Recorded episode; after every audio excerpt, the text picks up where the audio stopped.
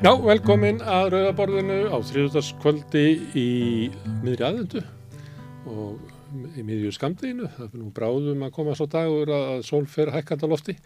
Við ætlum að ræða allt nefna eldgoss hérna í kvöld.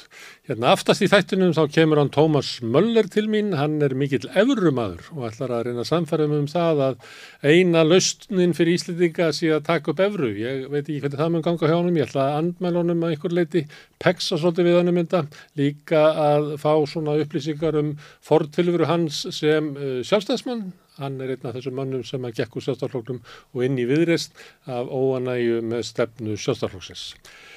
Uh, Kristján Þór Sigursson hefur komið yngað áður til okkar, hann er mannfræðingur, hann var að klára doktorsriðgerinn að fá hann að samþykta upp í háskóla. Doktorsriðger hans er um samfélag muslima á Íslandi og ég er bara forvitin að heyra hvað svona samfélag það er.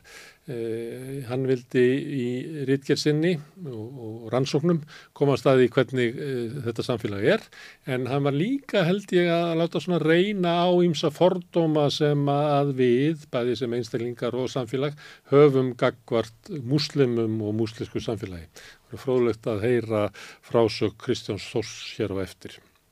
Kristín Vala Ragnarsdóttir hefur líka komið til okkar, rætt um ímismál og núna ætla ég að spjalla þess við hana um nýfrálsíkjuna og, og kannski hvernig það gætt gerst að, ja, ja, vittlus hugmynd með jaft lítið fylgi gætt orði ríkjandi hugmyndastefna á vestunundum.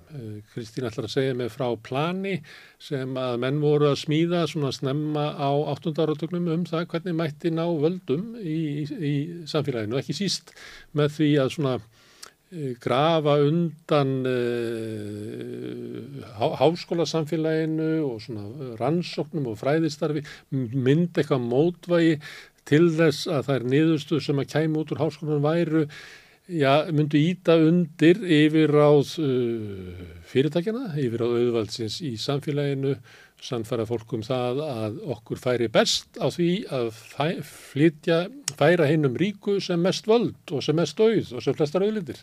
Þetta er ótrúlegt að þessi hugmyndskildi hafa orðið ríkjandi en uh, Kristín Vala ætlar svona aðeins að, að, að segja okkur frá því hvernig það gætt gæst.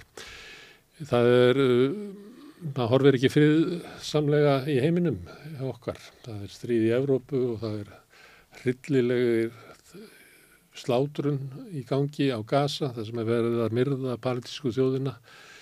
Uh, ég ætla að fá Jón Orm Haldursson til þess að, ræða við mig um breytingar í heiminum, hvort að, að það horfi svona ófriðlega uh, til lengri tíma, hvaða árif bæði Ukrænustríðið og Gaza hefur á heimsmálinn. Hann ætlar að segja okkur frá því hvernig er að grafast undan trösti og bandaríkjastjórn út um allan heim og hvaða afleðingar það mun hafa, hvort að það sé líklegt að bandaríkin hætti stuðningi við Úkrænu og jáfnvel ef að Trump verður góðsum fórstæði að bandaríkin gangi úr NATO. Sjáum til hvað kemur út úr því að í spjalli við Jón Orm, hann hefur komið hérna oft og er alltaf fróðlegt að heyra hans svona greiningu á heimsmálanum. Þetta er það sem við ætlum að bjóða upp á í kvöld á aðvendunni. Við látum öðrum fjölmjölum eftir að segja fréttir af gósun en það getur við ekki verið að senda hópa fréttamanna út um allt Reykjanesið. Það, þá uh, treystu við bara meginströmsmiðlunum uh, meirum minna fyrir þessu því að þeir ráða við það að segja hvort að gósprungan hafi lengst eða stiðst eða hvað er verið að rýma og hverjar aðgerðir svo kallað viðbrasaðila eru. Við ætlum að, að kasta inn í umræðina fyrir ykkur sem að vilji kannski fá hlið annarslagið frá góðsvöldum að hlusta á aðra fréttir því að heimurinn heldur áfram að þróast þó að sé góðs á Reykjanesi. Þið sem að viljið aðstofa okkur í uppbyggingunni á samstöðinni bendi á að þið getið lækað síðunar okkar á Facebook og YouTube bent vinum og vandamönum á efni sem ykkur líkar, bent fólki á að við erum öllum hlaðvarsveitum, það er bæði hægt að nálgast alla þætti samstöðunar undir nafni samstöðunar en líka einstaka þætti eða kjósið það frekar. Við erum í útvarpinu á stór höfuborgarsvæðinu 89,1 á FM og svo má nálgast útastaskrona á spilaranum sem er bæði á netinu, spilari.is og svo er spilari líka app sem er hægt að hlaða niður í síman og hlusta á útvarp uh, samstöðurinnar og raunverulega allar íslenskar útastöðar hvað sem er í heiminum. Og við erum núna komin í sjónvarpið með svona annan fótinn inn. Við erum komin á, sem að, á þau heimilið sem að fá sjónvarpstaskruna skamtaða frá símanum. Þar eru við á fjárstýringunni nummið 5 og vonandi tekst okkur bara um áramótin að bjóða uh, þeim sem að fá sjónvarsettinganda sínar frá Vodafone eða Nova að, að nálgast samstöðuna líka. Sjáum hvað verður út í. Þeir sem vilja hjálpa okkur í þessar uppbyggingu geti gæst áskrifendur. Þá eru það stiðja öfluga samfélagsumræðu á Íslandi sem veitir í jaf. Þið getið farið inn á samstöðum.is og ítt þar á napp sem ástendur áskrift. Þá skráðu ykkur fyrir einfallir áskriftir sem er bara 2000 krónur sem að Allir að segja með sig eða allt ódýrt með efni sem við búum með það til. Þeir sem að vilja geta borga meira og þeir sem að kjósa geta látið áskriftina renna sem félagsgjöldin í alþjóðu félagið og það er einmitt alþjóðfélagið, félag eh, áhorfenda og áskrifenda samstöðunar sem á samstöðuna. Þannig nú það. En framöndan eru við töl kvöldsins. Hver er að býða eftir þér? Mundu eftir réttindum þínum í desember.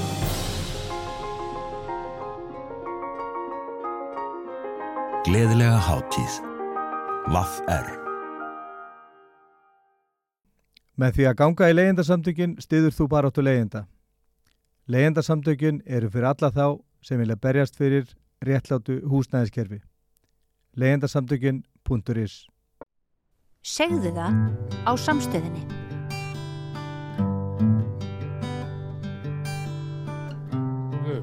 Það er, það er hérna, stundur bara erfitt að horfa út í heim. Það er eins og að, að heimur sé ekki að skána, að það sé meiri ófröðu núna heldur en ofta áður og, og, og til dæmis með gasa, stundur finnst manni að þetta sé, minnir manni eiginlega helst á bara Vietnamstríð, að, að þetta sé eitthvað sem að bara gangi fram af fólki, hvaða, með hvaða ofbeldi hægt er að, að mæta hvaða ofbeldi fólk þarf að mæta og lifa undir og, og, og bara þetta sé ykkur hryllingur.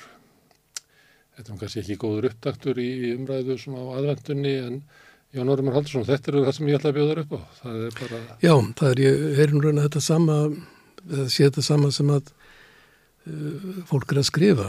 Harnaði fréttamenn sem hafa farið um heiminn áratugum saman og fylgst með stríðum. Þeir segja sem eru þeirra bara ekki séð annarins hrylling. Þeirra bara ekki séð kynst fórgarði helvítis fyrir bara þau gengun á spítala í Gaza og flótamannabúða sem að líka, já ég ætla ekki að lýsa því, fólk veit hvað er í gangi þetta. Þetta, við erum nú aldrei upp við eitthvað svona framfara hugmyndir á Vesturlandum og heimurinn síðan munið batna og eitthvað svona, þannig að þetta er ekki alveg í takt við það. Nei. Reiknaði ekki með því að þurfa að horfa á bara svona stórkostlega afturförr. Nei, ég held að margt í samfélagum mannsins hafi batnað mm. og margt síða batna. En það eru aðri hlutir eru óbreyttir. Og ég sjálf sem maðurinn auðvitað svo sami eins og hann var. Um, halda það að maðurinn minni þróast á hundra árum eitthvað stórkostlega uh, þegar hann er með gen sem er orðið miljón ára gömul og, og hérna þá, þá er það heldur mikil miskilningur og, og er uh, og raunir margar að vestu svona pólitísku stefnu sem upp hafa verið hafa verið oft trú á það að setja breyta mannkyninu Þannig að því verður ekki breytt en hins er þetta að breyta kvötum hjá fólki uh, með ýmsum hættu og ég held að samfélag allvíða um heiminn hafi með því að uh, fátækt er minni, hún er ekki eins almenn eins og hún var. Og jöfnur hefur þrátt fyrir allt aukist í heiminum, skulum ekki gleyma því, þó að það sé oft sagt annað, bæði milli kynja, milli kynþáta, þjóða og uh, í efnahagslega þó að sé vaksandi munur innan einstaklega samfélag þá hefur jöfnun í rauninu vaksið og þetta er allt sem að gera verkum að það er sem har batnað í heiminu, allt sem að gera verkum að þetta gerðist og, og, og svo framvegs en um, það, það er núna held ég það er eins og við núna síðustu árum verið siklinni pólitíska heimskreppu. Mm. sem er ekki endilega efnahagslega kreppa eins og kreppan, kreppa eins og hugsa um kreppur yfirleitt, heldur einhvers konar pólitísk tilvistarkreppa sem að uh, ég held að sé aflegging af því að uh, einhver leiti miskusti meir ekki til þess að það tekur mjög langan tíma að, um, fyrir mannshugan að temja, semja sig að gera breytum veruleika í tækni í því hvernig all samfélag eru komin í fullkomin návi hvert við annað. Við sittum hér og erum að tala um gasa okkur finnst þér raun okkur komið þetta stólega við. Það var ekki þannig hér áður, það var meiri fjarlagð, nú er raun allt sem gerist einhverstar í heiminu, það er beinar afleðingar einhverstar annar staðar. Og ég held að um, það takit alveg tíma að semja þessi að þessum. Mm. Og svo reynlega það, það er bara fólk sem hafði engin völd hér áður. Við tala um til dæmis konur, með kynþættir, þjóðir og annars slikt sem hafa vaksið mjög mikið að áhrifum og völdum og það eru margir sem að þeir ekkert sattist ekkert mikið við þetta og eru í einhvers konar andleira upplausn yfir þessu þó framrási jafnbrettisins. Mm. Þannig að auki jafnbretti getur hennilega sko valdið mjög auknum óstöðuleika vegna þess að það eru margir sem að tapa spónur sínum aski og, og sérstaklega huglegum spónum úr sínum askjum hverjur eru. Þannig að það er eins og hver þjóðun og annar í einhvers konar og hver hópun og öðrum í einhvers konar identitet krís og einhvers konar tilvistakreppu sem er huglega og pólitísk frekar nefnaðslega. Mm. Og leiðir oft til svona gorgess í stjórnmálunum eins og ég held að sé, maður er ekkert að saka Ríkistjórn Ísrael sem saða núna eða Jú, stjórnvöld í Indlandi, það var að vera að kjósa Argentínu, eh, fórseti Argentínu sem ætlaði að gera Argentínu greitakenn og þannig að þetta er Jú, það verðist allavega einhverju óskaplir í kefnið að ég held sko stjórnbólamenn sé alltaf að lofa einhverju svona hlutum til þess að fá fólk til þess að eh, sapna saman á baku einhverju sögu. Mm. Það búið til sögum það við ætlum að vera stórkostlega aftur og okkur við nignað og verið vandrað og við leysum það bara alls saman og verðum bara stóru og mikil aftur og mm. það verður tekið til, til okkar og við verðum ekki kúað áfram. Því ég held sko að ég vel í bandaríkjónu þá finnist fólk að vera kúað um heiminum vegna þess að það er svo mikið opnast allt.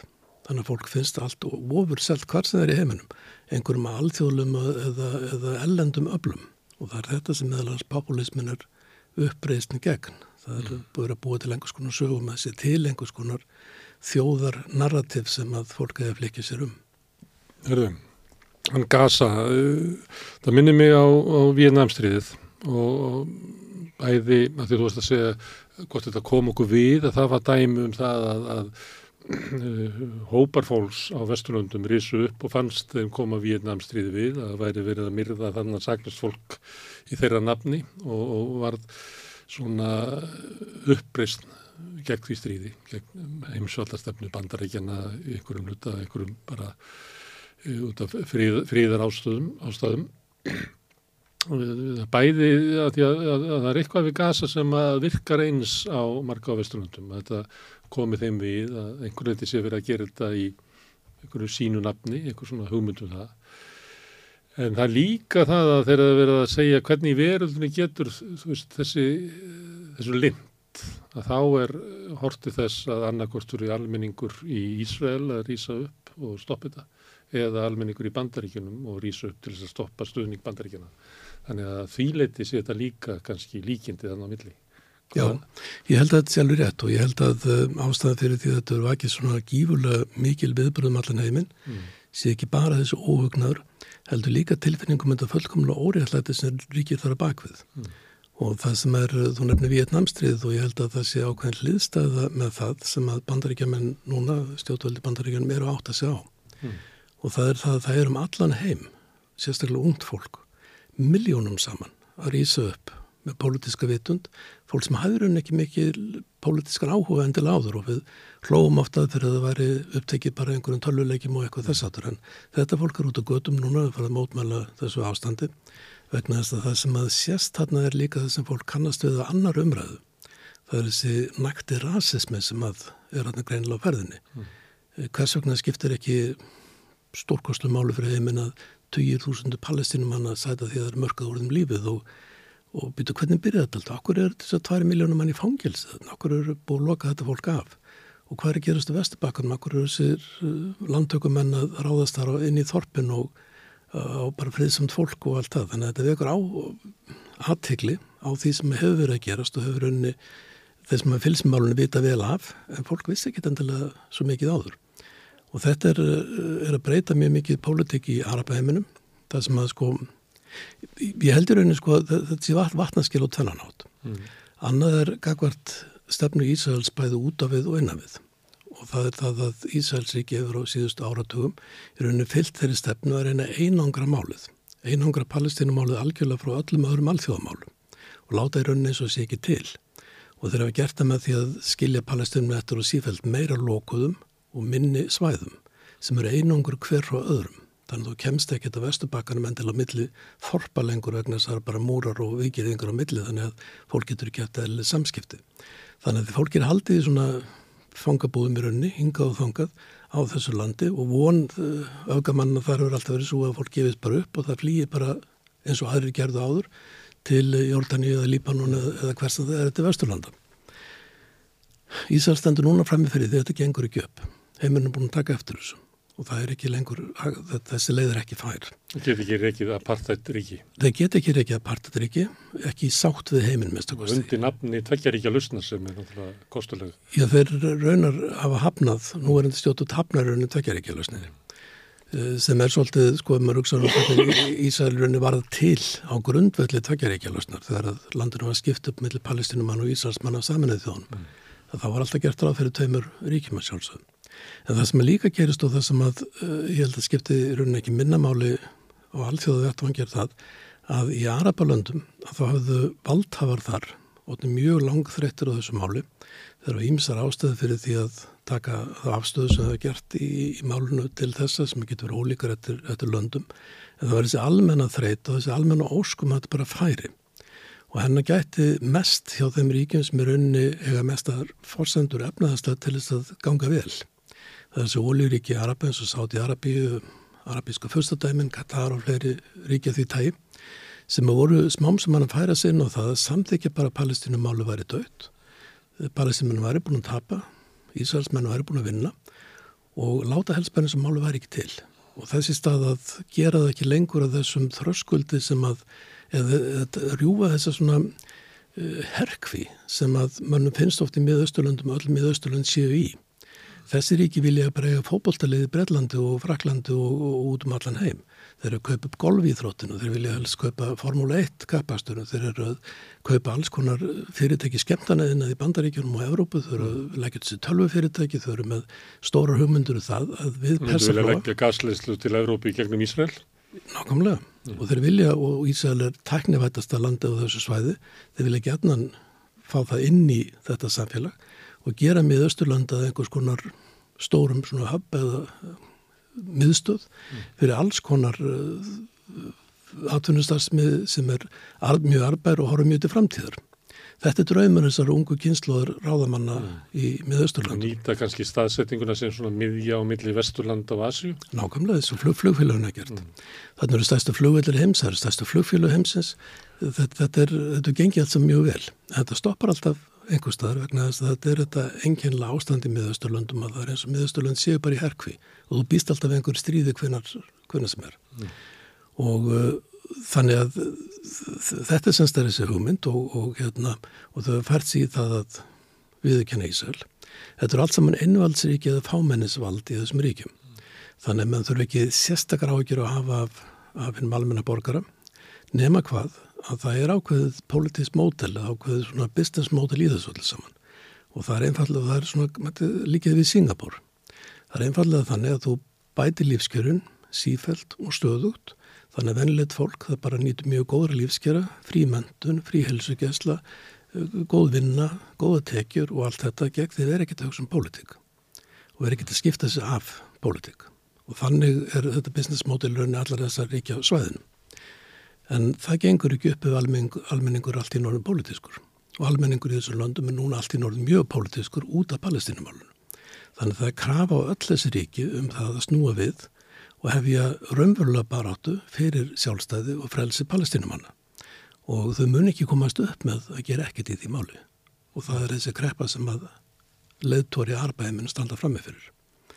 Svo við lítum yfir alþjóðakerfiði held og þá sjáum við það að bandaríkinu er landið alveg stórkostlu vandraðum það sem að í sko hundralöndum heimsins eða meira eh, er yfirgnæfandi stuðningur við rétt palestinumanna til að segja sitt eða ríki yfirgnæfandi anstaða við þessi fjöldamál sem eiga sér stað eh, í, í Palestínu og einhver tilfinningu það að mesta stórveldi heimsins, bandaríkin að þeir hefur komist upp með allan fjandan í gegnum tíðina í krafti sinna valda.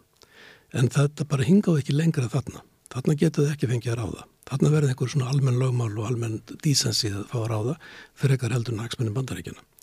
Þannig að uh, þau lenda í því bandaríkjana að vera, þessast álitmanna það var gælumis, kannski lítið sambúl og allt það en það var gerð skoðanakonin í Túnis núna daginn mm. sem vakti aðteglu og að byrt vegna þess að þar hafði uh, hugmyndmanna um, eða hefur mikið, mikið lítið álita bandaríkjónum spurt, en spurning sem búið að spyrja mörg mörg ár og það verið 50-60% sem hafa haft mikið álita bandaríkjónum en núna er það komið neyri í sko einstafa tölu það er bara mm. hrunið algjörlega og þetta er þannig um allan harpaheimin og miklu miklu víðar í heiminu sem að uh, álit bandaríkjaman hefur hrunið út af þeirra stefnu hvert kassa og þessu sem að fólk í öðrum löndum skinnja sér innan rasisma í því að það skiptir öllum máli að vernda líf kvítramanna og geðinga í þessu tilviki en það meði slátar á þúsund barna mm. í einhverju velitin til að hefna sín á, á því að það reyna hugsanlega komið vekk fyrir eitthvað riðverka ára sannastöðar. Þannig að það er svona einhver viðbjóður á því öllu saman sem að bætir inn í þetta og þetta er rauninni mjög alvarlegt mál fyrir vald það var mjög víða ef að þetta er að gerast að það er að verða vakning með lungsfólks að þessu tægi við viðkvæmum, sérstaklega viðkvæmum viðkomar löndum. Heima fyrir þá að bætan landur í því að það er hver konun og annari sem sínir það að ungt fólk það sættir sig ekki við stefnans í málumni með Östurlanda. Mm. Eh, það er það ótrúlega stól hluti með að hvað lítið er að fréttum í bandaríkjuna. Það er ekki það allir sem hafa verið í bandaríkjunum að það er ekki beinleginn sem streym inn mjög mikið upplýsingur frá umheiminum inn á fjölmjöla venjulegs bandaríkjafólks. Mm. Þannig að maður verður raunverulega að bera sér mjög mikið eftir upplýsingum með vilja fá það. En uh, það hefur þó gerst að það er mjög almenn fordæming á þessum fjöldamárðum á gasa og það leði til þess að stuðningur við bætan hefur mingað. Þetta þýðir ekki endilega það að fólk hætti kjósa Trump, heldur það sem að getur jafn alvarlegt fyrir bætan er það og fyrir demokrataflokkinni held ef miljónur ungsfólks setur heima á kjárstað. Og það er þess að kostningar í bandaríkjunum á oft á tíðum snúist algjörlum hver kemur fólkinu á kjárstað og hver ekki. Þannig að bæting getur heila tapað og demokrataflokkun getur tapað stórkostlu fylgi ef að skipta ekki um, eða breyti ekki á litum stefni í þessu, þessu máli. Mm. En heldur að þýstingurinn innanlands sé nægur til þess að bandaríkinn breytur stefnu kakot Ísrael. Hinga til hefur hafa bandaríkja, bandaríkja stjórn, ja, bara svo lengi sem að menn muna, raunverulega stutt ríkistjórn Ísrael Íslands nómetru vott er svo sagtir það er saman hvað þið gera. Ég ætti þótti fari, þótti að þessi stefna bandaríkjan eins og við vorum að tala um, um tvekja ríkja lusnin og flera, þá var bandaríkjan minn látið það óáttalið að, að ríkistöðni Ísverð farið eða þvert gegn stefnunni. Eh, ríkistöð bandaríkjan er að segja núna að þessi að reyna hemmja Ísverð en taka svo eiginlega fram á leiðinu að það munu alls ekki sko stoppa, þau munu styðja það hvort sem er þannig að Nákvæm. það er bara er, erfitt að sjá það hvernig sko ríkistöld mandaríkina á að geta skiptu stefnu. Já, það er mjög erfitt og ég er alveg saman á því, en það er eins og rétt að hafa í huga að þetta hefur ekki alltaf verið svona. Uh, til dæmis hafði Trúmann fórsettið miklar efasendur reynlega um stopnun Ísraels ekki svo sínum tíma og uh, í Breitland til dæmis þá hafði Churchill orðið efasendur um það að það hefði rétt að stopna Ísraels ekki hvað þá að stiðið þessu endrið eins og gert var. Þannig að, og ímsi fórsetta bandarækjana alveg framundur þetta fyrir svona 30-40 árum, að þeir tóku gaggrín afstöðum. George Bush eldri til dæmis. Hann spetti Ísraelsmenn raunverulegum þrýstingi á sínum tíma mm. og uh, þannig að þetta er ekki alveg sjálfsagt, ekki algjörlega gefið. En þetta er með pólitískan diskors í bandaríkjónum, með þessa pólitísku umræðu þar. Hún fer inn á einhverju brautir sem að ekki er hægt að komast út af án þess að menn þurfi sífælt að svara fyrir því séu einhverju bara uh, fjendur eða sveikarar eða, eða óalandi og ferjandi sagt, af því því séu eitthvað öðruvísi. Þannig með verið að halda sig á ákveðinu braut þar í allra umræði, ég vel þú að hafa sínir efarsendur um réttmætunar og það er bara enginni bandaríska stjórnmálumræðu.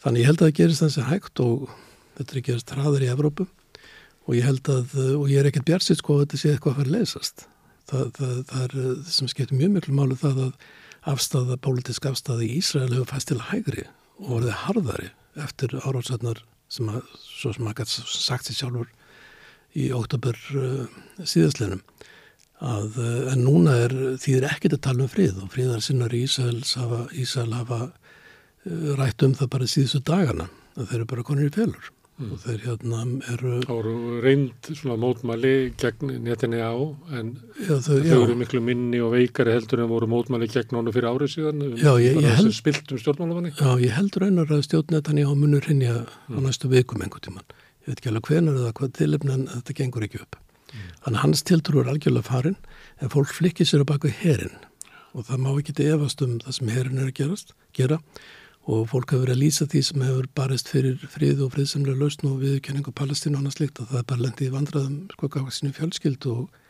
og gafast nákvörunum og annað slikt og, og þannig að fólk bara þeir. Þannig að það færist í öfu átt þar en eins og stendur Ísals ríki frammið fyrir því að, að það er heldur ekki sko sjálfbær og netnátt svo þróun sem þar hefur verið politist.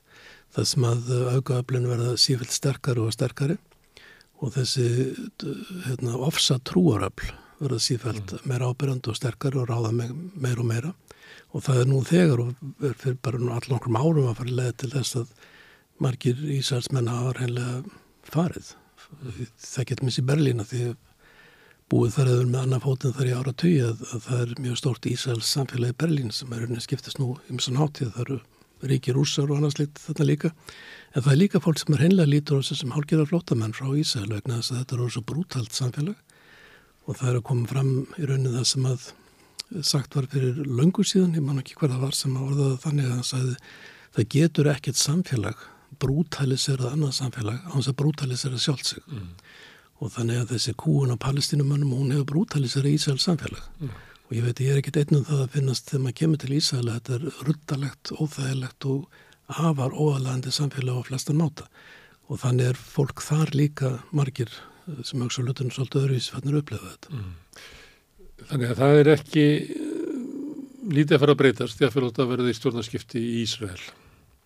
Það er lítið að fara að breytast í bandaríkjónum, allavega ekki í svona náinni framtíð, þurftum að sjá fram á eitthvað eh, mótmælaöldu líka og var gegn Víetnamstríðinu til þess að sjá það. Það er nokkur ár í það að það er þetta spá fyrir um að það verði eitthvað breyting frá stjórnlöldu þar og meðan að bandaríkin styðja Ísraels stjórn að þá er ekki vonum neina sérstakka stefnubreitingu.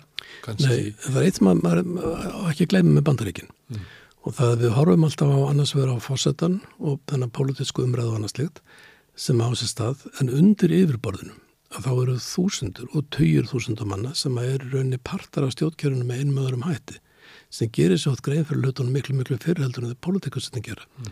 og ég held að allir þessi sérfræðingar sem eru að snærum utaríkisáðanetsins, varnamálur og allir þessum hundruðum hugveitna sem eru í bandaríkjónum að þeir séu fannir að uh, hafa miklar áhyggjur af því að þó að bandaríkjumenn geti náð fram markmiðin sínum með það stiði Ísæl með því að lefa Ísæl að gera það sem það vil að það þýði einfallega það að bandaríkjumenn nái ekki öðru markmiðum annar staðar. Já, ja, heimlu, þá er þetta að vísa til þess að það er minni stuðningur við bandaríkin bara meðal almennings í heimlu. Stólega vaksandi andúð, reynlega og það þýðir það líka að elendir þjóðarleitur hinga og þangu elendir ríkistjóttur það síður físilegt að ganga í eitthvað bandala með bandaríkjunum eða hjálpa bandaríkjunum með þetta eða vera með þeim í liði þessu eða hinnu. Mm. Þannig að þetta smám saman á, á ótrúlega margan hátt flækir stöðu bandaríkjuna mm. og uh, það held ég að séu þúsundur embætsmanna sem enginn kann nafnið á séu að finna fyrir því núna. Já. Það getur verið að þeir komið til fórstans. Þetta legur svona smám saman uppkerfið. En, en, það, en þá svarar fórstinn og segir sem svo, já það má vel vera. En það er engin leið að ég er með framtíð í bandaríkur stjórnmálum nefnast í það Ísrael. Nákvæmlega, þetta er problemið. Já. Þannig það getur orðið svona eh, eins og margir hafa bent á, það er ekki lausn. Nei, sí, en, en það er svo neðalagt með það að lausnin hefur leiðið fyrir algjörlega frá upphæfi sem það ger ekki að löst því að sko ég veit ekki hvort ef ég hef verið palestinum að hvort ég hef sætt mig við það að, að samþykja það að fá 20% af palestinum gegn því að Ísars með fengi 80% mm. ég, ég er ekki alveg sem ég hef verið rétt og mikið til í það og ég sé ekki byltingamöður í öðli mínu og ég hef hitt eh, kristna eh, hérna, palestinumenn eh, businessmenn, ríka, ríkt fólk af efri millistjætt sem har sagt mig það að það hafi miklu meiri það finnir miklu meir samljóms með Hisbollah heldur en með Fatah eða einhverjum, einhverjum slíkum því að þeir standi þó fyrir ákveðum prinsip sem að henni ger ekki. Þannig að enga síður þá voru palestinmenn tilbúin að fallast á þetta fyrir löngu síðan og, og það gleymist undir með Hamas eða því bara viljandi ít út á borðinu að Hamas er fyrir lungurinn búið að gefa ádrátt með það að þeir muni fallast á tveikjaríkja lausnina á grundvelli landamannar frá 1967 mm. sem því 20% rúmlega til Palestínu og 80% til Ísraels. Þeir eru orðað þannig að það getur verið 30 ára eða 50 ára eða 100 ára opnalíja í kringum þá lausn. Mm. En það er alveg ljóst að þeir, þetta er bara spil sem þeir vil ekki leggja fram á degi eitt að það er alltaf viðkjörni Ísælina þeirra landamæri sem voru dregin 1967. En það kannski halv tilkvæmst að leggja þetta spil fram þegar það eru 700.000 Ísælsmanna sem að búa inn að landamæra Palestínu, svona þessum. Já og sérstaklega Ísælsmann vil ekki heldur leggja fram mitt spili með viðkjörna Palestínu. Nei. Þannig að vandamála hefur ekki verið skortur á viðkenningu Ísrael, þetta er skortur í Íslandsmann á viðkenningu Palestínu. Þannig að hvorur aðlinn hefur áhuga að tvekja ríkja laust, þó svo að þið vera ræðum hana um svo kvöldu vestur. Já, hún er bara eina... Það fylgast laust að vera að tala lausni ef að sko deiluðalinn viljan ekki. Nei, hún er bara eina lausnin og það er, það er ekki tilnennanur. En deiluðalinn viljan ekki? Ekki sem stendur, ekki þess að ráði hjá deiluðalinn, og þó hún hefur hennar verið minkandi á síðust árum og sérstaklega á vestubakkanum með lungsfólk sem að uh, hefur bara sagt þetta bara þetta verður aldrei og reynum heldur að finna einhver leið til þess að fá einhvers konar borgarréttindi í Ísrael. Það hefur komið fram í könnunum á Íslandi mikill stuðningur við málstáð palestinumanna og kannski er það hann að hann segja fyrir meiri á Íslandi heldur en, en við annars þar. Það verið mótmanni sem hafa verið hér, hafa verið mjög ábyrgandi, þetta líka í bandaríkjunum og Breitlandi en, en kannski ekki allstaðar í Evrópu þar sem að hefur Nei. verið eiginlega mætt þeim sem að vilja að taka upp málstað palestinumanna uh, gegn þessu ofbeldi sem þeir eru verið fyrir mætt með ásökunum að það séð gýringahattur eða ég fylgur verið að reyna að þakka það niður Já, það að því að tala um gýringahattur það er nú eitt af því sem er sko stóra sem er að gerast mm. að þessi ásökunum það að ef mann gaggrin í Ísæla þessi gýringahattur og hún verður sífælt fráleitar og fráleitari mm. og það fólk hættur ekki bjóðis þetta lengur. Mm. Þegar þetta gaggrinni að það eru drefin 7000 börn á nokkrum dögum að það verður það ekki gíðingahatur og verður hvart undan því. Mm. Þetta verður sífælt ljósara þannig að í rauninni hefur Ísals ekki ofnotað það spil og þetta er sem gíðingar í Evrópur mjög mikið að segja og það var með skýðingur uh, þekktum aður í Þýskalandi skýðingahatnum sem var að benda á það sem var sviftur velunum sem hann átt að fá. Mm. Uh, hann er sjálfur afkomandi fólk sem fór í, sem var drefi ásveits. Mm og uh, hann bendir á að uh, þetta spil með það að nota gýðingahatur alltaf sem afsökun fyrir grindarverk Ísæls og stefnu Ísæls ekki sem hún bara get ekki gengið upp. Og ég held að það sé ákveðt að gerast núna í kringum þetta stríð og gasa, það er eitt af því stóru hlutum sem er að gerast í kringum það.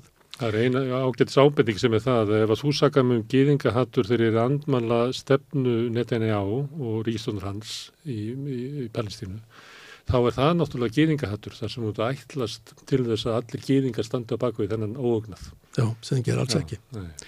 En það er, og það er rauninni í bandaríkjónum, sko, skildum ekki glemja því, að margir leiðandi mannum í bandaríkjónum sem að berjast fyrir því að palestinumáluðu komist í einhvern eðlan fara veg og sé rætt um einhvern skinsamlu yfirveðum hætti, eru gýðingar. Mm.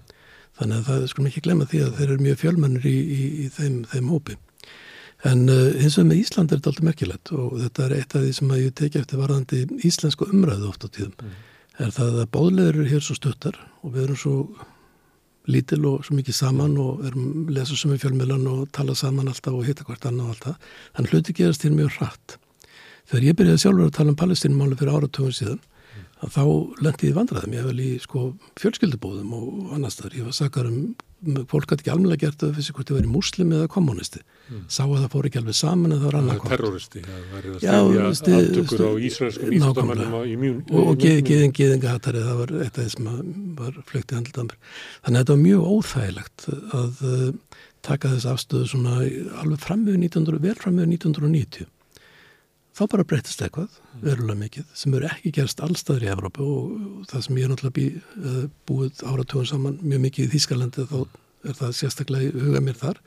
Það er einfallega að hafa margi stjórnmálamenn og fjölmjölamenn sagt mér bent út það er alveg sama hvað Ísæl gerir við munum aldrei gaggrina Ísæl mm. vegna þess að Þýskaland mun aldrei gaggrina Ísæl, punktur Það sést gerist á, á um, umfjöllun uh, þýskra fjölmjöla. Já, já, það er það. Ég rætti þetta einu sinni við, uh, við þýskan fréttamenn sem að var mjög þekktur að því að hann var alltaf í skjánum, í fréttum. Og uh, hann var sjálfur ekki neitt anstæðingur Ísæls og hafði ekki miklu reyfasendur en það. En hann saði útskýrti fyrir mig varandi stjórnmálamenn í Þýskalandi hann saði að þetta veri algjört sjálfsmórð um einhver allaði að tala um þetta. Og hann saði svona á þetta vera. Helförum var svo hryllilegt fyrirbæri að Þýskaland verður bara einfallega alla tíð komandi kynnslóður, það verður að hafa sérstakka afstöðu þessu máli sem er einfallega það um að taka ekki þátt í gaggrinu í Ísæl. Ef að geðingar eru einhverju villigutum þá er það þeirra mál sem þeir verða bara að leysa sjálfur, við ætlum ekki gaggrina þá. Mm. Og hann, að, og heitt stjórnmálumar, hann bendið að maður sem var í pólitíka, hann ekki stjórnmálumar bendan, bendið mér á að, að því að, að hluta til var þetta sko líka þessi djúpa sektarkend vegna þess að menn gerðu sig grein fyrir því sumir að allt palestinumálu það er út af glæpaverkum þjóðveri og geðinga þjóðveri og næsasta í, í stríðinu.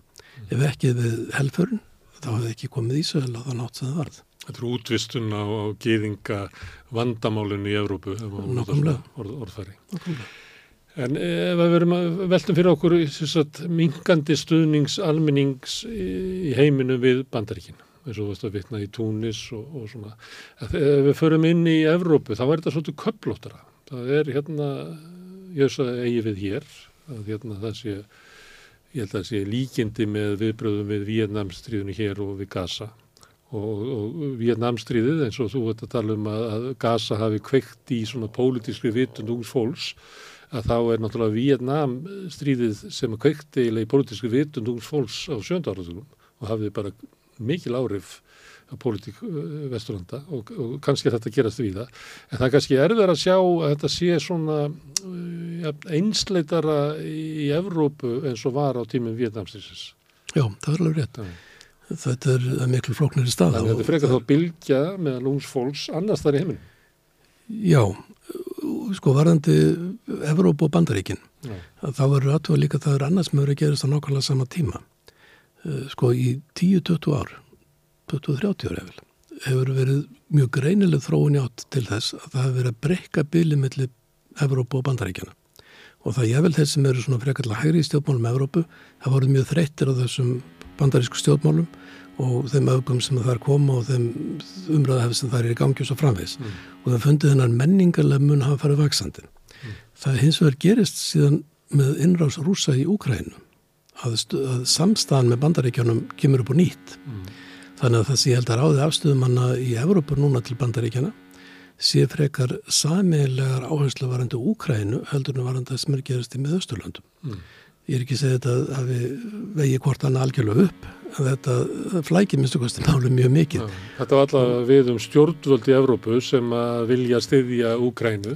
Já. Þau vita það að, að þau munur líklega ekki standa undir því nema að bandaríkinn gerir það. Já, það er rétt að veitt í huga og það er, það, það mikil miskilingur í gangi varandi uh, sko, stuðning við Úkræna það sem að, maður heyri að vel í, í bresku sjónvarpi og annars slikt ekkert stuðuð, ekkert lands ég heyrið að 90% af allan stuðningi við, við Úkræna hefur komið frá bandaríkjónum. Þetta er bara ekki rétt. Mm. Evrópa er samanlagt og Evrópa er sambandið saman. Evrópa ríki og Evrópa sambandið eru búin að veita talsveit meira, fjall Úkræna heldur en bandaríkin. Mm. Það er eins og tventum það að segja. Annað það, það er erfitt að veita miklu meira og það er ekkert að koma í staðin fyrir það sem bandaríkinn hafa verið að veita. Og hitt er að bandaríkinn búir herrtækni og herrgagna framleiðslöðalega sem bandaríki, sem Evrópa hefur ekki. Hefur ekki og Evrópa búin að tæma eða alla sína lager og geta ekki senda, þess að pólverðarnir eru hættir að senda bara gúlur, byssugúlur af því að þeir eiga bara og fáar. Það, það er, er neðrástand og það eru, ef ég menn í hugveitum í Breitland og Þískaland og Hollandi og viður hafa verið að tala um það að ástandi sérunni skelvelara sko út frá bara öryggi Evrópa heldur meðan þú er að tala um vegna það er bara búið að tæma lagarinn. Þá horfa stjórnvöld í Evrópu fram á það sem að vilja styðja Úkrænu að þau eru eiginlega háði að bandaríkinn séu með áfram Já. því annars mun bara Úkræna falla eða allavega sá hluti sem að rússar kæra sig um að taka. Já, það er svona tilfengið og þess vegna hefur sko það, þetta, þetta Úkrænumál hefur, hefur endur nýjað allansástengsl og hún hefur líka gert Evrópumannum það ljóst að þeir sérstaklega umræða núna undanfjöndum tómar lagara sem við vorum, með, vorum að tala um að Evrópa er ekki örug án bandaríkjana. Európa þarf á bandaríkjónum að halda hann, Európa þarf á NATO að halda það er 90% fylgni örglega í Európa við þá staðhæfingu að öryggi Európa undir bandaríkjónum komið. Og það er meiri samfæring fyrir því núna heldur en var fyrir tíu árum. Já, ef við færum aftur að við verum að líka þessu við hérna Vínamstríð að þá var svona meiri vilji til einhverjum svona sjálfstæðra stefnu Európu og maður heyrði meir um það og náttúrulega frakkan er alltaf með sína stefnu og og það voru hérna hlutluslönd og það var, núna er eins og bara öll Evrópa sé orðin bara bakarðurinn hjá Já, já, já, nei, sko, ég, ég held að viljinn setja staðar og hann er, hann er staðar í mörgum löndum Evrópu. En hins vegar þá lenda menn alltaf við því þetta eru 27 ríki sem er öllna saman að það er bara alltaf einn kostningar í Slovakíu sem breyta allir eða kostningar í Hollandi sem alltaf breyta myndinni.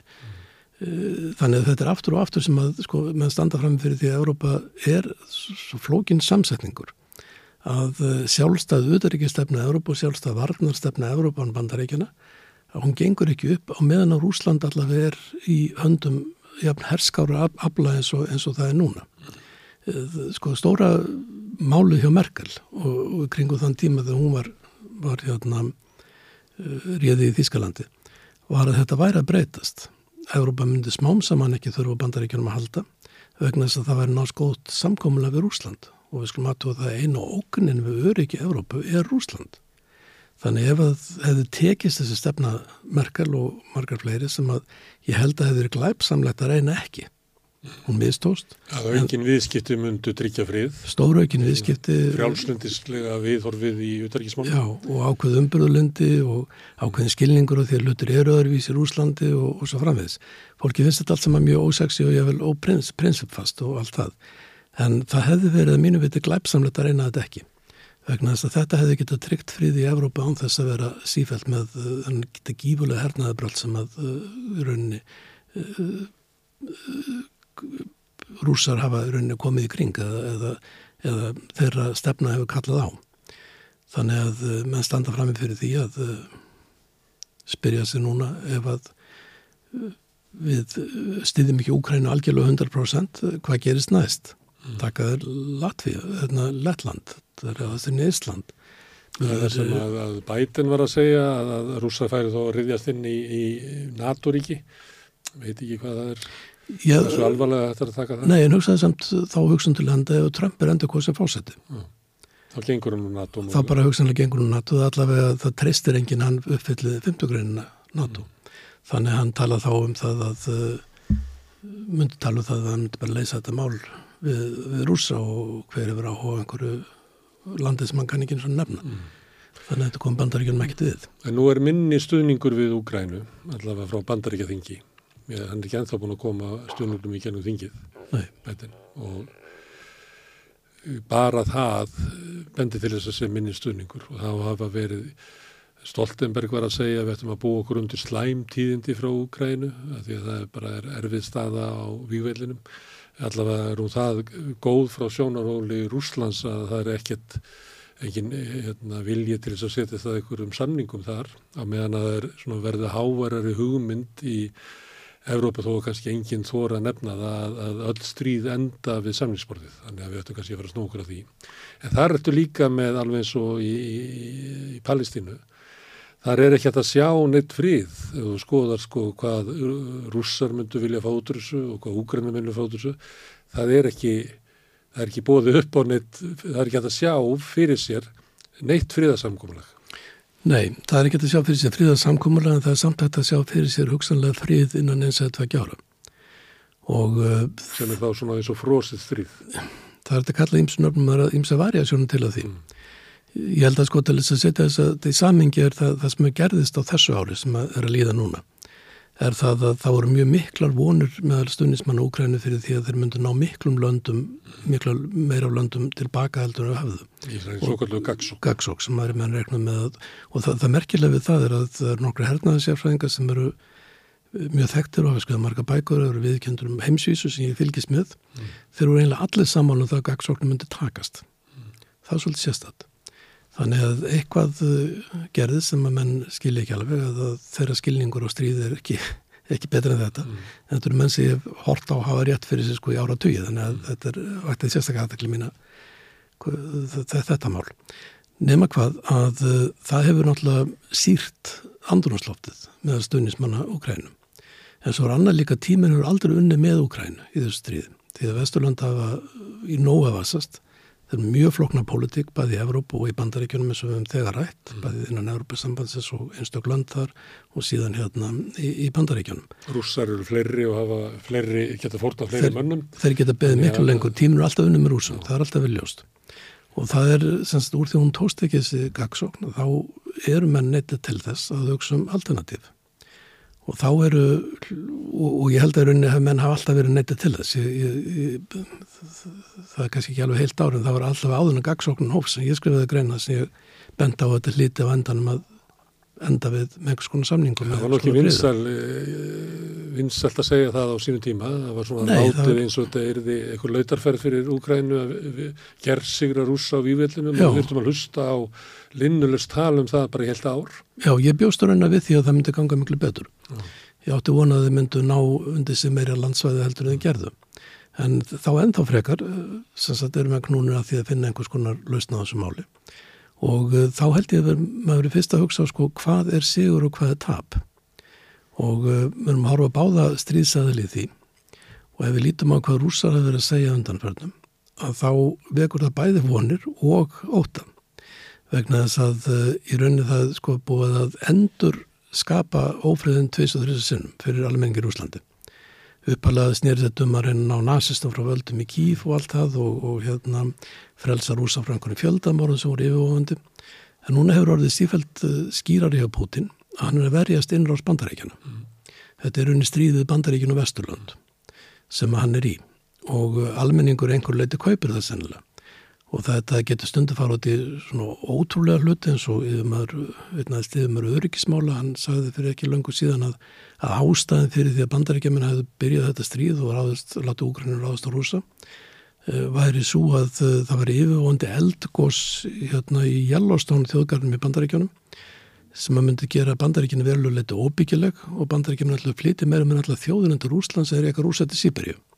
Sko, þetta kom út í svona della og við erum að tala þarna um hátsettamenn og þetta er flutt í sjónvarpið fjölmjölum og ríkisins og allt þetta. En þetta veku þá okkurna vonur vegna þess að ef að stríð er bara við Vesturlund ef þetta stríð, ef þetta sjálfstæðis bara á Rúsland skakot Vesturlund mm. að þá er sigur að Vesturlund takja ekki Moskva takja ekki Moskva no. semst ef það er ekki bandarískur herrkominn til Moskva þá er það ákveðin sigur og það er ákveðin sigur að verja landamæri Rúslands ef búið að búa til stríðið í kringu það að þetta séur einu varnastríð Rúslands. Þannig að þá fyrir sóknarstríðið í Úkræna skipta kannski svolítið minnamáli og vera svona jáðar hluti í þessu öllu saman. Ég er ekki að segja að Putin sé að undirbúa jarðveinað samlingum en það gerir af hært politist fyrir hann að segja að það sé ákveðin sigur hafi náðust það sé búið að frelsa verulega hluta rúsnesku mælandi Úkrænumanna og verulega luta Úgrænu nú þegar. Og við sjáum líka á sko, ástæðan fyrir því að sóknin tóstekki, gagsóknin tóstekki svo að það búið að grafa, það búið að gera þessi gífulu varnarmannverki allt í kringum þá výglínu sem var til staðar.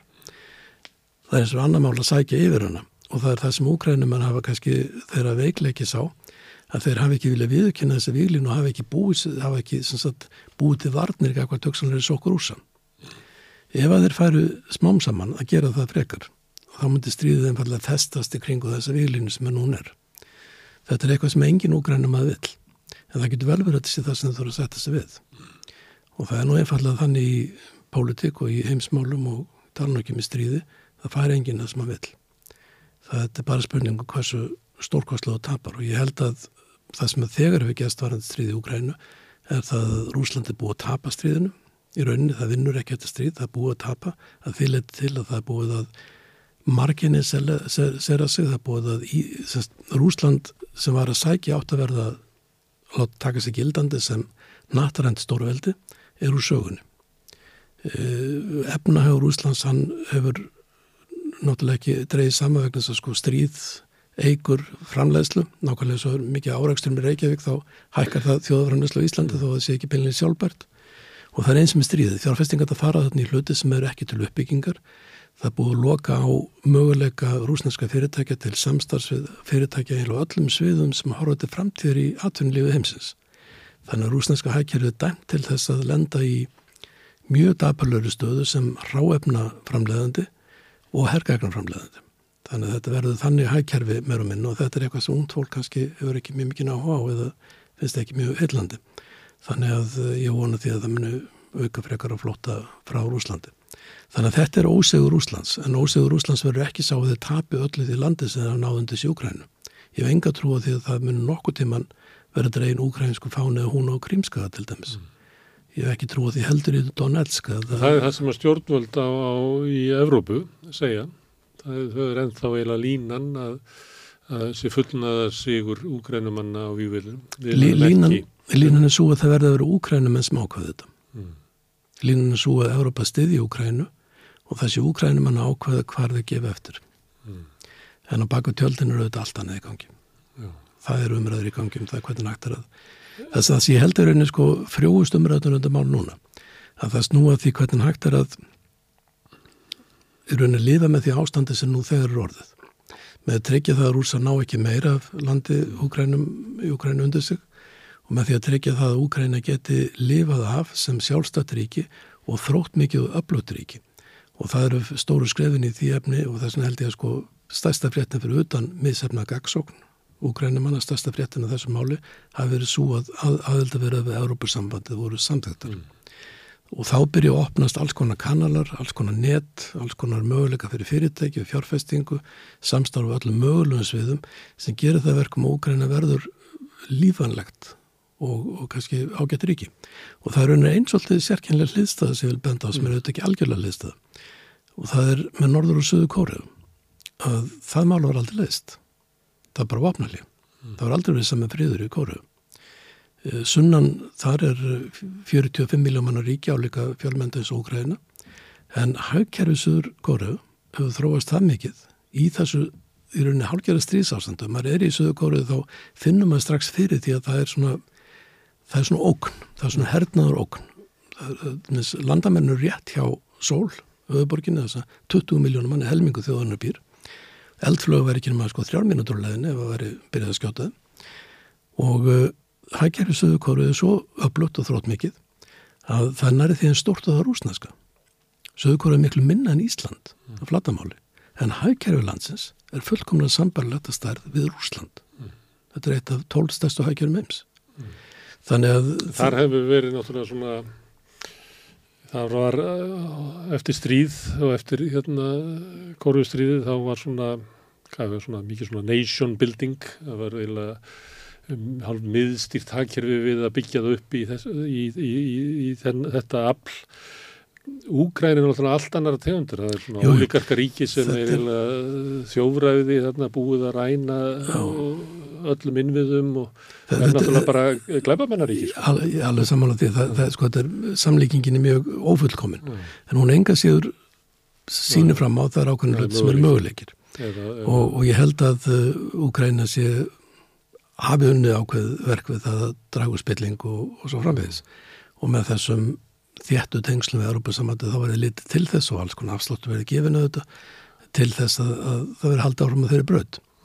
Og uh, það held ég að gera það verkum semst að úgrænumenn getur hort til framtíðar þannig að þeir hafi rauninni sigrað. Mm. Þeir hafa haldið sínu ríki, þeir séu sjálfstað þjóð með sterkast þjóðarvitund og sterkast stöðugakvarn ákvarðinu sínum mm. sem njóti stöðnings og virðingar út um allan heim og eru með opna möguleika til, til viðskipta við Európi gegn Európa sambandi sem hann færaðum ótaldar 20 og 100 miljardar efra í fjárfæstingum á næsta árum. Mm. Varðandi Európu, það var náttúrulega þannig að, að það var uh, mikið hengt á gagsóknuna, að það var mikið stuðningur og þegar kemur ekki árangur á því þá miss, missa stjórnvöld uh, og líka einhver leiti almenningur svona áhuga á þessum stuðningi. Bara enga goða fréttir hérna og einhver liti hefur það verið niðurstaðan í bandaríkjónum að það þykir orðið báðulegt að, að bara yfirgefa Úgrænu, skiljað eftir neita að, hérna Já, það. Það hefur alltaf verið sko í bandaríkjónum mjög báðuleg lausn að loka sig af Það hefur verið sagt, stefna ákveðin sem hefur alltaf notið verulega vinsald og verulega stuðnings í bandaríkjunum. Og líka skilja eftir þá sem stuttir eftir. áður eins og í Já, Afganistan ég og meina, það, það er bara löng reynsla fyrir því að það hefur stundu þurft að gera og það má þá kenna sem sagt, þeim um sem það gerðu fyrir ekkar heldur en þeim sem alltaf sögðu við áttum ekki að skipta okkur að þessu. Mm. Við getum sko deilt endalust um það hvort það hefur verið betra fyrir heiminu bandaríkinu að það ekkert skipt sér af honum og það er mjög öðvöld að vera rauk fyrir því að hann væri miklu betri ef að bandaríkjumenn hefði skipt sér minna á honum heldur en að hafa gert. En enga síðu þó óttast með stundum að hann hætti afskiptum. Vegna þess að alternatífið sem hann horfa fram á þá getur verið ennþá verra. Og, og það er það sem er kannski með standa fram með fyrir núna. Já, sem ást- hvað Evrópu, segjum að bandaríkinn bara eh, drægi rætt úr stunningi við Úkrænu og, og, og, uh, stunningur við NATO, ég er ekkit missum að ef að Trump fyrir kosin hann bara gangi úr NATO en það verður allavega minni áhugi bandaríkja á Evrópu, það verður fókusu verður fluttur yfir á Kína og Kirrahafið og að þá er eh, svona öryggismál Evrópu í svolum svona Þau eru bara í panik. panik. Því að Það- þeir, Evrópa lagði náttúrulega mikið undir eiginlega í sambandi við Úkrænu að ég man að það var bara tildulega stutt inn í, inn í þessi átök að þá var sagt að, að örgis ógnin af Úkrænu væri ekki síst það hversu Evrópa hefur lagt mikið undir Jú. að því að þú, ef þú leggur svona mikið undir þá verður að vinna og ef þú tapar eða þú veist að þú nærði einhverjum árangri að þá ertu náttúrulega bara eiginlega að auglýsa veikleika þina Já, já. Það getur orðið bara hættilegt fyrir Evrópu Já, akkurat, ég, ég held sko að þetta kom ekki upp svona eins og þú lýsir því, Nei. en það er möguleiki samt. En uh, ef þetta gerir svona, þá, þá eins og ég segi, það er bara panik, maður veit ekki alveg hvað er að gera. En það er svo einkennlegt með Evrópu með það, að Evrópa hefur staðið frammi fyrir Evrópu, þá er ég tala um Evrópusambandið, ég tala um Evrópu, Evrópusambandið hefur staðið fyrir hverri tilvist af krísun og annari. Það, það er eiginlega bara reglulegt fyrirbæri. Og hvernig á það öðruvísi að vera þegar það eru 27 meðlimaríki sem hvert um sig er með þing og ríkistjórnir, mjög flókna pólitík, alls konar samskipti, milli, tvíliða samskipti, milliríkja og þess aftar. Þetta getur aldrei orðið annað heldur mjög sko, messi, mjög svona uh, erfitt á allan átt. En alltaf hefur Európa ekki bara unnus út tilvistar kreppum heldur hafa þær erfiðustu orðið til þess að það hefur ítt undir stækkunarferli og dýfkunarferli í Evrópu. Og ég held þreiflega að uh, bæði hægkerfi heimsins, stjórnmál heimsins og svo margt annað síðu það þingdarlómál, búið til þingdarlómál, það sem er raun og öll rauk nýga til þess að Evrópa standi saman en þá þéttar heldur hún hefur gert. Ég er ekki segið verið erfitt eða þú veist að það mun lít út og aftur og aftur eins og hún ætli alls ekki að gera það En ég held að það verður nú samt og endan niðurstann það sé ákveðið sem stingdalómul ákveðið rauk, sterkur rauk sem nýga til þess að samstarfið verið aukið, dýfkað og brekkað út til annar landa. Þetta breyst líka í meðli að voru snúist meira um varnarmál og við sjáum þetta meira sjá grei í Norðurlandaráði að það er þau hittast og þá er verið að tala um varnarmál Nákvæmlega. sem aldrei var á dagskrá Norðurlandaráðs. Nei og hefur verið mikil andstæðið að taka upp á dagskrá hér áður. Þess að Norðurlandaráð var bara allt annars eðlis. Já og þetta voru viðkvæm máli mann því ég satt svona einhverju ráþarafundi þegar ég var í pólitíku í Ísland á sínum tíma að þetta var eitthvað sem menn nefndi ekki vegna þess að það voru fimm ríki sem hefðu runni fimm ólíka lausnir á sínum varnamálum. Það var ekkit engi tvö ríki með nákvæmlega sama lausnir á sínum varnamálum. Þannig að þú þrjú er í NATO og þá er Ísland með algjörlega sérstöð með sína samningu bandaríkinu sem framvegs sem að önnur lönd gátt í, í allavega stjórnmálaöfl og Norðurlöndu mörgfur fannst ekki gott og hefur aldrei sett við bandarískan her á til, Jólandi. til, til dæmis. Þannig að þetta var allt sem við viðkvæmt mál sem ekki verið að tala um en núna orðið bara stórpartur af samstörnum og, sam, og þessum dialóg sem er alltaf á milli. Og bæði uh, svíjar og finnar komnir í NATO Já. og hættir þessari veginn var ekki þannig að, að hlutlýsi stefna þeirra væri þannig að finna reyndu að vera vinir allra en svíja reyndu að vera óvinir allra. Mann er einhvern veginn þetta sagt. Og þú gert þetta líki, þetta poppaði bara upp í höstum á mér. Mm. Herðu, en hérna eh, ég ætla alltaf áfram að, að hérna, reyna að skilja heimi með þér. Ef það er þannig að, að stuðningur við bandaríkin og traust á þeim fari minkandi alls þar í heiminum Við erum búin að fara svolítið yfir Evrópu og það er, eh, veist, það er, svona köplóttara þar og það er, Evrópu er svo háð bandaríkjónum að, að hún getur ekki slítið sér frá þeim með einhverjum hætti. Það þángar til að, að líklega bandaríkinn sko slítið sér frá Evrópu. En, hvaða árif hefur þetta þá annar staðar í heiminum að, að því að það er eh, fyrirferð bandaríkjana í, í heimsmálunum er náttúrulega gríðaleg að ef að þeir draga saman, þótt að þeir sé ekki að gera það eigin vilja, þá er líka hugmyndin um aflera, er raunverulegt. Að, að, og ef að hugmyndin um aflera eða það að það sé gott að vera í samstarfi við þá, mingar, að þá er náttúrulega, þá skapar stómarum. Það getur breyst mjög miklu. Þetta Já. snýst skoðurinn allt um hugmyndir. Já. Þetta er uh, hervald með þess að snýst yfirlega ekki um beitingu herseldu þá hugmynda að setja staður það er til dæmis mikilvæg leksi af sko, sögu breska heimsveldisins. Að uh, stæsta herstuð breyta var í Singapur og uh, það margir uh, frelsesleitor Asju lísti síðar að rauninni hrundi breska heimsveldi með fallið Singapur fyrir Japan. Þegar það minni hér í Japan sem gerði árás á Singapur heldur en varnarherrin til staðar og þeir sigruð breytana samt. Þeir gáðist upp og með því hrundir raunin breska heimsveldið eins og spilaborg yfir nótt, ekki að það breyst svo mikið hernaðarlega, heldur að því hugmyndunum með hennar mikla styrk og hún reyndist ekki eitthvað einnastöðu. Það sama gerði sem bandaríkinn í Írakstríðun. Þegar að bandaríkjum voru að ráðast inn í Írak, þá held ég að það að vera hátindi valda sinni í heiminum og hafi aldrei endur heimtöð völd aftur sem það höfðu þá. Þá spurði mann sífælt, og ég man að ég kom til Íslands þetta þá var í sífælspurður og það hvað takaði líka Sýrland, allar að gera þetta, allar að hrista til þarna, allar að stokka upp þarna og, og svo framvegis. Þetta reyndist bara, þeir reyndist ekki einu svona ráða við Írak sem var 25 miljón manna fátat ríki með minna hækjaröldur en Portugal. Þannig að sprengdu þau tætlur og byggu til Al-Qaida og, og síðar Ísis og allt þetta sem úr því varðu. Greining á ástandinu áður að koma inn og hvað myndi gera þau innrásina þetta var allt bara... Já það, það er raunni, sko, raunni lagsið manna vegna þess að uh, háskólanir voru teknur sambandi við stjórnkerfið. Mm. Þannig að stjórnkerfið vildi ekki hlusta á neitt sem kom úr háskólum. Ég held að sko flestir háskólamendað bandaríkjana, flestir sérfræðinga bandaríkjana í háskólum, bandaríkjana sem hafa unnið málumni með Östurlanda hafa allir verið mót innrásinu. Mm það, það bara var ekki til þess að Bernhardsson sagt þetta ágætlega, hann sagði að svona fyrstu dagana hafi verið ringt í sig Já. á fjölmjölum og svo hafi bara verið hægt að ringja af því að hann var, hérna, það var bara leitað að vinsalum skoðunum Já. sem var stuðningur við innlásinu. Nákvæmlega saman gerist í Breitlandi mm. þetta gerist bara, margir búin að útskýrt að segja frá því hvernig þetta gerist með Blair fórsætsræðura mm. og hans bliks til dæmis, hann, var að fundi með hún litlu fundið þess með Ískaland á sín tíma það sem hann sagði að sér hefði fyrst bröðið alvarlega þegar hann uppkvötaði það að þérna að Blair hann alltaf ekki lust á sig. Og hann sagði ég veit ekki hvort hann sko það var einhverjum annarlegum kvötum eða hvort hann vissi ekki betur og ég veit ekki hvort það verða mm. og því að hann var með alveg sko sannanir fyrir þetta var ekki rétt sem Blair var að segja það í þinginu.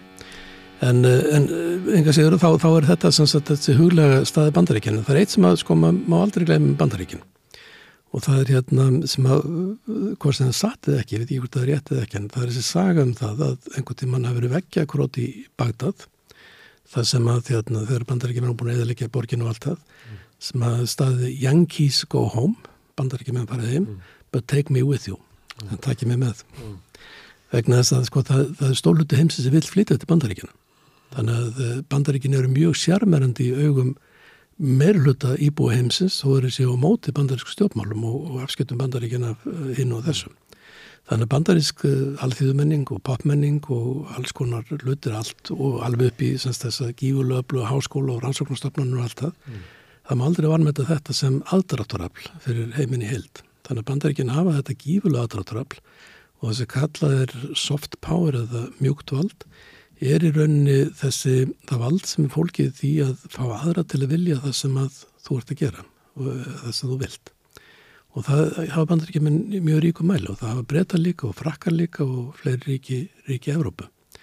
En uh, það sem eins og verið að gerast í heiminum held ég að sé að það er, þetta er alltaf losnið sundur og yfirbyrju bandaríkina bara sí mingandi og öllum sveðum mm. og það þýðir ekki að kynverið sé að ganga inn í eitthvað tómarum og, og, og gera það sumstaðar en þessi kenning sem að heyrist ofta um það að það sé núna komið kallstríð millir Kína og Bandaríkjana og, og allt það og hún er mínu veitur bara hugsanavilla vegna þess að þá erum mann að jafna saman annars veða því að Bandaríkjaman og Kínveri geta haft ólíka afstöð í alls konar deilumálum og geta tekist á í málinu. En málið sjálft, dýnamikinn í málinu sjálf, reyðið að blöða bakvið átökin er ekki átök mellir Bandaríkjana Kína. Heldur er þetta bara tvö utanakomandi ríki sem eru hugsanlegna að skipta sig að því það er ekki þeirra hagsmunur sem drífa málið áfram með að ráða niðurstöðum þess. Og það er að gerast núna í fyrstskipti í miðausturlöndum að með þess að bandaríkin er að fara ítast á litið til hlýðar og þar verður laust öruglega á endanum sem eru fyrst og hans byggð ekki á hagsmunum bandarækjana eða því hvað þau vilja heldur á því hvernig tekst til með veruleikan innan svæðisins mm. og Kína, þetta hittir Ísafeld er ekki eins og inn í því dæmi þeir geta komið en auksanlega þess að fundastjórur einhver staðar en þeir verða ekki stóru ræðilega því máli. Og þannig er þetta maður endur taka þetta með Afríku með fleiri svæði, Suður Ameríku og fleiri. Þannig að það opnar tækifæri fyrir lönd um aðra lausnir þegar það eru tveir pólar. Og það, það er ekki þar með að séu, eins og var bara í kaldastriðinu, það var ekki allt það sem að vera að gerast í Londonum var stefnu Sovjetríkjana eða, eða Bandaríkjana eins og fræktur Bandaríkjamenn hérna voru að stiði alls konar skítalapa Já. og það samátti við um Sovjetmenn En það þýtti líka Bandaríkjana voru að hafa úrslita áhrif á stjórnmál. Tögi, tögi ríkja. Í sérstaklega í Saman með valkostur. Að það var valkostur að, að þú þurftir ekki að beigja þig undir bandaríkinu En það sem er að gerast núna er ekki það að það sé keppnum millir bandaríkinu og Kína um það að ráða yfir þessum löndum. Nei. og eitt af því sem er gert sem menna kannski ekki almennt endilega tekið eftir er það að, að það er orðin svo miklu fleiri ríki sem getur kallað stórveldi eða svæðisbundi stórveldi heldur náður mm. Það er ríki náttúrulega eins og Indland sem er nú fjölmennastaríki heimsins orðið. Það mun aldrei færi bandalag með Kína gegn bandaríkjónum og það mun aldrei færi bandalag með bandaríkjónum gegn Kína. Hvorugt.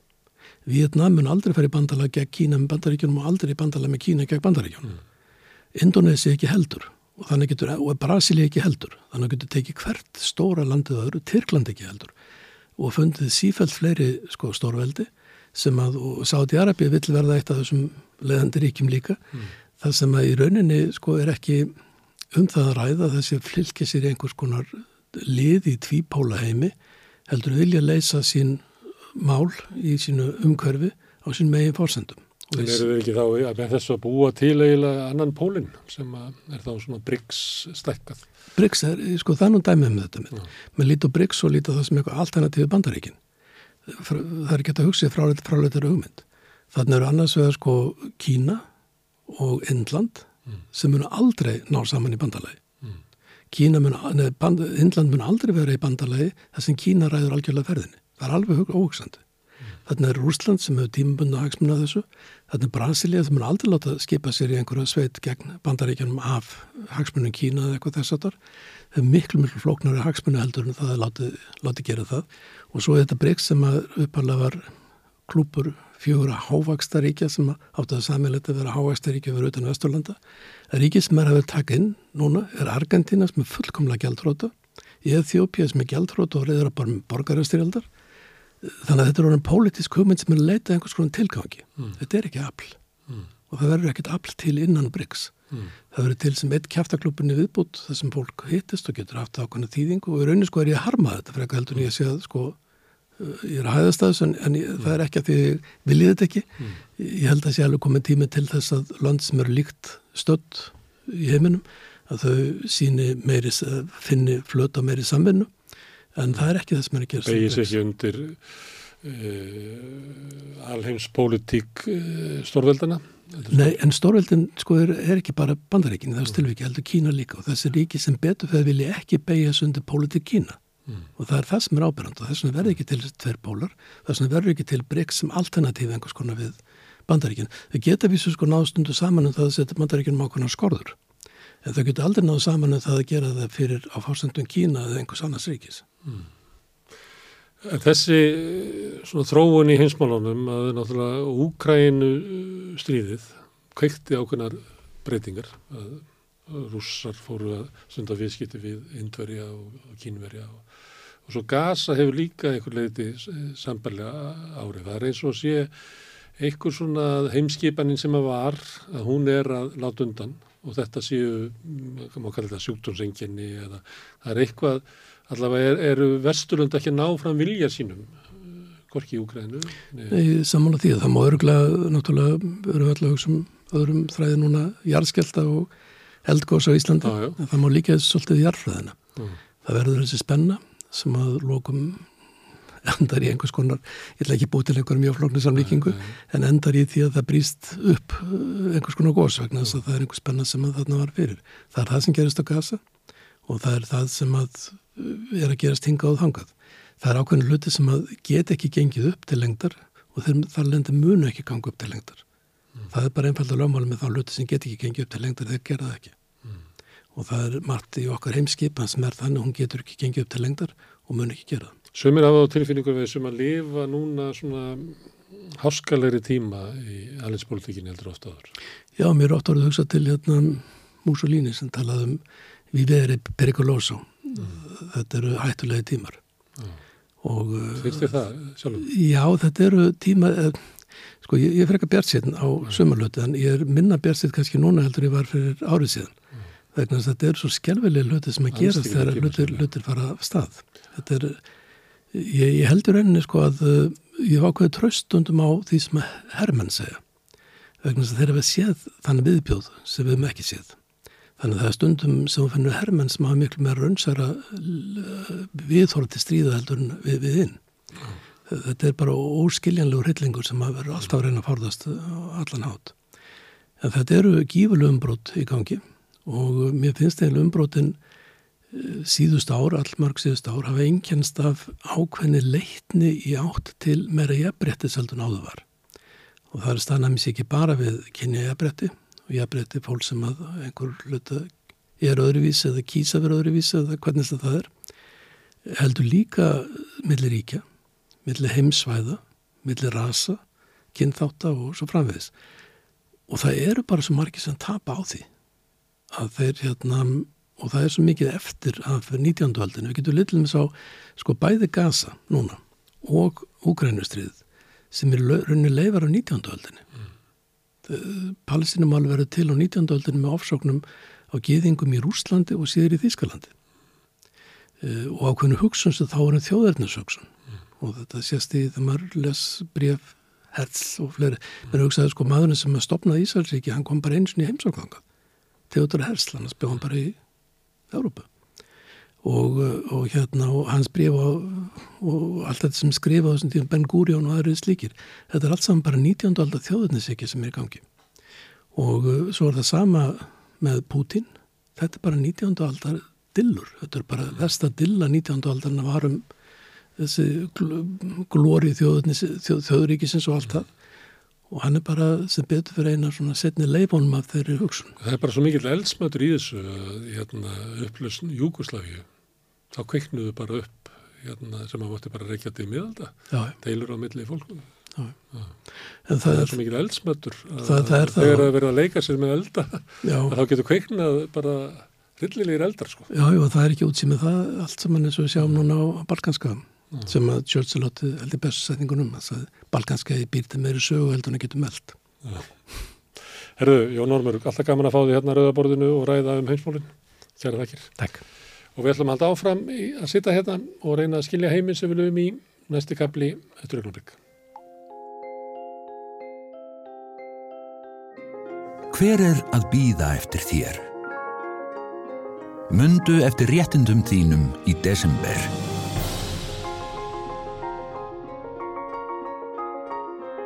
Gleðilega hátíð. Vaff er.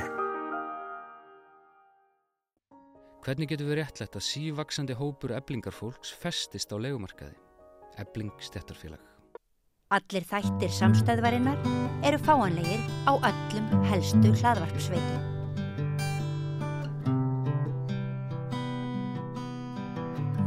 Svolítið verið að ræða nýfrjálsingu hérna við Rauðaborðið, eiginlega í, í mörg ár svolítið svona meira kannski undafarið að því að þetta eru áhugaverði tímar sem við lifum sem að kemurjar vil ekki óska neina fólki að lifa áhugaverða tíma. Það eru svona strömmkvörf í svona hugmyndaheiminum. Það eru, það gengur allt í svona einhverja ringi og, og líklega má segja það að við séum að koma út úr tímabili í nýfrálsíkunar, eða við skulum vona það, sem við segja að við sem komin út úr þessu en hún bara get ekki yfirgeð okkur vegna þess að, að, að við vitum ekki hvað á að taka við. Það er svona einhver vatnaskil í hugmyndinni. Það komið þrótt í það sem hefur lengi verið talið bara uh, sannleikur, uh, sjálfsögðu sannleikur. E, til þess að hjálpa okkur að, að skilja nýfrálsvíkuna meira er hingað komin Kristín Vala Ragnarstóttir, professor. Velkomin. Takk. Herðu, það sem við ætlum að reyna að komast að, að því að stundum erum við að tala hérna um nýfrælsíkina og, og þegar maður er svona endur segja svona góðsannirina þá virkar þetta svo banalt eitthvað að, að við höfum ekki að aðstóða hinn veika heldur hinn ríka því að hinn ríki muni einhvern veginn hérna, ef hann eflist og það sé best að hann farið með allt fjö og farið með allt, öll völd í samfélaginu og hann muni lift okkur og þetta bara hljómar svo hjákvallega í dag að því ég held að bara trúi sig engin lengur.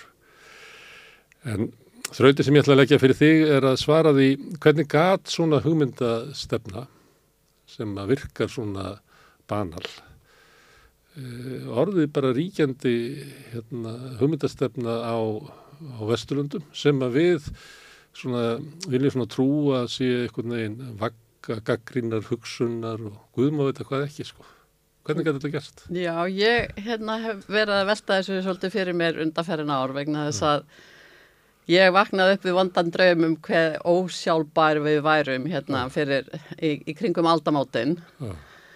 og fór að pæli því hvað þurfum við að gera til þess að breyta um stefnu og komst á að því að það, það að mikilvæg sem við þurfum að gera er að breyta hagkerfinu af því það er hagkerfi sem að drýfur þetta allt áfram. Og svo var það einn vinkona mín hérna sem að heitir Hunter Lovins bandarísk sem að bendi mér á The Powell Memorandum sem að var skýsla sem var skrifuð af Powell. Hvað hétt það nú í fornafni, ég maður ekki? Lewis Powell bandarísku lögfræðingur sem skrifaði skýslu fyrir uh, verslunaráð eða viðskiptaráð Já, uh, Ch Chamber of Commerce í bandaríkjanum já, og uh, þessi nýfrálshyggju hugsun hérna, fór að þróast hérna, eftir fund sem að var árið 1947 þar sem að hagfræðingar og heimsbyggingar og sakfræðingar komu saman í Montpellerin í, í Sviss. Og þeir voru að ræða um það hvernig hægt var að byggja upp efnahagskerfið eftir heimstyröldina og í rauninni eh, voru þarna helstu hugsiður á þessu sviði í, í, hérna, í heiminum, allavega í vesturheimi sem að koma þarna saman. 36 kallar. Og en þetta En er- fór var- af ekki eins mikið af stað þanga til að þessi skýsla var skrifur áður 1971 En þarna 47 voru þetta ekki svona frekar eh, menn sem voru hægra megin í, í lífinu sem að hittust? Jú, jú, Svo voru að smíða eitthvað svona mótvægi við kannski það sem að sumuleiti sigraði strísárin sem var sko sósjaldemokratían í Evrópu og, og New Deal í, í bandaríkjónum, það sem voru áhrif kröfugerða verklæsreifingarinnar voru, voru að verða ríkjandi stefna. Já, ég, sko, þeim, þeim þótti og það er líka farið í þessari skýslu að, að, að það væri orðin allt og mikil félagshyggja Já. að til þess að byggja upp hérna hagkerfi og, og viðskipti og yðnað þá þyrfti, þyrfti stefnan að vera að, meira á að menta fólk inn í það kerfi og fólk sem að, sem að trúði á það kerfi og, s- í, í, og í þessari skýslu eftir Lewis Powell að þá fer hann í gegnum það hvernig kennsla í félagsvístum sérstaklega og, og þá náttúrulega hagfræðinni þar inni var orðin allt og vinstri sinnuð í, í bandarískum háskólum. Og þess vegna væri hás, bestu háskólanir í bandaríkjunum að útskrifa fólk sem væri í rauninni á móti þessu viðskipta yðnaðar hagkerfi sem þeir, þeir, þeir vildu fá. Og, og, og, Og einmir ennþá að þessu bara í, í hægri stefnun í dag sem er með svona, uh, svona gældur vara við háskólasamfélaginu þar sem eru stundaða svona rannsóknir og það er bara þannig. Það er talað um marxismann í háskólunum og, og það er mjög svona ríkt í hægrinu að, að grafa undan uh, hérna, rannsóknum háskólana. Já, já, en, en, en sagt, þetta, þetta er aðgerðar áallun sem er í rauninni mjög aðdána verð vegna þess að þeir, hún var ekki bara sett fram, heldur var hún sett í framkvæmt. Og þá gerði ég mig grein fyrir því að ef við ætlum að reyna að breyta hagkerfinu þá þurfum við að setja af stað svona plan sem að er jafn gott ef ekki betra og hérna félaga mínur í bandaríkjunum skri, hérna, skrifuðu nokkuð sem við kallum Donella Meadows memorandum fyrir 5-6 árum sem er í rauninni svona að reyna að koma enn nýri hugsun um hvernig hakkrið eigi að vera. Og eitt af, eitt af mörgum hérna innlegum í, í, í þá umræðu en ég ætla ekki að tala um það núna en, en sem sagt hann fer í gegnum hvað þarf að gera við háskólana. Jú félagsvísinur og alltaf vinstri sinnuð og, og hérna það er alltaf mikið af, af, af, af samfélagsrýni og stjórnmálafræðingar eru líka orðin alltaf vinstri sinnaðir og, og, og, og prófessorinn eru oft svona með mikið mik karisma og mm. nefndum finnst skemmtilegt í tíma hjá þeim og, og þess vegna þurfi að hugsa til þess að skrifa nýjar bækur mm. skrifa nýjar bækur fyrir háskólasamfélagið mm. og hann sagt, leggur til að, að viðskiptaráð bara hreinlega fari inn í háskólana inn í viðskiptafræðina inn í háfræðina, inn í félagsvísindin og skrifa bækur, þær voru skrifaðar þarna uppu 1970, þær eru ennþá kendar í, í 20. og, og 7. útgáfu mm. veist, og ekkert breyttar ekkert breyttar eftir hrun eða neitt slikt þannig að þeir og, og síðan er að vera með svona hópa mönnum sem að geta farið í, í hérna getur farið í fyrirlestraferðir mm. að því þessir prófessorar þeir það verið að bjóða þeim út um allt að, að tala þannig að þeir þurfa að vera með mótvægi og vera með sko, puttan á púlsunum á, á öllum fréttamiðlum til þess að passa sig að, að, að þeir fá jafnan tíma. Það er voru mikil á, áherslu að lögða það að fá jafnan tíma mm. alveg eins og hefur verið í loftlagsumræðinni mm. og var áður í tópaksumræðinni, þetta er allt byggt á, á sama grunni. Og uh, síðan er, er, er talað um það að, að, að fyrirtæki þurfi að leggja inn fér til viðskiptafræðus til þess að það geti uh, ráðið sér mjög hæft fólk á, á, á góðum launum alveg eins og háskólaprofessorar mm og að þeir séu alltaf tilbúinir til að fara út í umræðina. Mm. Að búa til svona think tank, skugga háskólakerfi. Já, og svo hefur við búin til svona think tank eins og mm. hérna Hoover Institute við Stanford háskóla og, og við fleiri háskóla mm. og vagga nýfrálsegunar var í rauninni University of Chicago eða Chicago mm. háskóli, þann sem að þessið hugsun var, var þróuð áfram en mm. það var líka Harvard og fleiri háskólar sem tóku þátt í því. En svo tóku við svona think tank sem að náttúrulega er ekki, það er ekki stundar þar sömur ansóknir og í háskólanum.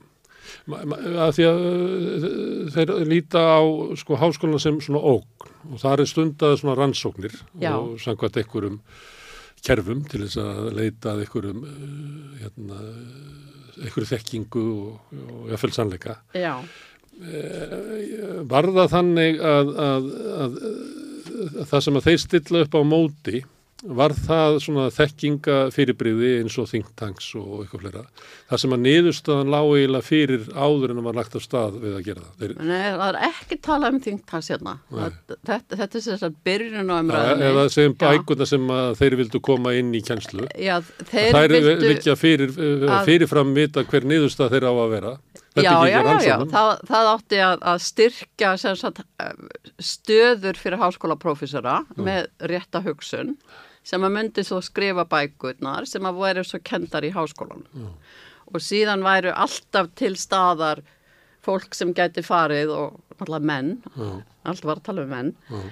hérna, geti farið og flutt fyrirlestra og tekið þátt í, þátt í umræðinni en það er ekki bara sko háskólanir sem að, sem að planið er um heldur líka að fara niður í mentaskólana mm. og passa sig á að þar sé verið að kenna hérna rétta hugsun þannig að fólk vilja fara, fara og, og, og, og læra eitthvað sem styrkir viðskipta og við, viðskiptalífið og yðnaðinn og þar getur svona local chamber of commerce tekið þátt. Mm. á meðan að, að, að hérna, aðalskrifstofan myndi sjá um, um, um þessa stóru fyrirlesara.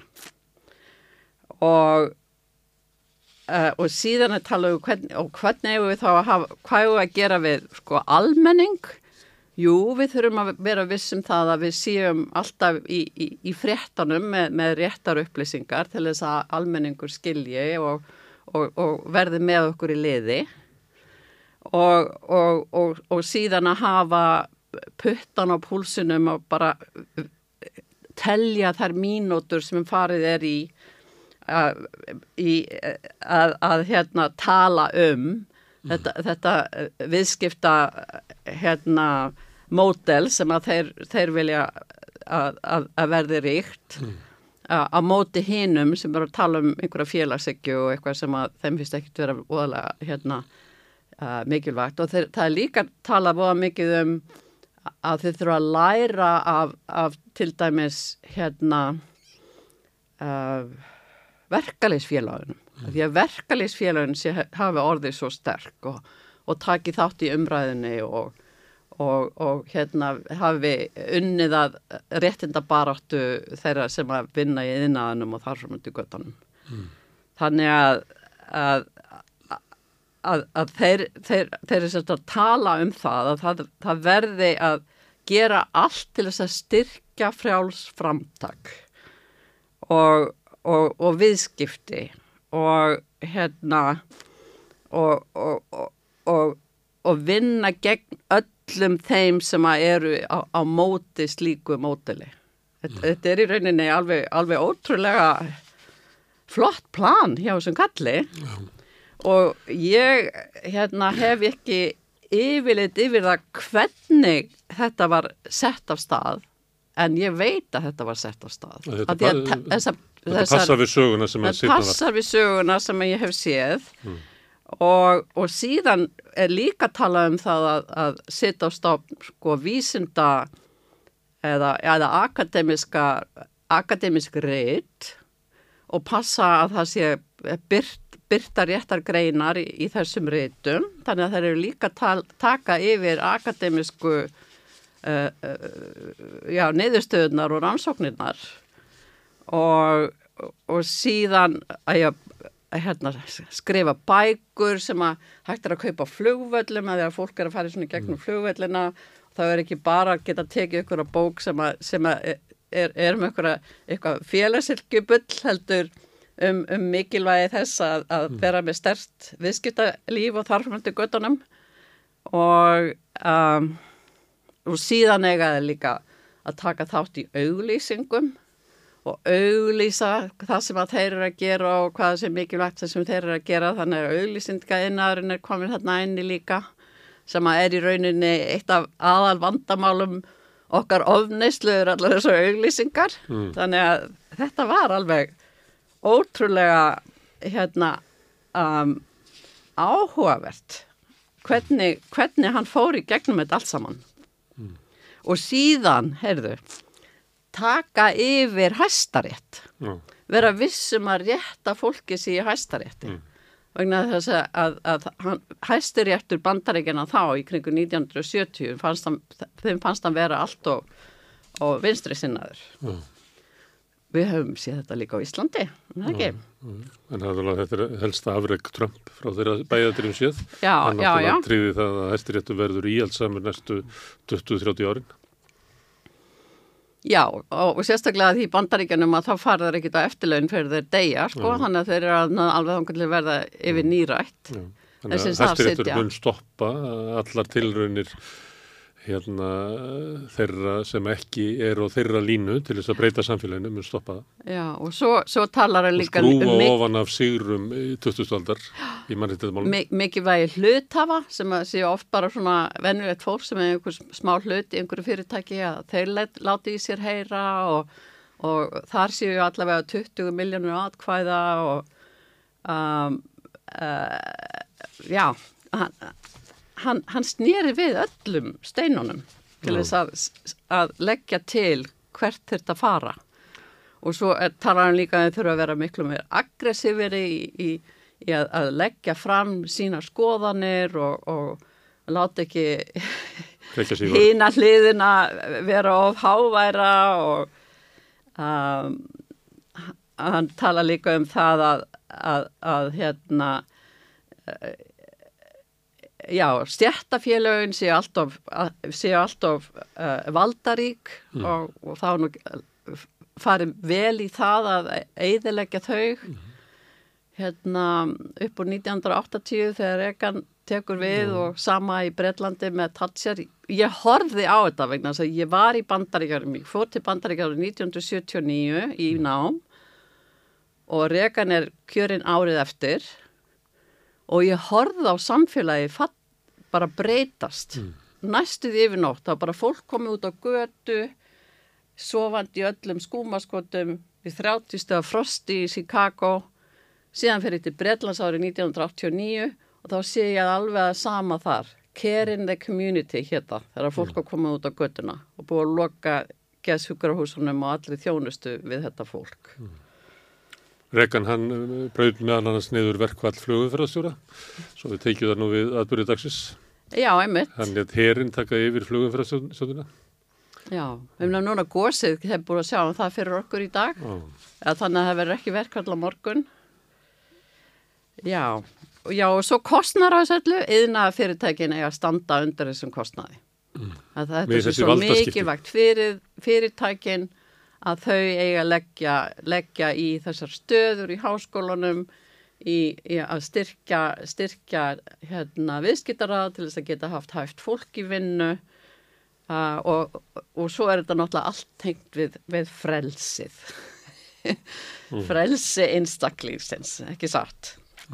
En Þetta er plan til valdaskipta eða hugmyndaskipta. Hugmyndaskipta, já. Þannig að, að þá er það þannig að við erum með samfélagssáttmála Mm. uh, eftir því sárna sem er trú á það að opið líðræðislegt samfélag uh, muni uh, búa til besta samfélagið. Og, í því fælst til dæmis frelsi háskólanna viðurkenning á, á stjættarátök eru hluti af uppbyggingu samfélagsins með því að viðurkenna verkvarsréttin að, að við leifum þessi átök innan samfélagsins á friðsamlan hátt með tilteknum leikreglum en samt uh, er, er, er uh, launafólki veitur réttur til þess að, að skaða eignarétt fyrirtækina með því að leggja niður uh, vinnu sem að valda skaða. Og þetta er bara- það er bara sátt um þetta, það er sátt um að, að háskólanir séu frjálsir, að, að, að vaksandi um að fjölmjölandir séu það líka og þetta er svona, þetta er, þetta er trú Vesturlanda um, um sjálfan sig. Eh, Þessir menn, að þeir eru bara ósattur þessa þróun. Já, já, Já, þeir eru ósattur bara- við niðurstöðuna og, og, búa til plan um að vinda ofan að þessu. já, Við höfum ekki að stefna að aukinni samkeppni, nei, við höfum ekki að stefna að aukinni sko, þannig að þessu margar miðjur í samfélaginu, heldur er verið að reyna að, að færa völdin í samfélaginu uh, þannig að það þjóni auðvaldinu betur. já, og náttúrulega mikið talað um, um markan, markas, hérna, hagfræði og... Já, markaðurinn er náttúrulega annað orð bara fyrir hérna auðvaldið að þegar það eru teknar ákvarðanir af líðræðslegum vettfangi, hvort sem það er innan verkefliðsfélagana eða í sveitastjóðnum eða alþingi og fært út á hinn svo kallaða markað, þá er náttúrulega bara verið að færa völd til þeirra sem eiga peningin því að út á markanum þá eh, hefur ekki einn maður eitt atkvæði heldur hver króna hefur eitt atkvæði. Já, já, Já, það er náttúrulega alveg rétt. Já, en, svo- en, en sko oft er þessi, þessi markashyggja sem verið að tala um að markarinn er á það verðin og svona tala um það á Íslandi en, en hér, er, hér er allt gert hins vegar til þess að reyna að koma í vekk fyrir það að markaðurinn hennar virki. Já, það er En bara svo mikið and, já, and, þannig er það líka í bandaríkjunum vegna þess að, Já. að, að það var, í hluti af þessu var það að stoppa eftirlitsstofnanir, já, til dæmis samkynnseftirlit, það var reyndar brotin upp símafyrirtækin hann í kringu 1980, en það er eiginlega svona síðasta ingripp ríkisvaldsins í bandaríkjunum til þess að hemja tilnýingu fyrirtækina til þess að bara stækka og, og þennjast til þess að geta stjórna já, markan. já, rekan kemur náttúrulega bara inn 1980 og það Já. breytist ekkit bara overnight, þetta tekur nokkur ár. Nei. Og svo breyting sem varð síðan mest kannski á nýfrælsugjárunum var teknibildingin. Og þar sittum við uppi með bara risastór einunguna fyrirtæki sem að drotnaði yfir öllu vegna þess að það var búið að skipta um sko svona viðmiðanir um hvað væri bóðlegt og hvað ekki. Þannig að Facebook, Google, Amazon Já, já, hefur bara fengið að- vaksa bara óvandarlega. Já, var það ekki, Kaupi bara Það var- samkjöfni.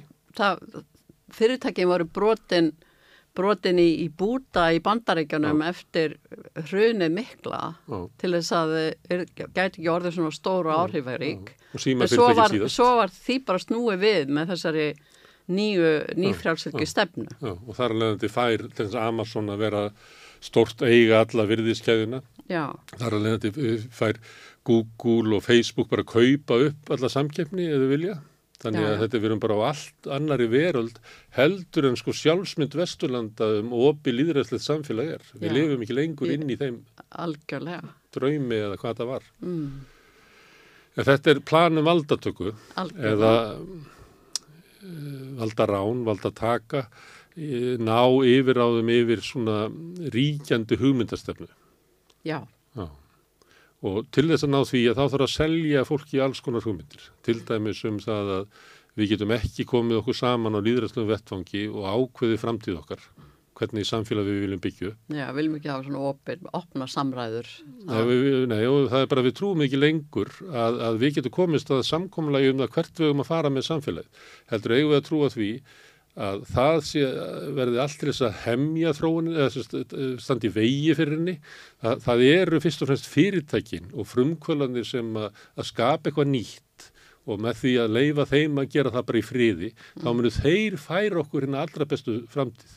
Sjáðu bara, þeir komum með þennan tækni þróunina og þeir hafa komið, þvottavillin hefur gert meira fyrir kvennabaratuna heldur all, all er þessi, þú kannast þetta, það er bara búið að vera berja okkur með þessum hérna, Já, en, en sko það er nú, hún og Mariana Mazzucato, hérna, breskur hagfræðingur, Já. hún er nú búin að sína fram á það að- að mest, mest af þessum nýsköpunar fyrirtækjum Já. byrja á því að fá ríkistyrki. Já, það er ekkert inn í þessum síma sem ekki hefur verið búið til af ríkisvaldinu. Já, og síðan er það bara fyrirtækið sem tekur það yfir og hleypur með það og, og græður á því.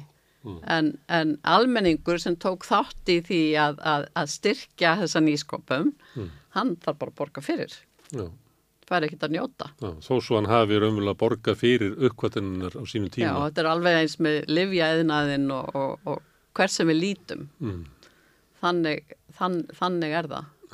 En í uh, þessu frjálsa opna líðræðslega samfélagi sem að Vesturlund haldaðu séu og, og trúðu því, það Eða var, þeir eru að reyna að segja okkur að við Segjum, búum segjum. í þannig samfélagi. en það var til dæmis uh, þegar fólk er að hlusta á Kennedy bræður og eitthvað svona, þá, Mm. það, þessi bjart síni eftir því sárana Já, um að við getum unnið öllu. Það er hluti af þessari hugmyndum sko, frjálsa opna líðræðslega samfélag á Vesturlandum.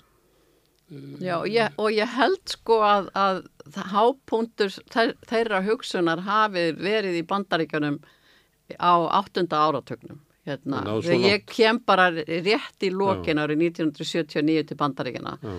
Þá eru þið búin að fara í gegnum hámas oljuframlegslu sem Mm. var 1972 og hagkerfið er að byrja að hnigna Mm. af því að hagkerfin þau, er, þau nærast á auðlindunum þannig að það er án auðlinda þá förum við ekki mjög langt með, með þennan hávöxt okkar sem við erum alltaf að tala um þannig að, að án, án auðlinda að, að þá erum við í vondumálum og við erum að hérna, við erum að tæta þur upp að, án þess að hugsa um, um framtíðina Mm.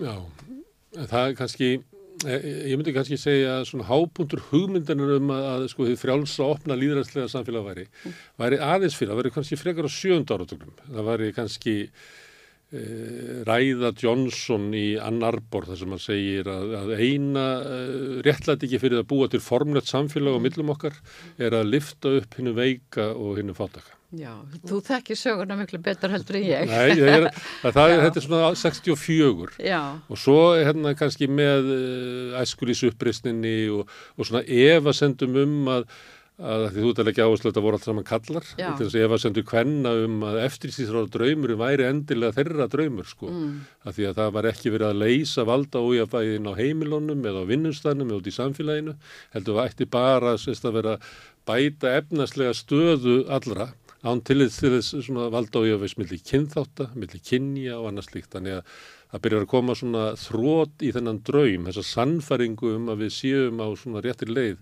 sem að mér finnst til Já, þeirra sko... og kannski þær breytingar sem konur voru að reyna að, far, fá, að reyna að fá framgengt af því að þær fóru náttúrulega öll störf þegar að kallarnir voru farnir til Evrópu í, með, í, í stríðið sko.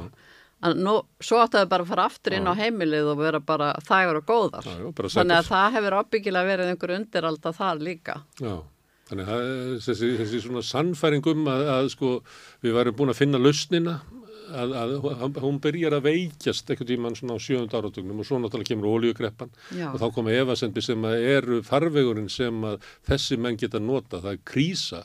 Mm. það er minkandi trú á stjórnvöldum, bara þegar Nixon flýgur í burtu frá, frá uh, kvítahúsinu Já. það hérna, dregur úr svona lögmandi stjórnvalda það eru svona hugmyndir um það að, að, að þessi linnuleysi vöxtur muni bara halda áfram, allt inn verður hann efasemir og þessir menn koma hérna inn að þetta tímabil og segjast þurrum lausnina. Já, akkurat. Og, og, og hérna vinna því hörðum höndum að, að koma þeirri hugmyndafræði út í, út í samfélagi. og ekki með debatt, ekki með skoðanaskiptum. Heldur nei. raunverulega bara með afli, Já, bara, peningum bara ná yfirráðum yfir, yfir hérna akademisku umræðinni Já. og hérna brjóta niður verkefliðsfélagin já, já, já, já. Þau voru náttúrulega bara hérna til trafala. Ofsækja þá sem að andmæla þeim. Það er til dæmis hérna Ísland er þannig að þeir sem andmæla þessum mönnum að þeir eru umdildir en menn sem eru þarna inni þeir eru aldrei umdildir sko. eða eins og hefur verið talað um mig Þú ert er- umdeild. ég er, ég er erfið í samskipt og ábyggilega umdeild líka já. en hann er solmstættir þess aldrei sagður umdildur nei, nei, Nei, nei. sem er alveg já. En, en ég gerði mér allt í hennu grein fyrir því að ég, ég er að byrja að lesa bókina hans Þorvaldar Lógasonar já, og, og hérna og það sem er að fara, fara yfir hverju voru þarna í innsti koppar í búri Mm. að ég lendi þessum em- emriðamönnum þegar ég var í Háskóla Íslands. Já, þá sem sagt ég uh, byrja í háskólan ára 1975 Mm. og áður en ég vissi að var Kjartan Gunnarsson komin inn á stofugól heima hjá mér. Og ég sem sagt og vildi endilega ég erði nummer eitt á lista hjá vöku í næstu stúdendakostningum og ég hafði eitthvað tekið þátt í, í stúdendapolitikin í MR og ég kannast við hann síðan þá en, en hérna og ég var svo vittlaus ég bara sagði já, ekki svo skrifaði hann fyrir mig ræðina kom mörgu sinnum heim til þess að æfa hana með mér. Ég hef verið að hugsa um aðrar mm. blágaður unga stúlkur sem að er í pólitík á Íslandi núna sem, hvort að, að fengi hann í heimsókn sem að fengi hann í heimsókn en svo sem betur fer að, að þá tapaði vaka og á fyrsta ári í háskóla að þá hérna bara umtundaðist ég pólitíst og bara sá, sá hérna ljósið ljósið, já. Fórst ekki akkurat. eldi þá ekki inn. Ha. En það er í bókinni hann að Emreiðar Elítan hefur verið gaggriðt fyrir að gera hlut kjartans of stóran. En maður heyrir nefnilega svona sögur, hann Mm. er eiginlega sendibúðin sko. Já, hann er kafbáturinn eins Já. og sagt er í bókinni. Já, ef þú ætlar að gera sko heimilda, þáttaröðumynda, Já. þá ættir að hafa kjartan sem aðalpersonu. Já, ég held það. Ég held að hann hann er allstaðar. ég er ekki komin, að- sko, að búin að lesa bókina, en, en ég sé það alveg fyrir mér að hann er þarna einsti koppur í búri. En Emreiðar klíkan, hún er að, til þess að framfylgja þessu Mm. Og hún fór í það. Þú nefndir að hérna, áhrifin á, á mentakerfið. Það var náttúrulega, það var að setja Hannes Holmstein inn í stjórnmálafræðideldina. Já, Ólafur Þorn Harðarsson hefði átt að fá þá stöðu sem að Hannes Holmstein fekk og mentamara ráð þeirra fór yfir á, álit hérna þeirra sem að sem að teldu uh, hver væri hafistur, sko. Já. Og þegar Björn Bjarnason var mentamáraðura, þá var svona átak í því að breyta pensumi í, í mentaskólum og annað skrifa nýjar hérna e, nýjar mannkynnsugur. Já, Það var til dæmis það sem að núna heitir bókafélagi held ég að heiti ennþá. Það nú heitaði ykkur mýnsu nöfnum. Það er hérna sem hann eh, Jónas Sigurgesson heldur úti eh, sem að gefur út eh, bækur Hannesar og Æjan almenna Rand. bókafélagi hérna Það heita almenna bókafélag, svo heita bókafélag, þetta Já. er bara að fara nokkuð sem á hausinu Já. og svona. Að þau gaf út nýja mannkjessugu, Mm. það sem átt að svei- sveigja ofan af svona hugmyndum um að, að samfélag hefði mótast af svona félagsþáttöku Mm. og baráttu almennings yfir í það að, að sko sagan framkallast fyrst og fremst að sko tækniníungum Já. og vexti sko hérna fyrirtækja og, Áhugavert, þetta, þetta vissi ég ekki. Nei, þetta að þetta á sér allt stað þegar ég, ég bjó ellendis í 30 ár. Já, Þannig að öll þessi umbylting í, Hérna á hér á Íslandi átti sér það þegar ég var í burtu. Ég held að Íslendingar hafi gengið lengra inn þessa braut, svona hugmyndalega. Þeir eru ábyggilega lært eitthvað að þessari. Já, en ég held að við Íslendingar séu samfélag okkar sé mengaðra af þessari hugsun heldur en nokkuð annað. Ég, eh, með þetta stundum ég kannski sé nýja sjálfandaður í að þeir hafa tekið upp svona nýfrjálsökulega lausnir á svotur öllum suðum. En við erum En ó... þeir eru líka búin að taka inn hérna réttmæti hérna uh, skoðana og menningar frumbyggja og, og eru, voru þeir fyrstu til að sitja svona velsældar hérna mælikvarða og, og, og fjárlög og þar myndi göttunum þannig að þeir, ekki, þeir, hafa, þeir hafa verið báði með í línuna Já, sko. kannski er það bara nógu stort samfélag til þess að rúma meir en eina hugsun. Stundum finnst mann Ísland er svo lítið Já, að er verður svona breyting að þá skrapa spotnin og það verður eiginlega engin anstaða við nýju tískuna. Nei, við erum náttúrulega, sko það talaði um að þurfi sko þrjár miljónir á, bakvið háskóla og við erum rúmlega 300.000 þannig að, og með sjö háskóla sem er náttúrulega algjörlega galið. Já. En þetta hafði gríðalega árið, þeir náðu völdum og við erum búin að lifa inn í, eh, ég kalli þetta stundu samfélagsáttmála, þá erum við með samfélagsáttmála eftir síðsáruna, það sem að var samkomla, hvort sem að, að þjóðir fóru eftir því eða stjórnult fóru eftir því, það voru ágreiningur innan þeirra, var samkomla svona í andaði sem ég var að vitna í Johnson að, að við værum á leið til aukis jafnaðar, við værum á leið til þess að, að konur og aðrir kúaður hópar myndu fá auki réttindi. Þetta verður Já, svona og við það, það var náttúrulega. Keynes hafði mikil áhrif Já. þar í Bretlandi og, og, og víðar Já. og, og hérna, já, að byggja upp hérna helbriðskerfi fyrir alla, Alla, og, og mentakerfi fyrir alla og þar til göttunum Félagslegu reyfanleiki verið góður. Já, se- og það sem að hefur verið gert á, á, á Norðurlöndunum líka gegnum samvinnurheyfinguna hérna og líðháskóla, líðháskóla hugsununa að, að við, vorum, við vorum með á þeirri braut. Þanga til allt í einu var farið að horfa til bandaríkjana og, og nýfrjárselgjunar á Íslandi. Á þessum tíma þegar þetta er skrifað þá eru hugmyndir í Evrópu um atvinnulíðræði, um að hérna, starfsfólkið í sæti í stjórnum fyrirtækjana, Já, uh, hugmyndir í affölum að nota eftirlunarsjóði almennings til þess að, að, að, auka áhrif almennings á, á stjórn atvinnufyrirtækja. Ímsar hugmyndir sem er í gangi á þessu tíma sem að síðan kaffærast bara. sem að kaffarist eftir þetta, eftir þetta fer í, að, í á, á full. Já. og ef einhver myndi segja að vera að stinga upp á Ísland í dag að, að, að starfsfólk ætti að sæti í, í fyrirtækjum það er litið á það sem eitthvað bara eitthvað idiotíska rótækni sko. Já, það er nú samt, er er einhver fyrirtæki sem að eru með starfsfólk í, í stjórnum? E, í, í heiminum, ekki Já, á í heimi, Íslandi ekki á kannski, Íslandi, ég hef ekkert yfirleitt yfir hverju Nei, sitja í er stjórnum á í- Íslandi, ég hef aldrei beð, verið beðan um að sitja í stjórn neins fyrirtækis. Þetta er í lögum í, í Þískalandi og Fraklandi og víðar sko. Ég bara það- það taka að dæmi um þetta hvað Íslandi fór langt inn þessa braut að þessi hugmynd þy- þykir eiginlega sko, þess að fólk kannist ekkert við sko ástæðuna fyrir hugmyndinni sko. Að- Já, að já, já, emmitt. En, en Hún þykir fráleitt bara. Auðvitað á bara stærsti hlutafinn að ráða. já, og, og ekki ein- einhver á gólfinu að vera Nei. í stjórninni. að vasast fyrir sko sín stóra hlutafans. Mm. Þetta er eiginlega þjóðtrúin á Íslandi sko. Já, já, og, og hérna byggist þú það mikið á, á, þessari nýfjársleikju hugsun. Sko. sem að hrundi kannski 2008 en hefur ekki dáið. Hún heldur áfram vegna þess að, að það er ekki komið nýr samfélagssáttmáli og kannski er þú að leggja það til að, að ykkur fólk takki sér til og skrifi svipað og, og páal um hvernig á að vinda ofan að þessu. Já, einmitt, það er einmitt það sem að ég er að hugsa um núna að því ég er að, ég er að klára að skrifa bók um nýja haghugsun.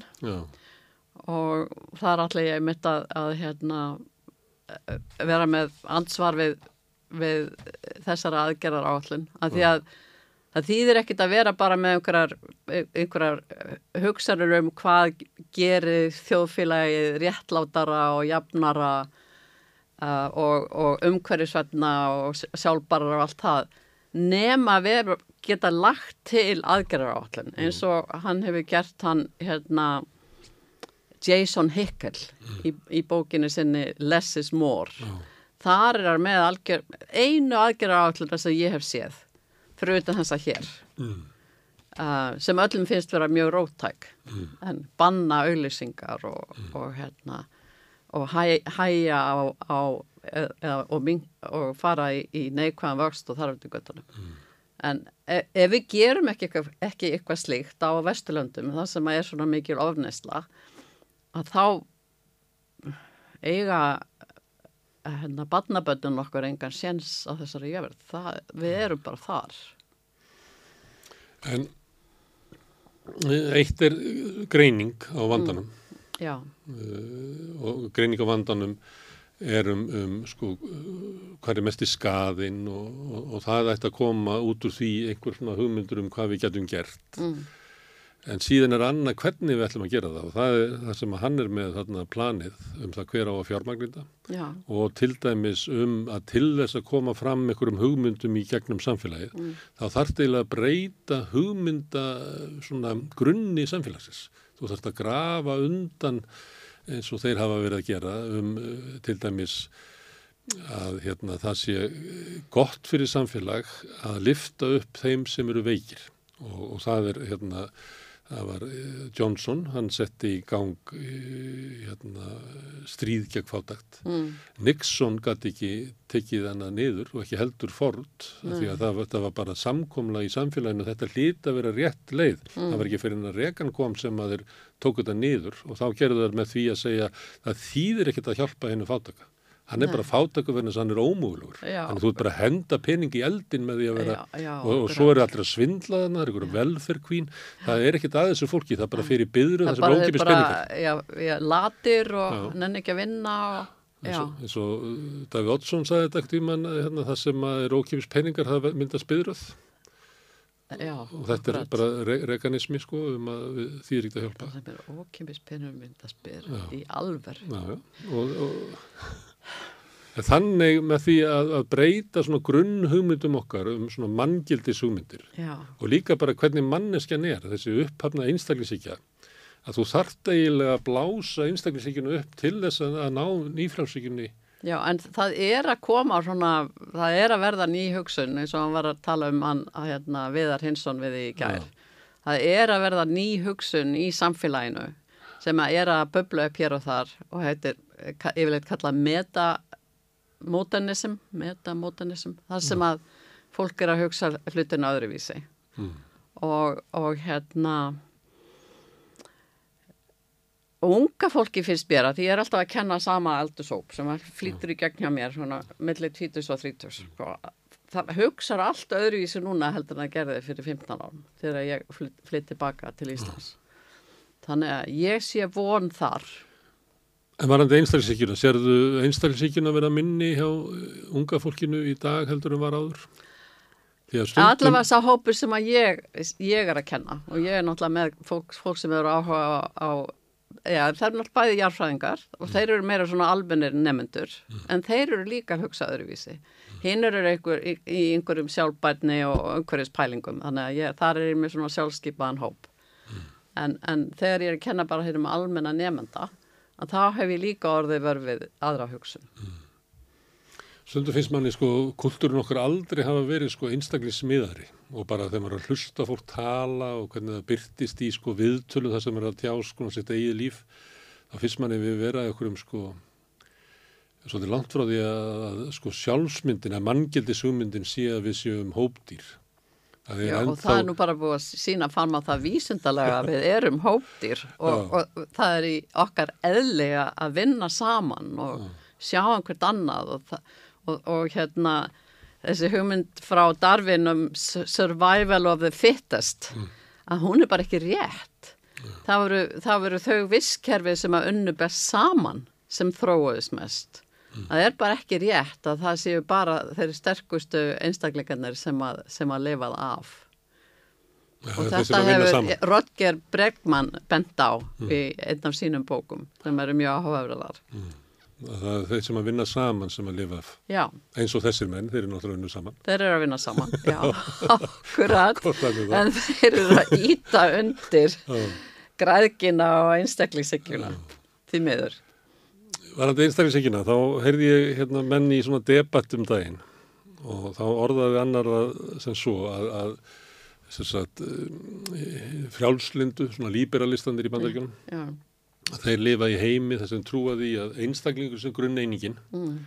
og samfélagið sé byggt upp af einstaklingum og svo segir hann að það er til önnur hugmynd sem er svo að við séum fyrst og fremst sko fjáraslegar verur mm. og til þess að, að búa til sagt, einstaklingsvitund að þá þurfum við að höggva hana út úr, út úr þeim raunveruleika. Að, að, að samfélagið er ekki Já. byggt upp af einstaklingum eins og Thatser hefði svo svo getað sagt Nei, það er þetta að lifta einstaklingum út úr hópnum. eh, Já, það, þú, það er að þú bara sem manneskja, þú lifir í hópi mm. og, og þú ert bara 96% hópdýr og það er lang, hérna, til þess að vaksa, þá þarf þetta að vaksa sem hópdýr og Já. til þess að auka vitundína, mm. þá þarf þetta að æfa þau vera sem hópdýr. Öfutu það sem allt í kultunum okkar segir að við höfum alltaf að styrkja okkur sem einstaklinga. Já Já. og mér finnst þetta bara sniðu hugmynd að horfa á að við erum fyrst og fremst hópdýr og það sem við viljum, þannig að því að ég vil alltaf vera pínlítið á mótöllum og svona Já. þá þarf ég að höggva mig út úr því.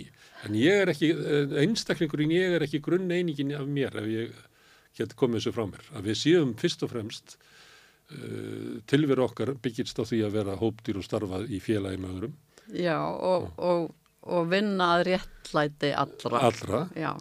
það sem við viljum hafa sem svona Eh, það sem við skerum okkur frá öðrum að við höggum það út úr hópnum sko. þannig að við erum ekki, þú veist, við erum ekki heil sem einstakleika, það er bara raung hugsun og leiði leið til hérna rángra niðurstu. Já, það var áhugavert að sem að í einna bókinas, hérna Rökker Bergmann að þá sem er uh, hollanskur sakfræðingur að hann, hann fór og, og, og, og fundi og ypagokk Já, hann hérna, augrar hérna ríkjandi hugsunarhætti. Já, en hann, hann sem sagt fór og skoðaði hann, hann heyrði af einhverjum einhverjum bát með einhverjum strákum af einhverjum eigu í Kirrahafinu sem hafiði strandað. Mm.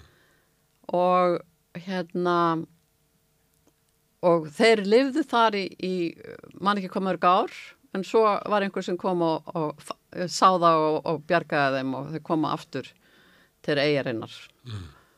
og uh, hann var þá, var þá að velta sér fyrir sig þessu veist, samfélagi á móti einstaklingnum.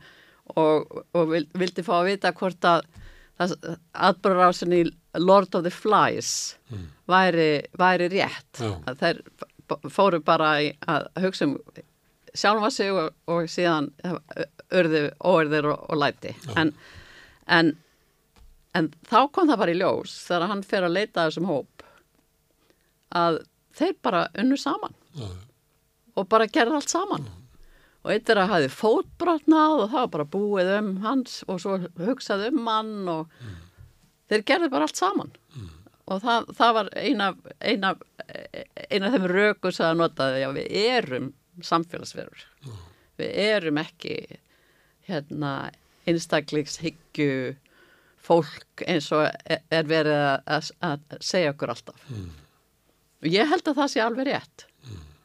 Sterkustu samfélagin eru þau sem að vinna saman. Ja. Við höfum eins og það sko góðsagnir sem er á móti, svo þú nefnir hérna að láta flæs eða líka bara hérna Orvel með Hannimann Farm sem er um Já. það að, að það er eiginlega fals á bakvið það ef ykkur segist alltaf að vinna eh, sem eru náttúrulega rök nýfrjálsíkunar sem mm. sögðu við það að ekki trúa stjórnmálamanninu sem er að segja hann sé að vinna fyrir því. Hann er fyrst og fremst að hugsa um raskat á sjálfsir og ekki trúa verkefnisfóringjunum sem segist að vinna fyrir því. Hann er fyrst og fremst að hugsa um raskat á sjálfsir. Þessi, hum, þessi þrá bara alltaf vera hamra á því að ekki trúa neinum sem að, hérna, segist alltaf að lifta hópnum mm. því að við getum, við erum ekki þannig manneskir, við erum alltaf að hugsa um raskat á sjálfum okkur.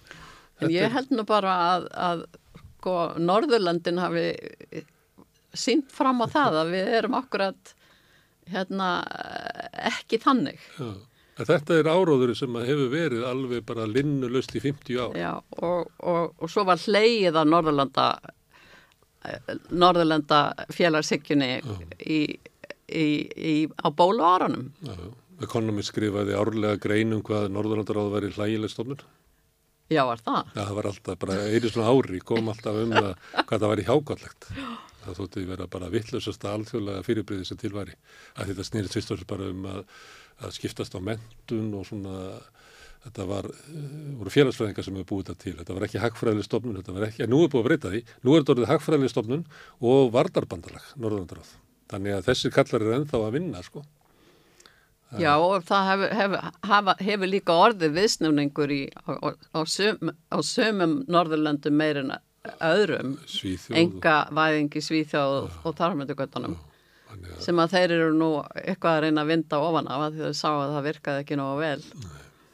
og í dag er það sjálfstæðismenn sem að vísa til Svíþjóðar sem uh, fyr, fyrirmynd. Þau ger eins og svíjarnir í helbriðismálum og vettamálum það er snúist hannig en þetta með einstaklisíkjuna, það er náttúrulega þú nefnir auglýsingar okkar flera sem að meir og minna snúast um það að þú getur keiftir eitthvað öryggi sem líklega til þess að uppfylla að fólk verður fyrir, finnir fyrir minna öryggi í hópnum, heldur en áður var.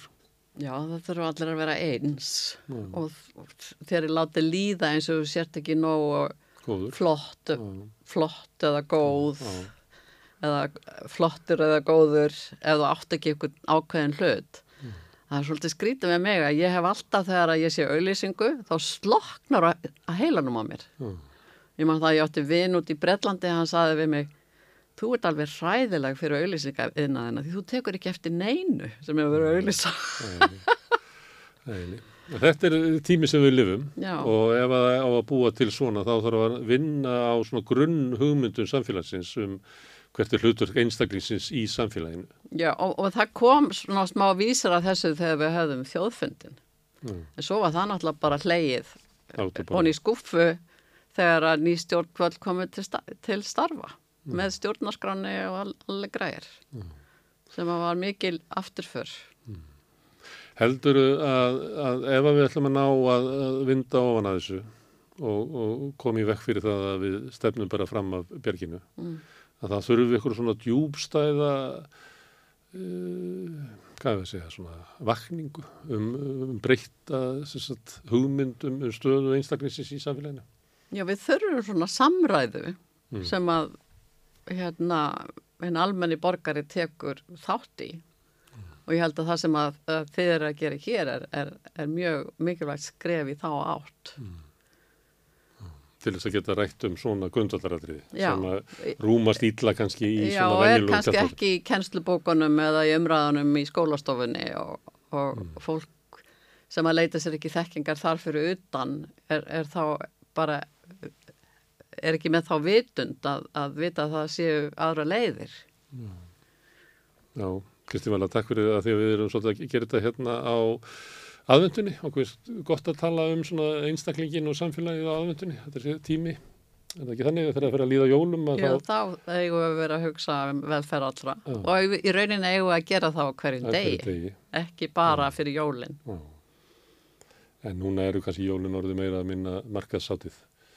Já, því miður. Mm. Mér er stundu dotti í hug svona á kvöldin þegar ég hei, með eitthvað í gangi fréttinnar eitthvað að skrifa svona, kannski ættum við bara að banna auglýsingar, skrifa á Facebook.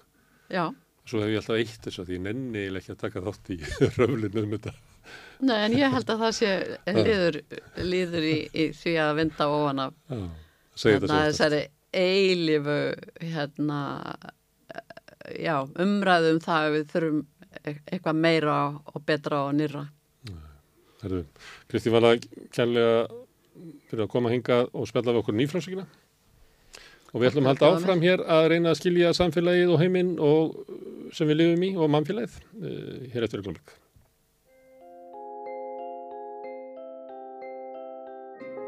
Hver er að býða eftir þér? Mundu eftir réttindum þínum í desember.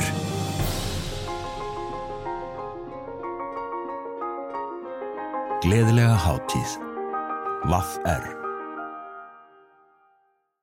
Húsnæðiskostnaður tekur meira en helming á ráðstöðuna tekjum verkafólks í eblingu. Hvernig er þetta réttlæta það? Ebling stjættafélag. Samstöðin er í eigu hlustenda, áhorfenda og lesenda.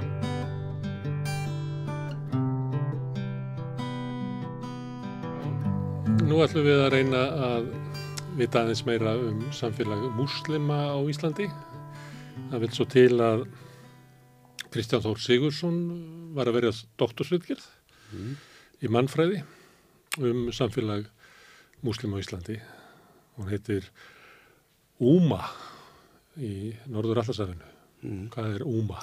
Úma, Úma er hugtak sem að hérna stendur fyrir svona, komur þessi svona yfir þjóðlegt, svona alþjóðlegt samfélag svona sem þess að trúara múslima og þetta er orð sem er, arabist orð sem er samstofna um, sem því bara mamma mm.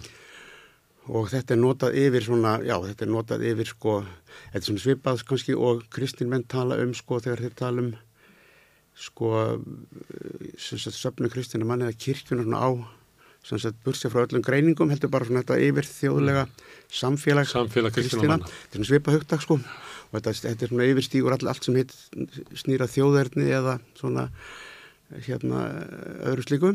Mm.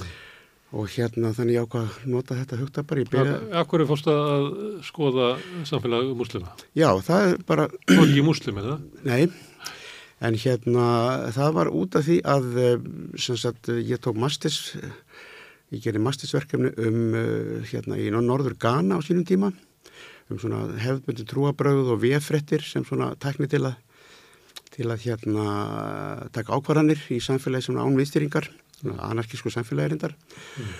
og þegar það búið, ég bjóð ringi erlendis og við fluttum hérna heim og ég ætlaði að fara í doktorsnám aftur þangað.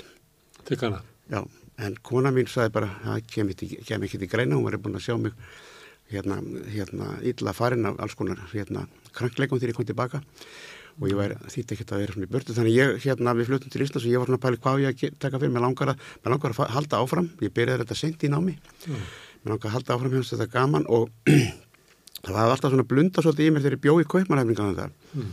það var þetta að vera kamaroksta hérna síðast. Já, þú stjáni stjarnar sem verið í kamarorkestunum Húsljónsveit uh, Kristjáns uh, Kristjáníu Já, það er íslenskara útilegum hana og hérna og hérna í bjósins á Nörubró þessi svarta fyrkanti mm. og þar var mikið af innflýtjandum mm. og múslimi frá meðsturlöndum og Norður Afríku og ég, meðan ég verið sér blessu hljónsveit sko, þá vann ég fyrir mér á tímabili sem með kæri legubíl mm. og uh, í Kaupanöfn og hérna þar kynntist ég slatta af svona sagt, liði frá þessum heimsluta og, og þetta eru svona vinnur og kunningir og starfsfélagar mm. og rétt á þegar ég flutti frá Kaupanöfn þá var Pía Kerskort að koma fram danska, danski nazistinn sem fekk fólk áriðu og hérna uh, hún fór að stíga fram sem svona demagóg sko og fór að tala um sko að það væri að danskri menningu stafaði hætta mm. í dag af Íslam mm. og þá fóru Danir náttúrulega sem þeir eru sko alltaf það er alltaf að diskutera, alltaf fóru að diskutera þetta dansk, dansk menning, hvað, hvað fann þetta hvað er það mm. Uh, og komist ekki neitt í niðurstöðu en það henni tókst að, að sagt búa til eitthvað svona anstæðu eitthvað svona, svona, svona, svona, svona, svona gildisstríð sem hefur náttúrulega verið ríkjandinn sem bara bandarjunum Það auglistu bara fjölskyldu þar sem að húsmóðurinn var að leggja svínasteik á borðið fyrir fjölskylduna. Það auglistu þessum sem dönskildi svínasteik Já, já En það var svona, þetta var, en sem sagt, hún, hún stígur hérna fram og hún fer að, hún fer að hérna, formúlera sem sagt þennan þjóðfélagshóp út frá einhverju sem heitir Íslam og hérna í staðan fyrir það að eins og flestir hefðu þekkt þetta fólk og ég til dæmis þeir höfðu nöfn sko, þeir höfðu nöfn og höfðu vinnu átti fjölskyldu og þetta var mörg, mörg börn bygguð þarna og, og, og hérna og höfðu sem sagt svona marg þætt svona flókið svona identity sem að hérna eins og við öll bara svo stígur hún fram og þá byrjar þessi islamofóbíska hérna ströymar bara í Danmörku mjög fljótt og hún og þetta verður til þess að, að hérna fjölmiðlar í, í, í hérna Danmörku sérstaklega ekstrablaði það var rétt fyrir aldamótin sko þá, þá voru þeir með svona mjög mikla svona áró, áróðurs herfer gegn innflytjandum og, og hérna þetta gerði það að verkum að það komst á hægri stjórn sem sett í Danmörku. Þetta hafi, þetta hafi, þetta var svona bein þetta hefði svona bein áhrif þar. Og það byrjaði bara eitthvað svona hets sem maður segir á dansku Og þetta er hægri stjórn sem er studd af þjóðafloknum. Já, þetta var Og þar með verður eiginlega málflutningur hans stofuhæfur í Danmörku. Já, og það var einmitt verið að tala um það sko að þetta var svona eins og seg, hérna, já, stofuhæft nákvæmlega og hérna og það var það mjög fljótt. Þannig að, að, að þessum tíma bara upp úr, úr aldamótunum þá þá sá maður, þó ég byggja, hérna þá, maður fylgist mikið með þessu að hérna, það var bara, þetta var svona eins og bara farsótt sko, það voru bæði svona stjórnmálamenn og fjölmélamenn og bara út um allt var verið að nýða skóin af sem sagt múslimum og kenna þeim um allan anskotan og sumt af þessu var bara mjög gróft og hérna, og hérna þannig að ég fór svona, þegar ég var að fylgjast með þessu mér fannst þetta bara sko að, því, að ég, ég svona hafi kynst eh, slatta af þarna í Kaupanöf Og í Ghana, er þetta ekki það norðarlega í Ghana, er Jú. Jú, það voru, bara, það voru, bæði múslimar og, og kristnir og, og, en svo voru allir svona traditional. Mm. Jú, jú, sletta því sko og hérna, þannig að mér fannst þetta svona bara, þetta var bara, bara, sem, bara út frá mannréttundum og eru bara, það verið verið að ráðast á þarna einhvern, einhvern minnilegt hóp bara með bara ofbeldi og hérna þannig að þá dætt mér hefur að fara að aðtöku hvernig þetta væri hér á Íslandi. Og hérna það var hérna einhver, konsta því hérna var einhver lítið, einhver lítið samfélag, lítið hópur sem kannski verið þá kannski 1000-1200 manns sem var ósynlegur og það var enginn sem að, það var ekkert eina sem að mann hafi séð sko, maður fara að skoða, hérna, leita frétta umfjöldun, það var kannski í ramatan, það fór einhver ljósmyndir að fara einhverju blaði og tók mynd af mönnum að byggja og fe- fe- sem frétti fjallaði aðalum það að menn var að fasta og hérna, og svo ekkert meira sko, þannig að ég ákvaða að bara að sækja um, sem sagt, doktorsnám og, og bara taka þetta fyrir. Og hérna það tók svolítið tíma svona að, að komast inn í þetta samfélag, andrúslætti var náttúrulega þannig að, að menn voru bara svona á vakt sko. Og svo þegar ég kem þarna inn fyrst þá voru margir sem að voru svona að hugsa, betur, hvað er þessi gaur að gera hérna? Veist, þetta var ekkert löngu eftir menn voru ennþá að tala um þessi hérna, múamistekningarnar og það allt saman og hérna var það svona önnum form svona af islamahópiðu og, og hérna eh, það var eiginlega fyrir ég fór að kynnast Salman heitnum, það Mimi að hann gerði svona kontakt með minn og svona bara sérna bara góðu vinnu minn. Það var eiginlega hann sem að svona leti mig inn í þetta. Það tók tölverðan tíma og skiljanlega að, að hérna verða svona tekin í sátt sko. Og það var eiginlega ekki fyrir uh, svona sömar, síðsömar 2009 í, ra í Ramatan þá þá tók ég sem sagt þátt í föstunni og var allan tíma bara í Moskunni og ég var ekki mikið farin að taka þátt í svona trúratöfnu þá, maður gerir það samt. Og þá einhvern veginn opnaðist þetta allt saman, þá fóru menn að, að, að, að hérna ákvaða það fyrst að, fyrst að ég væri til að svelta í 20 tíma á solaring og þá hérna hliti ég nú að meina eitthvað með þessu. Og þá svona opnaðist þetta allt saman og hérna það, þannig að þetta var neila megin ástæðan fyrir að ég fór út í þetta, mér langaði, þetta, það var bara eitthvað svona, ég veit ekki það var eitthvað skekkja hana sem að mér fannst að þyrta að aðtóa og hérna, svo hefur þetta bara breyst mikið síðan, í dag hefur sko hefur, hefur fjöldið þeirra allavega tvefaldast sko, frá því ég var hérna, ég byrjaði, ég byrjaði náttúrulega hérna allir langt síðan. Og var eiginlega búið með þessa rannsókn sem sagt formlega, svona höstið 2012 og þessi rannsókn fólks, þetta var svona etnografíska rannsókn, þetta fólks til því að maður var bara hangandi bara með fólki, taka þátt í því sem var að gera eftir því sem maður gatt og taka fullt af viðtölum og, og, spjalla og, og svona reyna bara að hérna fá þetta allt einhvern veginn í sig. Svo, svo bjóði þetta mikið erlendis og þá var ég svona að fylgjast með þessu. Til þegar þetta Moskumál kom 2013 þegar félag muslima fekk útluta lóð þegar Jóngnar hérna, hérna, hérna hjóa þann hnút sem var orðin 11 ára gamall að þá hérna gaus upp hérna bara mikil svona islamafóbía hérna í fjölmiðlum og í alls konar umræðu og ég, Framsunarflokkurinn bauð sér fram meila gegn þessu já, og kom, 2014 Já, í borginni. já, og Náði tveimur mönnum inn. já, já, þær komist báður inn. Þannig að þetta var svona svolítið mál. Það var, var til svona smá svona svona, svona hérna, hvað heitir það svona uh, moral panic svo eitthvað svo nú er ég bara innrás í gangi sko. Allar þær Moskan hefur ekki verið byggð ennþá þetta vera þarna lóð sem er við hliðina það sem hjálpræðsirinn er. Jújú, þeir eru ekki, ekki konið með peningi í þetta hefur verið, þeir eru ekki í krónu. Já, þeir eru að vera að sapna sko en það er ekki þeir eru búin að borga allt sem að veist, arkitektunum og öllu slíku og öllum leifum en þeir eru ekki konið með pening í þess að byggja, þeir eru að leita því. Herðu, þú ert mannfræðingur og hvað ertu að reyna að að hverju ert að reyna að komast? Sko, ég fyrsta lagi, sko, þá ætlaði þegar, þegar ég lappaði, sko, oft er að fólk er að gera svona rannsóknar, það er um einhverja, einhverja svona aldrei konkrétti rannsóknar spurningu mm. og mín rannsóknar spurning var eða bara hvað er þarna mm. af því það vissi engin neitt um þetta, það hefur engin gert svona rannsókn áður mm. og hérna þannig ég eitthvað bara eins og bara mannfrækja að gera, þú fer bara inn í eitthvað, eitthvað, eitthvað svona menningarlegan kema og þú bara skoðar hann og svo kemstu kannski bara einhverju niðurstöðu sem er kannski, en það sem ég var náttúrulega að mjög fljótt að hugsa um að gera það var það til dæmis bara að reyna að afbyggja þessar sko, staðalmyndir sem að, sem að bara islamofóbia byggir á og ra, annar rasismi mm. það sem að fólk er, er hérna, er hérna tjóðrað í eitthvað einfæðislega mynd mm. sem er yfir neikvæð og sem er mjög mikið, sem er bara svona kerfismynda ofbeldi því að það er verið að neyta fólkjum að vera það sjálf það mm. og þetta er fyrsta sem að sko fyrsta greini sem ég skrifaði hún hétt sko við erum ekki svona og það var þetta fyrsta sem að sko þessir menn voru að tala við mig þegar ég var að byrja. Var það að það var alltaf verið að alls konar byrstast okkur myndir og frettir í fjölmjölum af múslimum. Eins og þeir væru allir, fyrst alveg væru allir terroristar, stór hættulegir og hérna bara vant fólk og hérna Það er graf undan okkar samfélagi? Já, já, og bara síðast að sorta fólki. Og þeir bara svo að við, þetta, við konnumst ekkert við okkur þarna, það er ekkert verið að lýsa okkur og ef það er eitthvað bjánut í heimi sem er að gera eitthvað af sér, hann er ekkert að, þetta var ekki ég, hann er ekkert að gera þetta í mínu nafni. Og hérna þannig að þeir voru svona, segja þeir voru svolítið pyrjar því að þurfa að vera að, og Salma var svona svolítið í þessu sko, lesið sem eining hans, mm. að hérna að reyna að leiðrætta þetta. Og það var svona svolítið markmið hjá, hjá mér líka að sína fram á þennan markbreytileika þessa samfélags. Og það er mjög, það er gífilegur hérna, marg, menningarlega markbreytileiki því fólk alls þar á heiminum eiginlega. Mm og, uh, og alls konar ólíkar menningarinn bakgrunn og hefðir og þjóðverðni og, og það er svolítið sérstaklega sem ég komst aðrendar að hérna með, sko, þess, með trúabröðin eins og bara með islam og það er svona trúar yðkun að hérna það er oft talað um að trúabröð séu sko, þetta er svona svolítið klísi að trúabröð séu svona þau svona uh, splundri samfélögum, þau valdi deilum og átökum og fólk skal alltaf rífast. Ég held að það sé ég myndilegt annars í fólk rífst kannski meir út af til dæmis bara hagveisinum mm.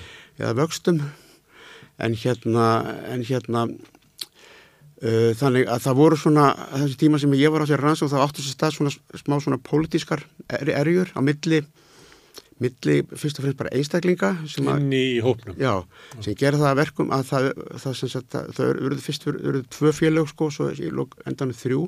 Og það sem að lága baki þessu voru svona bæði svona pólitíska deilur og það hvernig maður rekur svona fyrirtæki eða svona félag, hvernig viljum við reka þetta hver á að ráða og hvernig nefnum að hafa þetta og, og svo náttúrulega þetta var svona hreppapólitík en svo bara í litnum söfnum út á landi og svo voru þetta líka bara svona átökum milli svona eitthvað hérna persóna, persóna einstaklinga sko. Og hérna, og þetta var eitthvað sem fótt aldrei í töðanar á flestum svona þessum svona leikmönnum, ég getur kallaða það. Mm. og hérna og það sem að, það, það sem að samina er það sem að svona held þessum hóp saman voru trúabröðin og sem gerði það að verkum að til dæmis það talaði um það sko að það er sunni íslam og síja íslam mm það sé svona eitthvað sögulegu ríur hann á milli, það hefur verið svona stundum og stundum ekki en hann er ótt byggður á einhvern pólitísku fórsöndum mm. og hérna og hérna þegar maður ætlaði að fara að spurja eitthvað út í það, það er, það, þá var náttúrulega ekki mikið að síja muslimum hérna, þeir voru nokkrir, eða ja, svona hópur og þeir komið stundum í Moskuna þegar maður sá það þeir voru alltaf með svona lítið svona leirklömp úr, úr hérna jarðveginum í Karbala í Írak sem er svona heiluborg fyrir síja muslima, mm. sett hann alltaf á gólfið og settu svo ennið á leirköpund þess að mm. tákrand það voru að byggja í Karbala. Og það var enginn sem að, var eitthvað að skipta sér af þessu eða gera áttasundi við það. Og þeir sögðust ekkit vilja að pæli þessu, þeir sögðu við viljum ekkit vera að tala um þetta að pæli þessu, þetta skiptur einhver engum máli, það er svo margt annað sem við erum ofta að þrasa um. Mm. og ef við höfum að þrasa um þetta þá erum við bara kominir á vondan stað, þannig að það hefur þannig að mér fannst þessi trúabröð sko í raun að veru sem sagt svona halda hópnum saman. Og þeir sögðu það líka sjálfur, þetta væri sko, það væri Ísland sem held okkur saman sem er svona svolítið svona kannski í mótsögn við þess að margir hafa verið að tala um og, og haldið. Og ég er nú þeirra trúar, trúar ég held það þeirra eru deilur hvar sem er í heiminum sem eru oft stimplað sem trúar deilur, það snúast um eitthvað allt annað. Og flestar deilur snúast, snúast bara um jörð Land, landið og auðæfi og, og náttúruauðlindir og, og, og nýtingar þetta eins og það hefur verið algengt til dæmis sem eru hýrðingjar í svona þessum muslimska heimsluta að, að hérna það eru, eru sko deilur átökumillir sko bænda og hýrðingja sem eru bara, eru með mismannandi hugmyndur um eignarétt og mm. mismannandi hugmyndur um sko um hérna nýtingarétt á landi. Það sem eru að rekta agra og þeir sem eru að, að halda hérna nautgripi eða eitthvað slíkt það eru þekktar deilur. Já, svo er þetta fóður að sem sko eitthvað trúabræð deilur þetta kom upp hérna líka sem sagt, ég veið nú svona svolítið úr eini hana. Okay. en það er alltaf leið, það var til dæmis þegar hérna, eh, hérna Ímissúsinu í Öskjuli þegar mm. menningarstofnun muslima var þar til húsa það var í eigu sem sagt ákveðna samtaka sem að hérna heitir Alri Sala og þeir leiðuðu félag sem leiði sagt, bara sína aðstöðu þar. Mm. og þessi ímam sem er, er ennþá ímam fyrir hérna menningarstofnun muslima, Ahmed Sadik ágæður vinnu minn. Hann hérna, þeir, þeir sem sagt það var semst ósamkommalag um einhvern leigusamning. Mm. og þeir voru bara, þetta faru þeir voru borðnir út, kom, þeir voru, ég bjóði reyndar í Brussel þá, þeir voru borðnir út í bytni útsendingu sjó, í, í fréttum. Ég, og ég sá þetta bara í, í tölvunum minni. Mm og, og viti menn skömmu síðan þá hérna ringir ykkur frettakona í mig Man, ég held að veri frá Rúf og fór að spörja mig hvernig þetta hvað væri gangið þarna, hvort það hérna væri komnir ykkur svona madrassas og ykkur er hérna verið við að ala upp ykkur hérna öfgamenn og ég veit ekki hvað og hvað og og ég þurfti að stoppa hann og segja, vistu það, ef þú ætlar að tala um þetta við mig, þá skulum við tala um þetta, það sem þetta er en ekki það sem þetta er ekki. Þetta snýst ekki um trúabröð, þetta er ekki trúaladeilur, þetta snýst um fermetra, steipu, leigusamning, notandarétt og eignarhald á fastegn. Svona deilur er hverjum degi í Reykjavík og öllum bæjum á Íslandi. Mm. Þetta er nákvæmlega ekkert annað, en og leiðu það byrtist einhver mynd í sjónvarpinu af einhverjum muslimum sem er verið að er verið að leiða út úr ykkur húsnæði sem að hérna, það sem fá ekki verið lengur að þá er þetta fyrsta sem fólki dettur í hug mm. og þetta er bara partur af þessum staðalímyndu sem að fjölmjöla náttúrulega eiga, eiga bara mjög sterkan hluti að koma framfæri. En hérna uh, þú leggur á stað með að koma stað í hvers konar samfélag þetta er mm. en svo uh, má maður eiginlega heyra af þér að, að, að þú leggur upp líka með svona íslamafóbíu, svona hugmyndir okkar, svo kallara, um mm. hvernig múslimar eru og ert líklega að aðtók hvort að það er standist og það er standast ekki. En ef við, við myndum lappa kannski í gegnum svona nokkrar hugmyndir hérna, Kristina Vestunandabúa um hérna, Íslam og, og múslima, hvað trúum við því að þetta sé fólk sem er auðvelt eh, vant í einstakli síkjuna sem auðvelt að fjárstýra því að, að eh, það sem er sagt að fara í heila stríð af einhverjum immann og, og þá ríkur fólkið og, sko, og fórna sér hverjir eru þessar? Þetta er alveg rosalega einfældnisleg uppsetning ha? Þetta er mjög einfældnisleg uppsetning sko kristnir, sko ég held að þeir sem að, sko, eru mest inn Ég er að spyrja hverju fordómandir eru sko. Sko fordómanir, sko fordómanir eru kannski allavega en, en hérna en, en þeir eiga svo langa sögu sko. Mm. þeir eiga svo langa sögu og þessi, þessi hérna samskipti sem þessi múslinska heim við Evrópu sko kristnir, sko það hefur aldrei það hefur sjaldan verið eitthvað svona svona trúarleg misklíðmiðli hérna múslima og kristinamanna þetta hefur snúist um bara sko bara eitthvað pólitík, heimsvaldastefnu, útendustefnu fyrir ekkar nokkur tíma trúabröð og hérna að hérna þegar márarnir lögð undir sig hérna Íberjuskagan mm. og, og, og ríktu þær í 800 ár og þegar krossfyrirna fór á stað sem var bara pólitísk við veitum þannig að það var eitthvað páfi mm. í, í, í rómansku kirkjunni sem var hérna með allt niður sig og Rómakirkjan var mjög svona valdalítil og bara hálf fátæk og Östurkirkjan var miklu sterkari á þessum tíma og hann, hann, hann fekk þetta fína trikk eins og bara stjórnmálum minn í dag er að nota mm. þegar það fær í stríð hann, hann hérna, hérna bygglaði til hérna, yfirstjættarinnar í Európu sko, herrveldis Európu alls konar rittarastjættarinnar og konga og, og einhverja keisara og þessu list að þau þurft að saminast undir krossinum og til þess að reka sko trúvillingan í burtu frá Jérúsalem en þetta voru útræðsjafingar, þetta voru ránsferðir. Þeir byrjaði því að, að rústa sko Bísantín sem var sko, eða sem sagt eh, Konstantinóbel, mm. sem var Kristinn Borg myrtu þessar þúsundi manna og rændu öllu sem þið gáttu rænt. Og, og, í, og þetta, eins og þetta er vitað, tók náttúrulega nokkrar aldir. Og í öllu þessu ferli að þá verður náttúrulega til er búin til rosalega sko svona stæk svona fjandamynd af múslimum skrimslavæning skrimslavæning alveg í stórum stíl. Og síðan eftir þess að svo síðan kemur hérna ottoman, ottoman veldi skiluru og, og, og inn í þessu ottoman veldi svona okkur í Íslandi þá er náttúrulega Tyrkjaránið mm. og sem að er hérna sem að hérna er svona narratífa hér á Íslandi sem að svona þjóðunni sinna nýta sér reglulega eður þurfa. Um það hversu, þá var bara gert núna bara en styrðum sér þetta Moskumál var að það var, voru sem við sem var að tala um það sko hvort það verið að koma nýtt Tyrkjarán sko og þessi, mm. þessi narratífum það sko að, að, að sko í 300, eh, tæplega 400.000 manna þjóð, það sé ykkur 1200 múslimar að þessi að fara að taka yfir og það voru svo, svo svona výraðar sko sögu sem ég heyrði, það var til dæmis ég heyrði ykkur að menn vera að tala um það sko að, að þeir ætla að byggja þessi ástæðin fyrir því að þeir ætla að byggja Moskú í þannig svoðamýrinni að þeir ætla að vera svona eitthvað svona stöð sko og þar myndu þeir bara líki umsátir eitthvað svona alkætalegar mm. og, og, og ráðast á það sem var að koma sko niður ártúnsbrekkuna mm. þetta er svona þessi ímyndunaveiki sko er á þessu plani mm. en for, þannig að sko samskipti Evrópu við þennan og þau hafa bæði verið jákvæð og, og svo náttúrulega bara eh, eins og með allar nágranna líka gegnum tíðina bara engist af hverjum átökum og stríðum. Um, um hvað, ekki um trúabröð, bara um, um yfirrað á landi. Mm. eins og eitt stríð. Þannig að eh, og þeir sem hafa kannski mest, er mest í nöp við muslima, þeir líki mjög nöp við aðra að annað trúa fólk sko sem það eru fyrst og fyrst trúleysinginni sem eru hérna, hérna Richard Dawkins þessa heim sem er mest í nöp við muslima og alla það sem trúa og hérna líta það sem geðviki mm en hérna þannig að eh, sko En þú sagði þér að fólkið hefði sagt að þetta passar ekki við okkur svo staðarýmynd sem er. Og ég er að með á því hver staðarýmyndin er.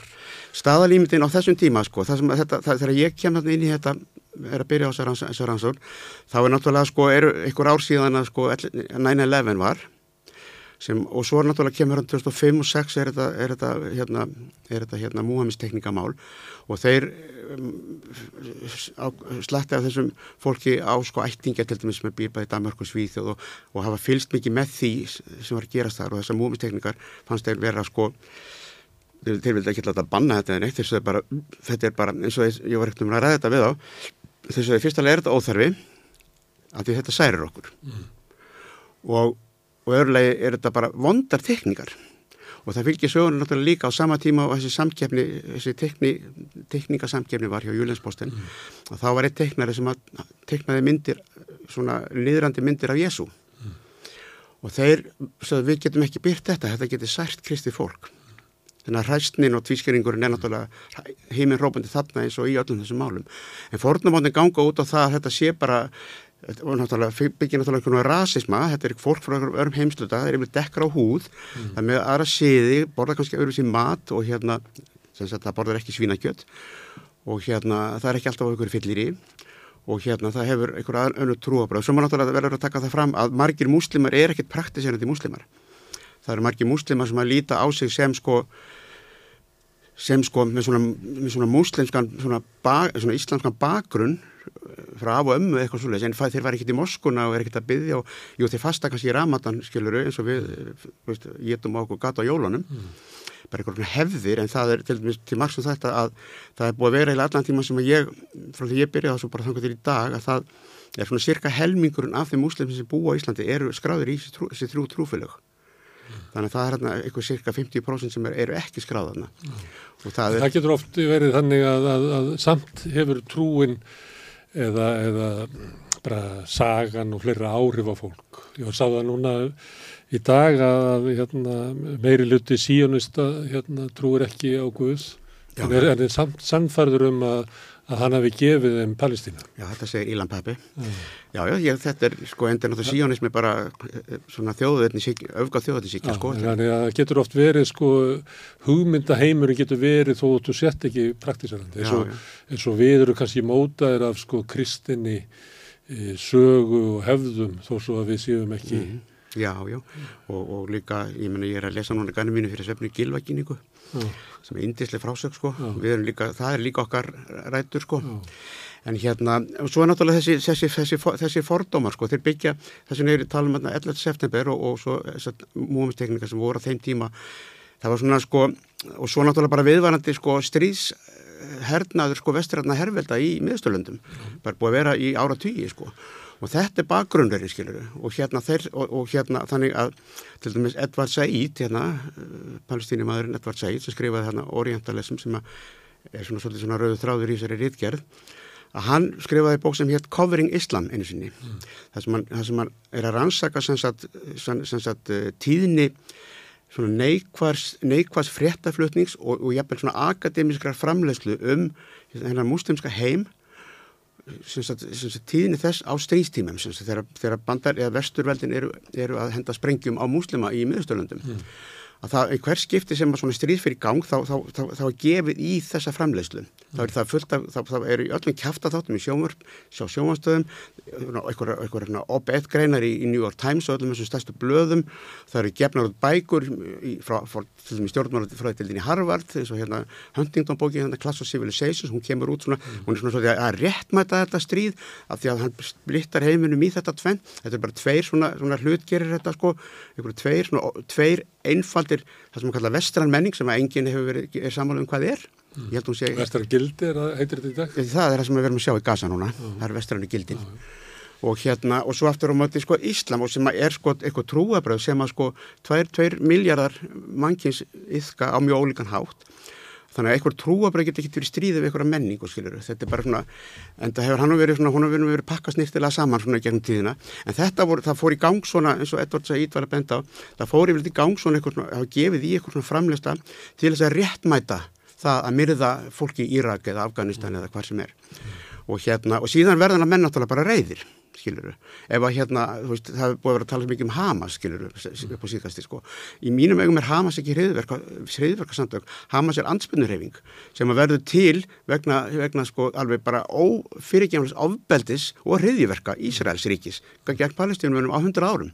Þetta byrjaði ekki 48 hvað þá 7. oktober, þetta byrjaði fyrir 100 þetta byrjaði í lok fyrir heimstýraldarinnar að þá byrjar þetta projekt að ræna þessu landa palestínunum og það er gert með gífulega ofbeldi strax og það eru marga kynsloði sem hafa þurft að þóla þetta, skiluru, og menn verða bara reyðir. Ég myndi verða reyður ef það væri komið svona fram í mig.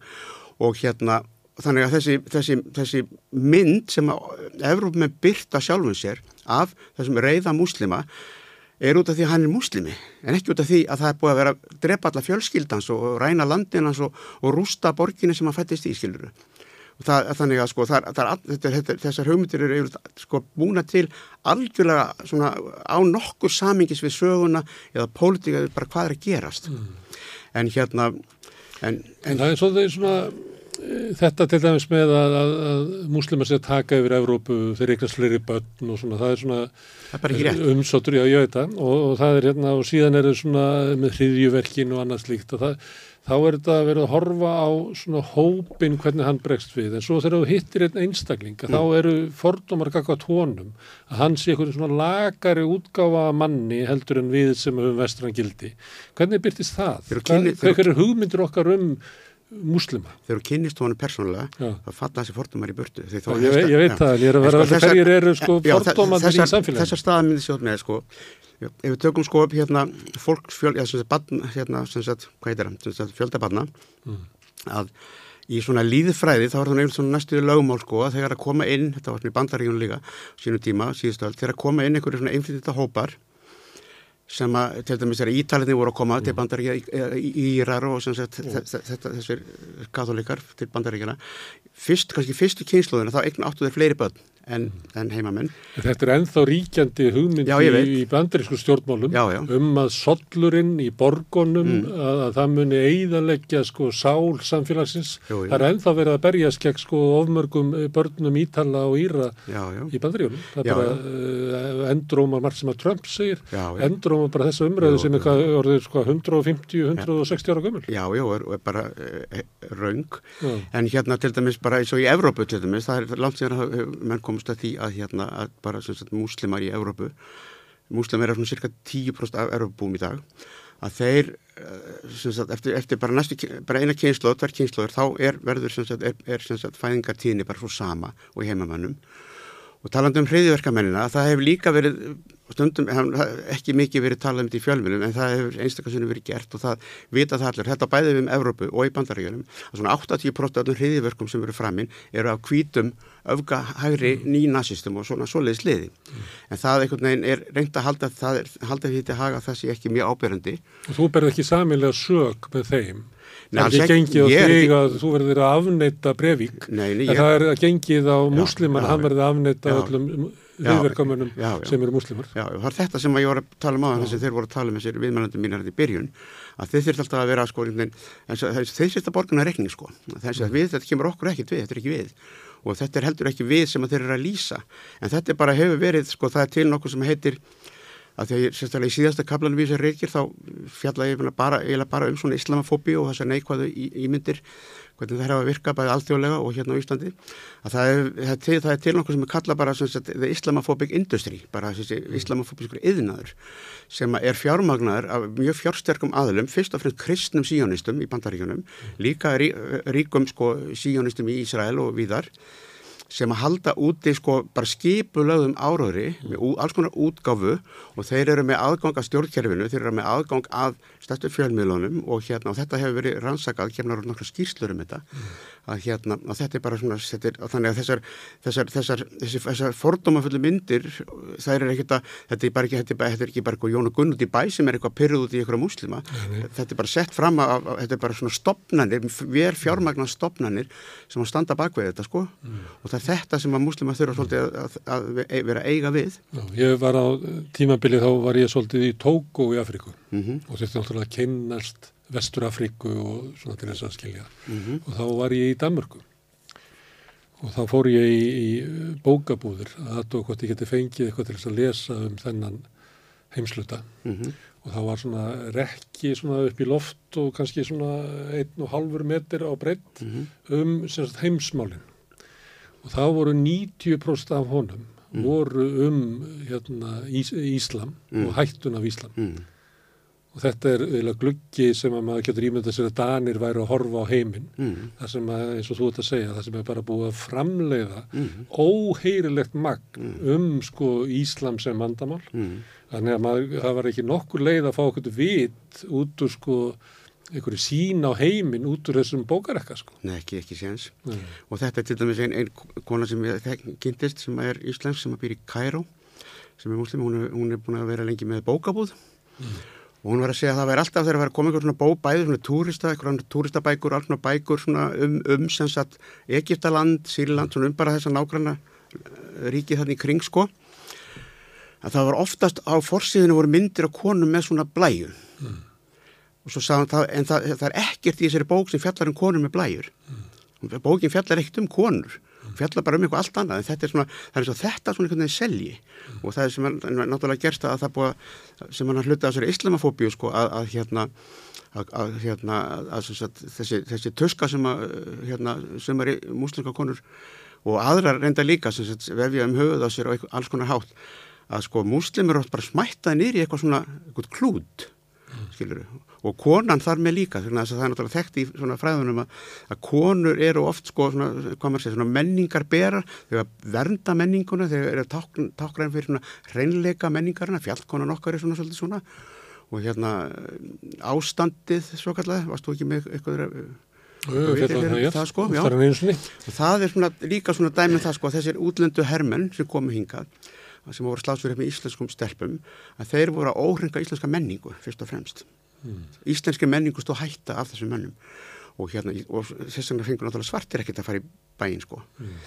þannig að þetta er, gegnum söguna hefur þetta verið og þetta er svolítið svona, svolítið svona áhugavert eh, að mörgu leiti og, og, hérna, og mikill miskilíkur kring þetta allt saman en hérna en það sem er svona þetta samfélag muslima hér sem, sem að hefur eins og segið, þetta, þeir byrja að koma hinga svona setni hluta sjönda áratögarins síðustöld, það voru hérna nokkur fáir bara byrjun 8. áratöksins. Það voru palístunumenn meðal annars mann eftir sem á voru að þrýfa glugga svona, sem er ofta enginni þess að þau fá ekki vinnu annar staðar. Já, það er svona, svona einmitt svo leist þar. Það er svona sama og er hérna þeir sem er að selja rósir á veitikastöðum er yfirleitt tamilar eða hvað sem ert í heimum. Já, já. Það eru svona sem að þeir eru, þeir eru mjög dökkir og, svona, og komast ílla inn á, á vinnumarkaðin.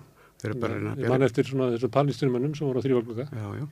Svo voru þeir hérna, svo, svona, svo er annað sem er líka áhugavert með sko þessa, þetta samfélag múslima hér sem er ólíkt Evrópa, það er kannski líkar þetta mér í bandaríkanum, að í flestum Evróparíkjum í dag, það sem eru stór hérna, fjölmenn sam, samfélag múslima, þetta eru yfirleitt hérna, fól, afkomundu fólk sem var alltaf því fengið til Evrópa til þess að í byggingavinu, til þess að byggja upp Evrópa eftir að Evrópmenn hefðu rústað álfunni mm. í, nafni þjóðarnisíkjum og hérna í Þýskalandi er náttúrulega eins og þessi Tyrkir sem hafa komið til Þýskaland, þetta eru strákar sem komið meira meira frá söm, söm, sama hreppnum bara, sömu síslunni, það er í fjöllum anatólíkur, bóndastrákar. Mm.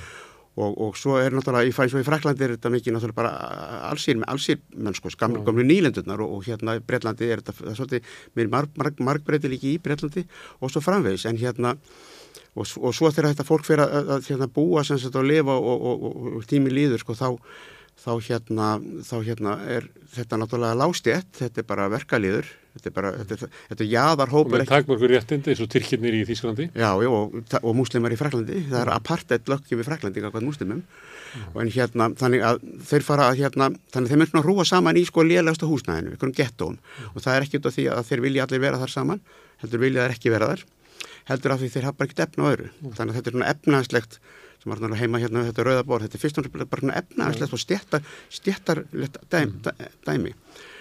Og, hérna, og komast ekki inn í samfélagið og eru líklegri til þess að, að, að leita sig þar með einhverja tekna í einhverju sem er ólulegt þetta er eiginlega að saga bara ítala í New York Já, já, nema það að þeir sem eru með þeim í því eru líka heimamenn þannig að hérna, þannig að hérna svo eru sem þessi koma börnunum sín til menta og svona og allt það, mm. en hérna á Íslandi þá, þá, þá hérna þá var fólk að, það voru hérna bara örfáir nokkur í sko, svo var, voru að koma hérna, voru fólk að koma hérna heimsækja á mm. heimsækja eitthvað frenda eða bróður og, og ílengdu skiluru mm. og svo spyrst þetta út og ég til dæmis þekki einn mann sem að frá Marako sem að var held ég að svona efri millistett, hann var verkfræðingur og kokkur, hann hefði hef, verið að reyka svona eitthvað fína matstæði og hann var í Prag að reyka eitthvað fína maðstað þar.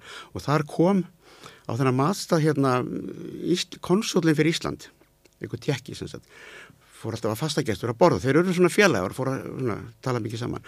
Og hann fór að sína honum einhverja túrista bæklingum Ísland og segja honum frá Íslandi og hann var bara forvitin og, og ákvaða að skreppa hérna og fór ringin og svona og var eitthvað tíma og svo fór hann aftur bjó líki Fraklandi fjór, fór út og svo kom hann aftur og ákvaða að setja þetta og var hérna í mörg mörg ár og, og starfaði svona, starfaði svona sem e, svona ímam fyrir félag muslima í nokkur ár, kynntist honum vel. Og það er marga svona sögur, það er marga ástasögur líka að fólk, að fólk hefur sko kynst í einhverjum háskóla einhverstaðar í, í, í bandaríkjónum eða, eða Fraklandi einhverstaðar og, og fluttinga Þannig að, eh, þannig að þetta var ekki, var, þetta var ekki skipulaðir hópar af einhverjum ódýru vinnuafli sem var að koma hinga eins og viðastannar í Europa. Þannig að þetta er líkar því sem er í bandaríkjana, þetta er svona svipa, sko, þetta eru marg, margir af þessum aröpum, sko, svona bandarískum aröpum eru, sko, það er alveg tölur hlut að þeim eru sko kristnir, sko, mm. arabar, sko, og það glemist líka, sko, að að það er líka eh, fullt af kristnu fólki í þessum heimsluta og svo er annað sem er líka áhugavert ef maður er að tala um þetta sko Araba, að Arabar er ekki nema sko þeir eru undir 20% af muslimum heimsins mm. þannig að það eru sömur sem eru að samsama sko, sko Íslam við eitthvað gamlar íhaldsamar arabískar hefðir mm. sem að til dæmis þessi 300 miljónir muslima í Indonési hafa ekkert með að gera eða, eða hérna það eru yfir 200 miljónir muslima á Índlandi sem er, eru eru undir hérna, eru undir bara pókroms í dag, einhverjum öfgafullum hindúum, svona þjóðin sínum hindúum, eða í Pakistan. Sem er að þróast yfir að verða svona partættríki algjörlega, bara nazistaríki og hérna og hérna í Afríku, bæði í Norður-Afríku, Vestur-Afríku og Östur-Afríku er mjög mikið af muslimum og bara Vesturlöndu sko, að, mm.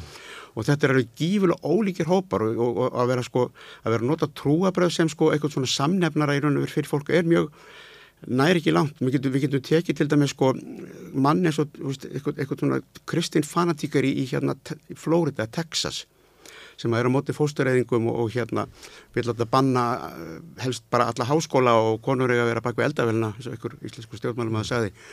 Og, og allt það svona einhver bara úldra íhaldsemi og er bara alltaf með biblíun í vasanum. Mm. hann á ekkert sammeilegt með einhverju fjallabonda í Peru sem að hérna, eða bólefi sem að er að hérna, tekja kókoblöð og, og rekta kartablur skiluru og er svona nafnu til katholiki sko mm. og hérna, og ekki frekar en sko að, að einhverju múslimar í Senegal, súfi múslimar í Senegal, þeir eru ekki sammeilitt með einhverjum vahabistum í Sátiarabíu. Mm. Þannig að það er ekki hægt að sko al, aðlæfa um 2 miljardar manns út frá einhverjum að þeir, að það sem það setjum, ok, það, þeir eiga það samil að þeir sko trúa, ef þeir eru trúaðir múslimir, trúa því að það er bara þessi eini guð múa með þessi sendibóðin og svo framvis og kóranin er svona þetta helgiritt en flest annað er bara mjög ólíkt mm. og hérna Þú ert líka fjallað um, um sín um, okkar á múslima og fordóma, eða ekki? Eitt er, það, eitt er það að, að sko nú oft sögð svona fæðingasaga muslimska bræðralagsins sem að Hamas er komið út úr að þar hafi menn verið í Vesturlundum og, og fylst bara ógeði á vestrætti menningu á, á frjálslundinu, svo ekki frjálslundið, svo ekki hvernfrelsið. Sko muslimska bræðralagi verið náttúrulega til sem ansbyrnur hefing gegn mm. nýlendu kúin breyta. All, öll þessi samtöku vera til sem ansbyrnirhefingar gegn utan að koma til hernámi það er það sem þetta er. Mm. múslinga bræðilega var bara pólitísk reyfinga sem bygg, byggði samt á svona, það, er, maður mað getur kallað sko, þetta hugtak islamisti. Islamisti er bara persóna sem að, vil stefna því að, að búa til eitthvað samfélag sem byggir á semst, íslenskum gildum, alveg eins og sósælistar vilja byggja samfélag sem byggjar á sósælskum gildum og, og kapitalistar og, og Texasmaðurinn hérna á kristum gildum já, sem nefndir aðan Já, leggja henni bandaríku stjórnarskrunum út af gamla testamentið. Mm. það er, það, það er svo reymingi til í bandaríkana þannig að hérna þannig að hérna það er allir svona gangur á því.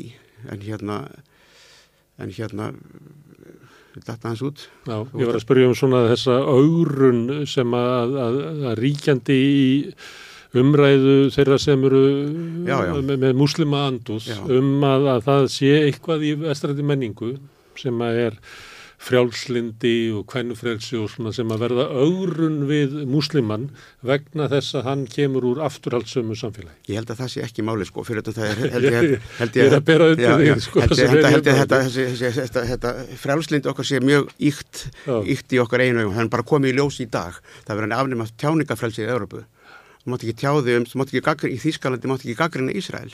Mm. og ef þú ert að stiða Palestínu þú getur verið stungið í fangelsi. Það er nú meira frelsið, skiluru mm. og hérna, og, og, og Frakland til dæmi sem er alltaf að gorta sig á okkur frelsi þetta er alveg algjörð kallrembu ríki. Það er ekki, það er ekki, það er, það er hérna það er ekki mikið frenn frelsi þar nema það að, að það er hafa frelsi til þess að vera hjákunur ykkur að kalla skilur þannig að þetta frelsi okkar er bara einhver ímynd þetta er álíka fjärstaðkjönd sko staðalýmynd sem vesturlandabúar hafa búið til um sjálfan sig eins og um múslima og múslimska bræðilega eins og heldum okkur við það þegar þetta er svona ansbyrður heiming sem er stopnuð fyrst og sem, sem hérna ansvar við utan að komandi bara, bara hersetu mm. og hérna og vilja bara, og menningarárum já, menningarárum mm. og vilja bara losa sér við sko ég hef bara sagt þér það til dæmis að, að áður en að múslimska bræðilega við til svona aldrei löngu áður bara á svona setni hluta sko 19. aldar kringum aldamóti, já eftir, kannski eftir, rétt eftir aldamóti 1900 og þá er Egiptaland ennþá bresk nýlenda. Og, og nýlendustjórin þar Þektur Gaur, hann og konan hans sem þetta var náttúrulega brest bara yfirst þetta fólk þau ætluðu sér að frel, frelsa Egipta, sérstaklega Egipsku konuna. Þannig að þeir ætluðu að skipa henni að taka af sér þessu slæðu og fara að hætta pæli í þessu Íslam og gera það bara einhverjum brettum og hérna og þetta og, og, og hérna og það er konarnas var í svo einhverjum samskiptum við einhverja sjálfskeipaða vestræna feminista nema það að þessi kall hann var, hann var formaður sko samtaka sem var reyna að koma vekk fyrir það að konur fengi kostningar eitt í Brellandi.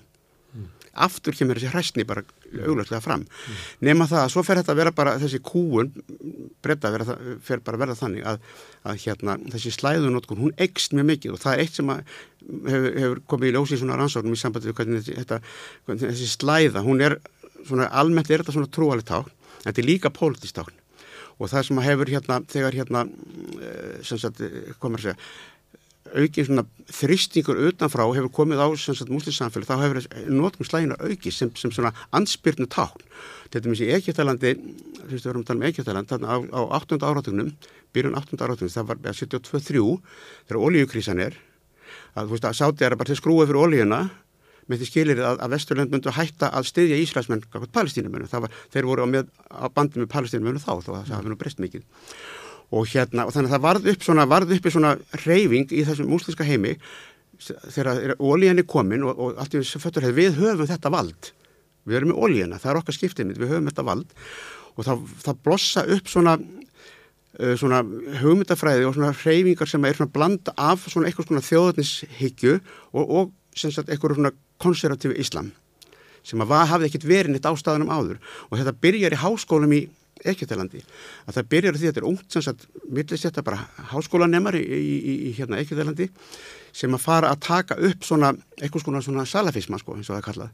Mm. og hérna og, og, og ver, það verða til þessar þannig að þetta er bara svona ansvar við og allar þessar heimingar eru þetta er alltaf bara ansvar við viðbröð við ykkur sem er að koma utan frá og hérna og hérna og hérna þannig að veist, það, það, það er svo mikið, sko, það er svo mikið sko, grunnhíkni að halda það sko, að, að alls konar svona viðbröð sem að okkur, okkur líkar okkur ekki þessi viðbröð, jú að því þau eru gegn okkur, þau eru gegn því sem við erum að gera. Ástæðan fyrir því, og ég er meira þess að tala um sko Taliban, sem er frekar svona, ekki mjög, ekki mjög svona geðsleir reyfing, svona sem pólitist að, við getum alveg verið samfannum það, mm. en Taliban verður til sem ansbyrnur reyfing gegn og, og Al-Qaida líka hérna innráð Sovjetiríkjan á sínum tíma og síðan bandaríkjamanna. Það var þetta bandaríkjaman sem að koma sem hreyfingum á, á kopp á sínum tíma með fjárhanslega stuðningi á vopnum sem síðan bara snýrast gegn þeim. Svona gamla góða Frankenstein sagan og hérna þannig að allt eru þetta hreyfingar og alls konar trúarhreyfingar líka í þessum íslamska heimi sem að hérna sem að eru svona bókstastrúar svona svolítið fundamentalískar en ekkit herskáar en eru bara svona hérna svolítið svona votta Jehova hreyfingar þær eru til. Þær eru til sem ansvar við fyrst, eins og Índlandi, það kom mikið svona reyfingu þar sem ansvar við eh, sko ofbeldi breska heimsildisins mm. þannig að þetta, það, þetta, er, þannig að þetta eru í raun og veru nútímælega reyfingar þetta eru okkar sköpunarverk mm. það eru við sem hefur búið þetta til svo þegar það er, er búin að nóa ofbeldinu og fara að bregðast við þá kollum við á terroristar, þegar við erum búin að vera terrorisera þá í 400 ár mm. Við erum okkar að spyrja aftur um hérna svona sín okkar, eða vesturlandabúa, mm. á einstakling sem er muslimi. Við þekkjum að fordóma gaggartinu svarta, hann á að vera heimskur. Mm. Uh, indverjar, hérna, það er svona, eru, eru líkamlega auðmir, ekkert sterkir. Mm. Það er mm. alls konar svona sem við getum tengt við. Hérna, gráðir. Róma fólki er óheðalegt og þjóvótt og, og allt þetta. Hvaða hugmyndir er það sem að þeirra fólki er að segja við þig að við erum ekki svona sem eru af þessu meiði ef við sleppum svona e, stórpolítikinni? Eh, þetta er náttúrulega stórpolítik sem býr þess að myndir til sko. Já, það, en, en, en, eh, en sko þú veist sko fyrir, þessa, sko, fyrir þessi lætöld sko til dæmis fyrir 11. september og hérna, og hérna þá reyndar var náttúrulega sko Írakstriðið fyrra byrjaði 91 sko. Mm. og það voru náttúrulega búin að vera hernaðar aðgeri Vesturlanda frá því bara byrjið síðustu öldskiluru í, í hérna þessum svo kallar muslimska heimi, heimi Hérna, og við gáttum fylgst með þetta í bíomundum og Vondikallin, hann ætti að vera með þískarreim og byrjaði að vera arabi svona upp úr 1980 hann var svona kommunist í milliðinni og svo, já, já. svo var hann hérna, ég veit ekki hvað hann er núna, eða líklega er hann arabi í dag Vondikallin hver er Vondikallin í dag það er góð mm. spurning en nema það að þetta er, þetta er staðarmyndin er bara svo að sko muslimski kallmenn eru kallrembur, eru hættulegir mm. aggressífir, ábeldisfullir muslimska konan, hún er kúuð og, og svona, svona, svona bara farið illa með hana og, og þetta er náttúrulega staðmynd sem hefur, hefur mikið verið hérna eh, keift og haldið til haga. Mm. en þegar maður kynnist ég hef kynst fullt af múslinsku konum hérna líka. Það er til dæmis í réttgerið sérstakur smá kapli um ég gerði svona smá bara rannsókn eh, sem gekk út á það þær voru með sko ég veit, veit ég hvort það er ennþá, jú ég held að voru með svona kvenna grúpu hittust sko annarkvæmt 50 eða eitthvað í Moskunni þá var köllum bannað að vera þar Þær voru hittust þarna sem sagt, uh, sagt muslimkakonur bæði. Fyrstu að vera þar eða? Ég fekk að vera þar. Uh -huh. Það voru vinkonum mínar uh -huh. og hérna kallarni voru að segja eins og Salman segði Herru Kristján, þetta er nú ekki hægt, þú er, þú er ekki nómið, nómið það að þú sést alltaf að spörja okkur spjörnum úr en þetta er að taka konuna frá okkur.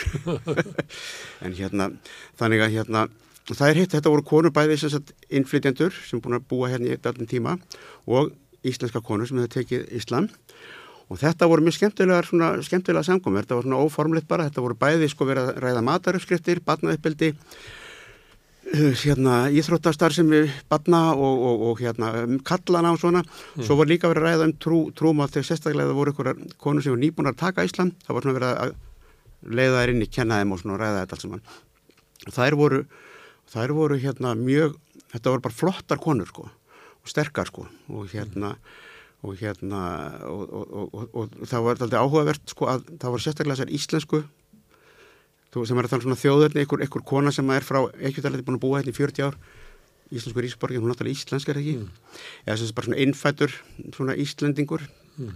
íslensk kona sem hefur hef gerst múslimi að þær voru, þær voru að hafa meira um það þegar ég var að hitta þær hérna að þær væri með svona slæðum heldur en þessar innflyndnakonur. Svo fóru þær alltaf eftir þessa fundi inn í, inn í bænarímið og báðu sko, það voru náttúrulega allar með svona blæju, en hérna það var svona svolítið áhugaður hvernig það skiptist sko og hérna, og þær voru, all, voru að segja með það sko, þessari íslensku, þetta, þær, þær voru flestir þeirri giftar mönnum frá, þú veist, e, Marokko og Egiptalandi, eitthvað frá sko.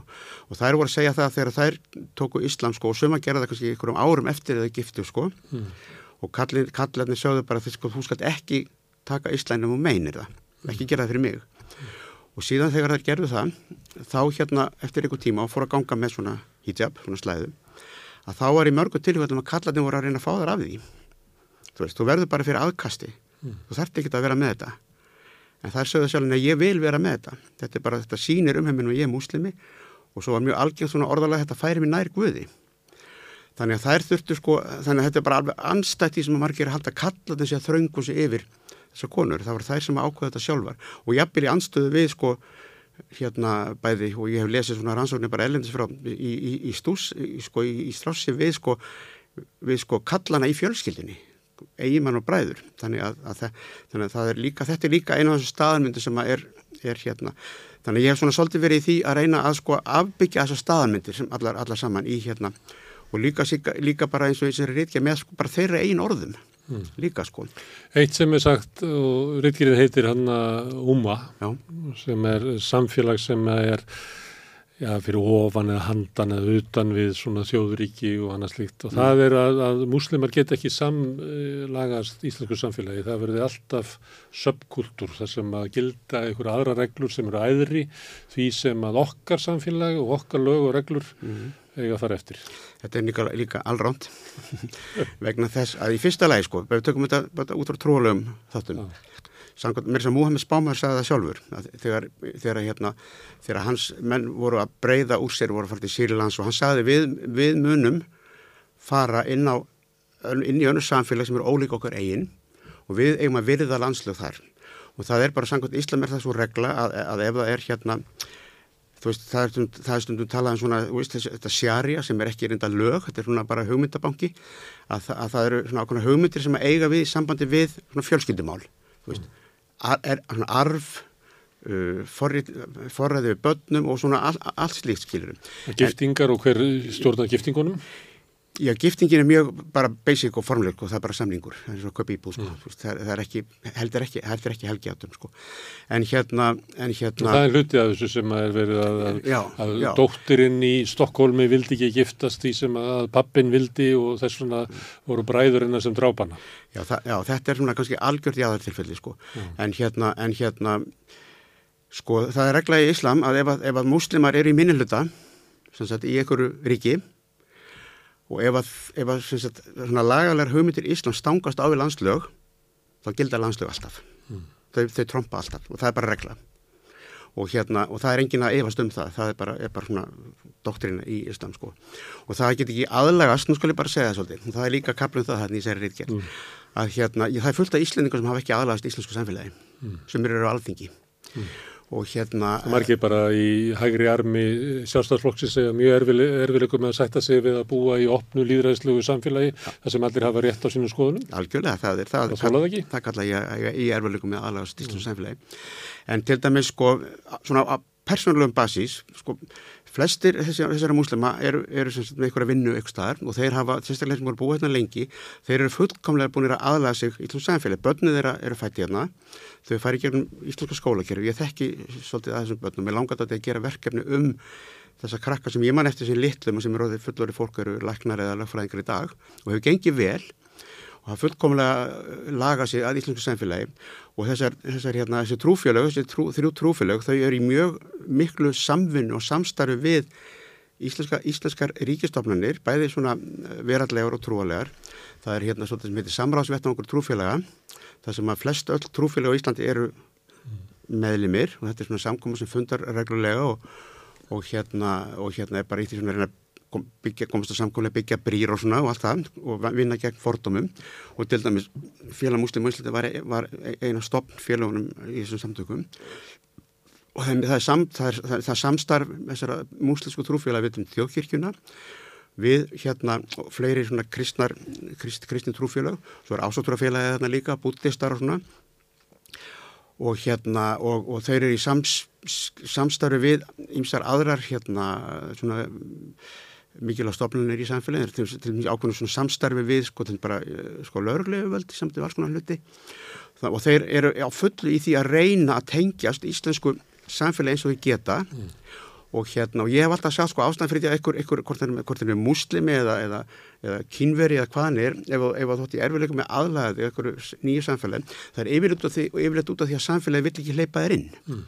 það vill ekki taka við þér mm. og hérna og hérna þannig að þannig ég hef ekki orðið varfið hérna og, og hérna og, og talaðum þetta, við tökum svona eins svona íslam inn í þetta, það var líka kaplum þetta í reykjerinni, það kom, það var, ég tala svolítið um tvær heimsóknir hingað tveir, það voru tveir hópar svona muslimskara trúarhefinga sem komið hingað síkkvart árið í heimsókn, önnur kom frá Nóri sem að heitir Tablíki Djamat sem er svona trúbósrefing Uh, algjörlega meinlaus trúbásreifing nema hún er, þetta er svona fundamentalistar sko, svona mm. bókstafstrúar menn sko og þeir eru að bóða sem sagt, þeir eru ekki að gera megamuslima, þeir eru banka þeir, og þeir, muslimandir hérna kölluðu þá sko, sko muslimska votta ég hafa mm. þeir byrtast allt í hennu heima hjá einhverjum muslimum og banku upp á hérna mm.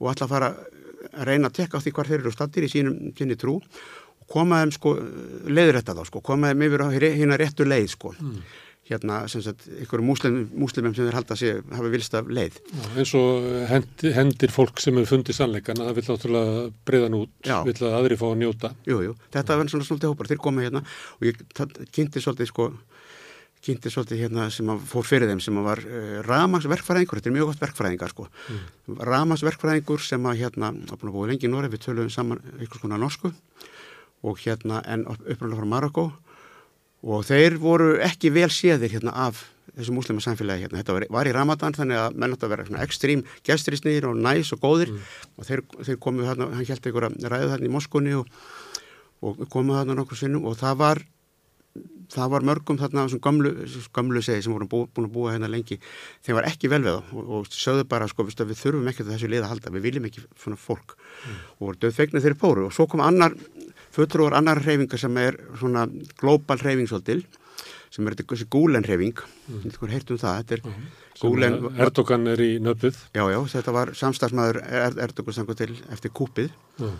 já, já þá hérna stimplaðan gúlen sem hreyðverkamann það er eins og þessi valda að vera stimplað alltaf allar hreyðverkamenn sem þið fíla ekki mm og hérna, og sagt, þessi reyfing hún hérna sem sagt er eitthvað mikið svona skólakerfi í miðassi og í svona fátakari löndum og, og er með svona er með svona, þetta svona viðskiptakerfi líki í Európa sem heitir Hismet mm. þetta er alltaf öflugt svona viðskipta viðskipta batteri sko mm. og, og hérna, ég var í Löfen í Belgíun í hálft ári svona að vinna þar og þeir það var svona ákveðin deilt það sem þeir fjármögnuð og þar var fólk að gera rannsóknir tengdu þeim, þetta er svona öflug samtök. En þeir, þeir eru svona þeir eru svona svolítið vest svona þeir, þeir tegja sem er svona átt að Vesturlöndu sko. Og þeir eru, þeir eru sko þeirra Íslam er svona, svona félagslega sér svona svolítið íhaldsamt sko. En þeir eru líka með sko þú veist uh, þess að sem að mjög lang flestir sko svona múslimskir fræðumenn til dæmis í Evrópu og, seg, og svona trúaleitur sem segja ef, ef, ef þú ert múslimi og þú býr í Evrópu þá ertu Evrópumæður og þetta hagaður eins og Evrópumæður mm. og þannig þeir leggja svona miklu áslað það þeir komu hérna líka og hann held svona ansi fína ræðum hérna í Moskóni sem fór fyrir þeim. Hann var profesor í félagsfræði bandaríkjanum og það var allir svona, jú, þetta er fínt. En bara, þetta er bara fínt, en það er gott að það séu farnir. Mm. og svo sagðu þau bara við eiginlega þurfum ekkert að fá svona gesti.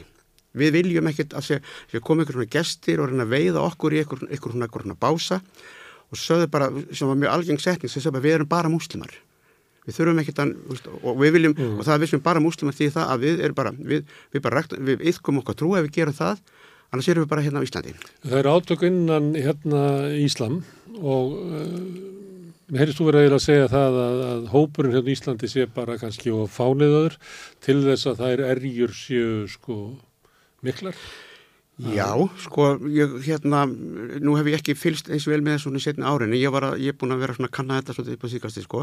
Í dag er þetta þannig, og ég var að tala við einn, einn mann sem ég þekki nýlega, að það voru, sem sagt, eins og ég saði á þann ástæðan fyrir því að það splittu, þessi splitt, mm. félagsplittu, það var út af svona pólitík mm. og hérna, og hérna, það tók svolítið tíma svona að græða það, sko, það hefur mikið breyst, sko, og, og bara til þess betra, mjög mikið, sko. Mm En er ekkert í sjálfum sér merkilegur fyrirbreyðið að ég meina þjóðkirkjan hefur klopnað og það farið út úr henni fríkirkjan og krossin og mörg þúsund kirkjudeldir út um allt. En hérna hann var að segja með það að, að, að það verið komið en ný kynslu núna mm. hér á Íslandi sem sagt af ungum múslimum, margir þeirra eru háskóla mentaðir, bara aldrei svona ment, mentaðir, mentafólk sem sagt. Og þeir, hann sagði þeir eru frá þessum þremur trúfélögum að þeir hafa verið svona að, að ná saman sem sagt og, og, fara, eru bara farin að vinna saman að sínum bara málum og, og segja að við nennum ekki að hlusta á eitthvað þrasi sem gamlu köllum sko. Mm. Það er bara búið, við höfum til það að gera. Þannig að hann sagði að þetta væri mjög jákvæmt, það væri komið svona einhver stemming svona að að hérna, og svo er náttúrulega vilji sko þessara múslima. Það verður þá stemmingum að reyka kannski svona hagsmunni múslima í Íslandsku samfélagi sérstaklega á þess að vera blandaði með þessu söpnuði. Já og bara, og ba já, og bara svona að, að, að, að bara að bara vinna saman það verður ekki að hérna, og mjög meðvitaður um það og það er mjög áhugaverð sko að hérna þegar þetta splittað allt saman, þetta var svona, var svona rígur á milli persóna og það var einhver, einhver íslenskur múslimi sem sagði við mig sko þetta verður nú, mun nú taka svolítið tíma að, að hérna, að hérna græða þetta verðin að þess að þetta voru hvort ekki arabar sko. Að arabar eru svo stoltir og það er, mikið, það er svo stort atrið að halda heðrinum, halda mm. andleitinu að, að tapa ekki andleiti sem sagt. Mm að það mun taka tíma, þetta er svona tveir hannar sko, mun taka tíma fyrir það að bakka til, þess að setja, svo hefur það gerst Það voru að passaði á fordómanum og stimpluninni að, að tala svona um araba. Já þetta sagði hans, en ég bara segi hvað hans, hvað hans sagði. Þeir, þetta væri svona, veist, einhver, einhver, hann var reyna að útskýra þetta fyrir mig sko.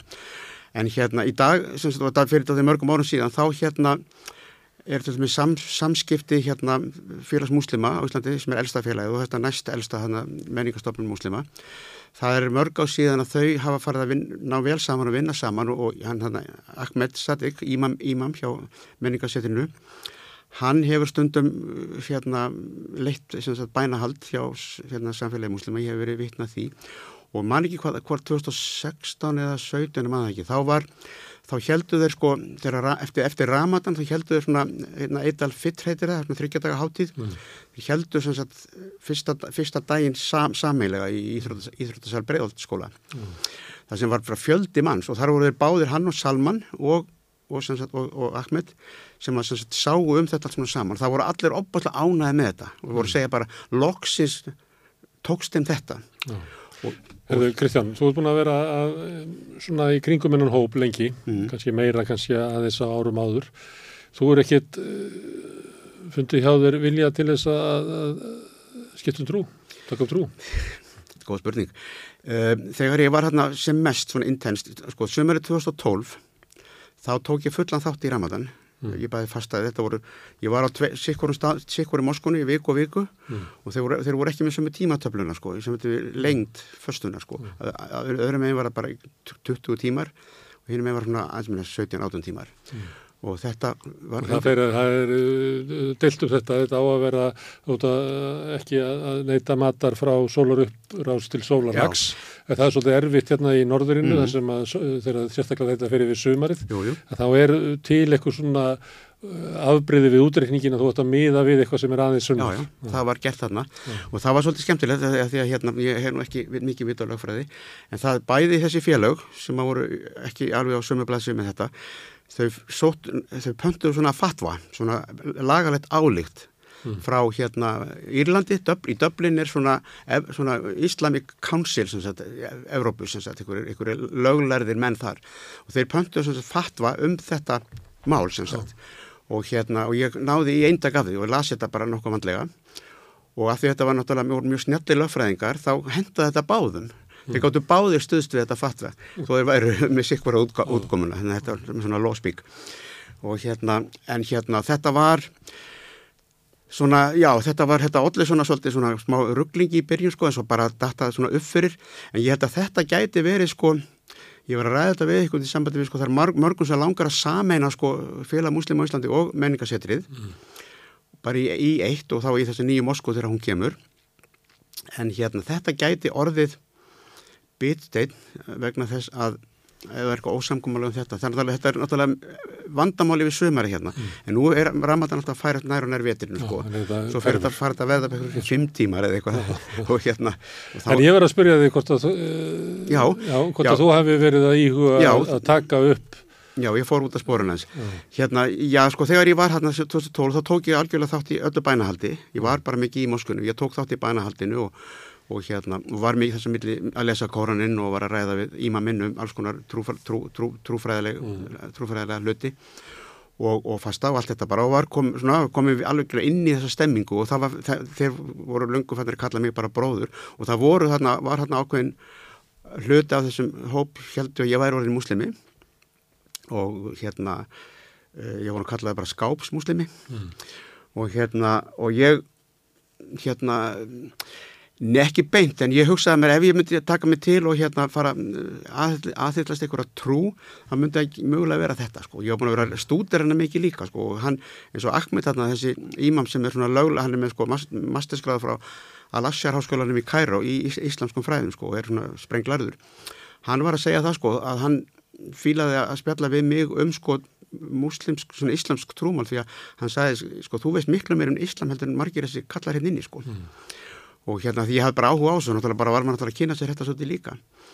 Og hérna en ég er hérna ég aldrei, þú veist, maður saði þessi náttúrulega þjóðkirkunni fyrir löngu síðan og, mm.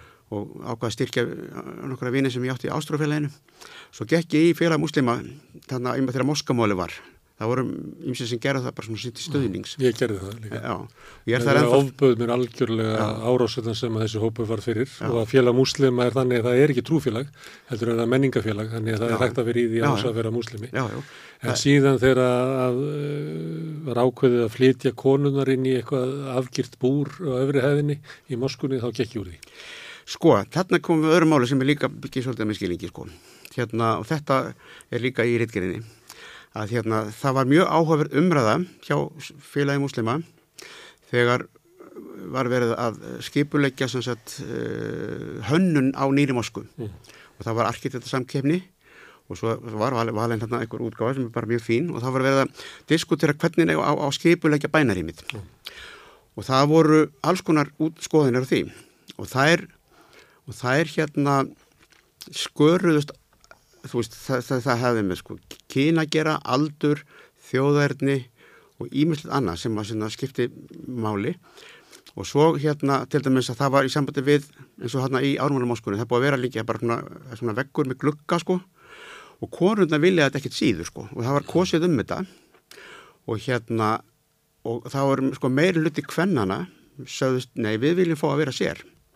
Og það sem er svona bak við þetta er líka bara það að fá að vera í friði fyrir kollunum og hérna þannig að það, það voru, þeir sem að voru sko, svo voru aðri sem að vildu hafa þetta bara alveg opið nema það væri hægt að hafa svona reymalega eitthvað, eitthvað svona skili ef einhverju vildu og alls konar pælingar í kringum þetta. Og síðan var, vor, var kosið um semst að þrjá svona möguleika.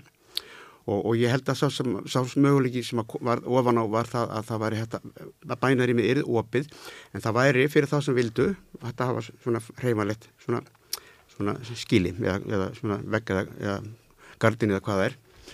Og þá kom ég ljós að, að það, þetta er svona menningaleg, menningarlegar hugmyndur sko að það voru þessir íslensku íslensku trúskiptingar sem sagt þessir yngri, bæði kallar og konur þau voru á því að að hérna að hafa bara opir í mig og það var einn kona sem að ég var að minnast á þann sem býr í Kæró og hún sagði það sko að hérna þetta með því að hafa opið, alveg opið rými þá væri þetta eins og þetta var á dögum Móhames á, á, á, fyrstu, á dögum Múhameds og fyrstu dögum Íslam þá var þetta bara opið rými.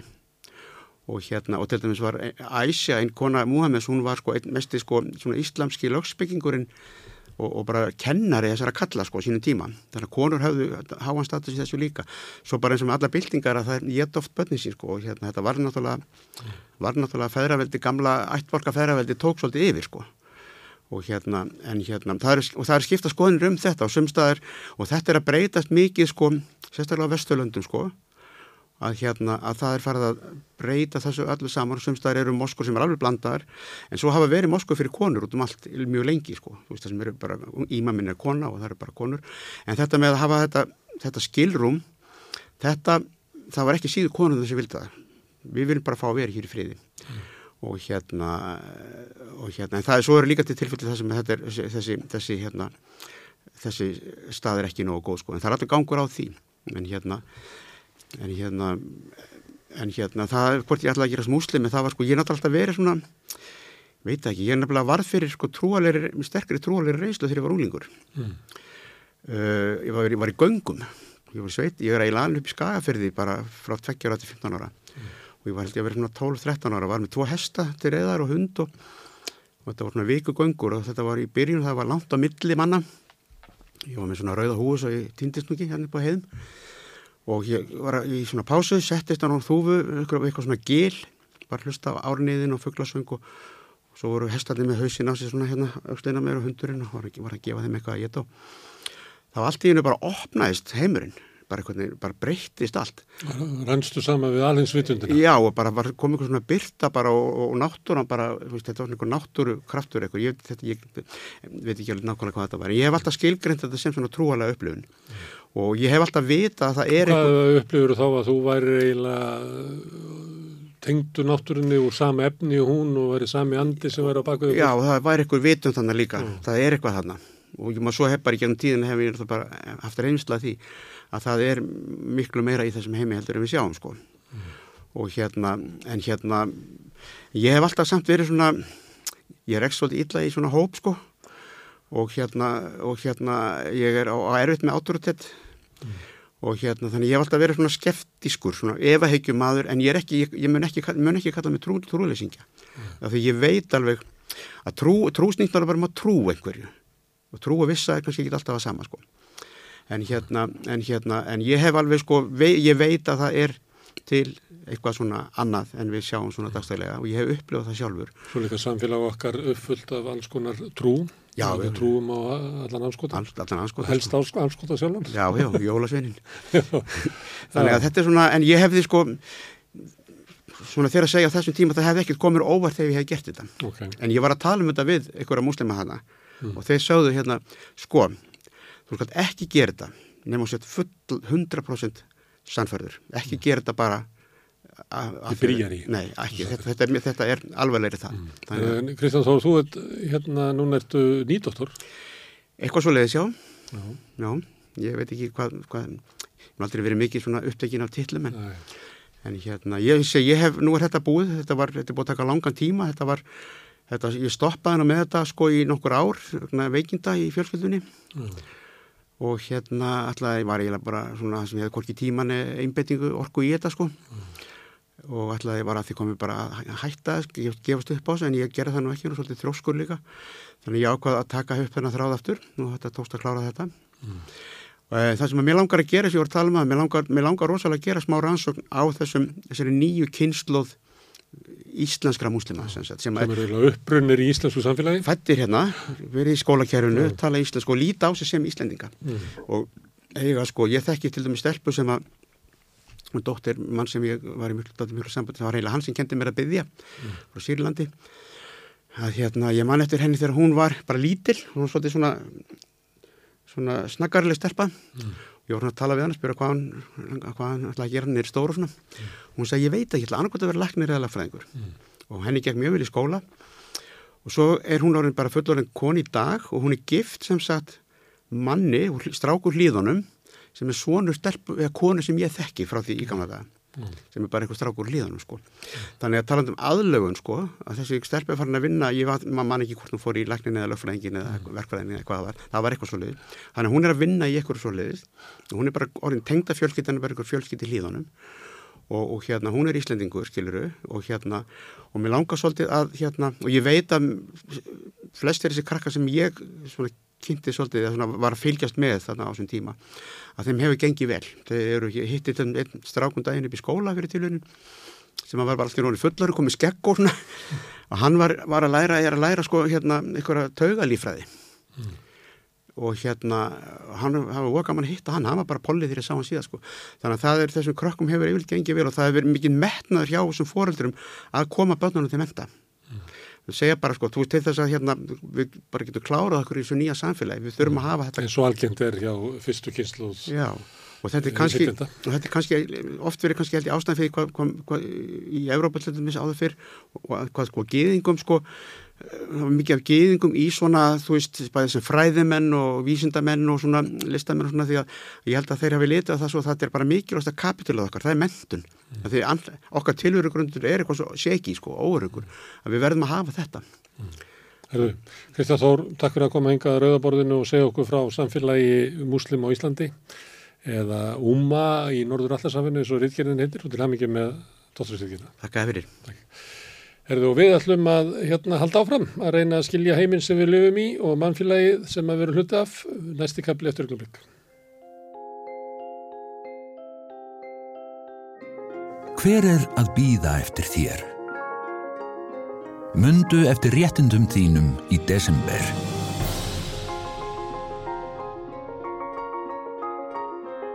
Gleðilega hátíð. Vaff er. Hvernig getur við réttlætt að helmingur eblingakvönna býr við slæma andlega heilsu? Ebling stjættarfélag. Baróta fyrir betra lífi. Sláist í hópin og gerist áskrifendur.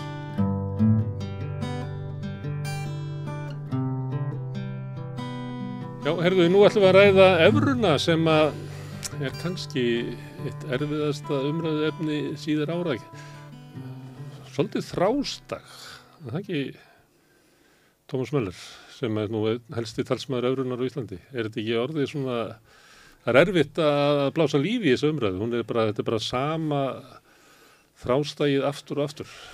Og þeir komið alltaf upp þegar það verður hérna ef að krónan gefur eftir og kemur verðbólka þá komið þið alltaf upp. Svo látið lítið fyrir ykkur fara þegar vextir eru lágir og lágverðbólka það komið alltaf með óendur nýjaða umræðu. Já, já. Ég ætla ég... að hafa það svolítið fyrir þessu já, ég, ég, ég, ég er náttúrulega ósamálaður hérna strax. En hérna þetta efrumál já og krónumál þetta náttúrulega kemur eins og segir upp aftur og aftur en þetta á bara stöndum við svona stórmál í, í mínu huga er þetta risamál. Já. Að, að sko ég nefndi í mínum pislum sem að þú lesið kannski að sko þjóðir þurfa að velja nokkur stó, taka ákvarðin í nokkur stórum málum bara eins og vinstri eða hægru umferði eða hvaða spennu viltu hafa í ramagninu hjá þér eða þannig að metrakerfi eða fett já eða hvað er tímabil eh, hérna, tí, tímasónu viltu vera í mm. Hvort við verðum að greguríska tímatalinu eða ekki mitt, en stæsta ákverðun hvers lands er gjaldmiðlinn mm. og þú, þú er náttúrulega gaman að sögunni mm. Minna, hvað var gjaldmiðl að nota á Íslandi í gamla daga? Kúgildi, vaðmál mm.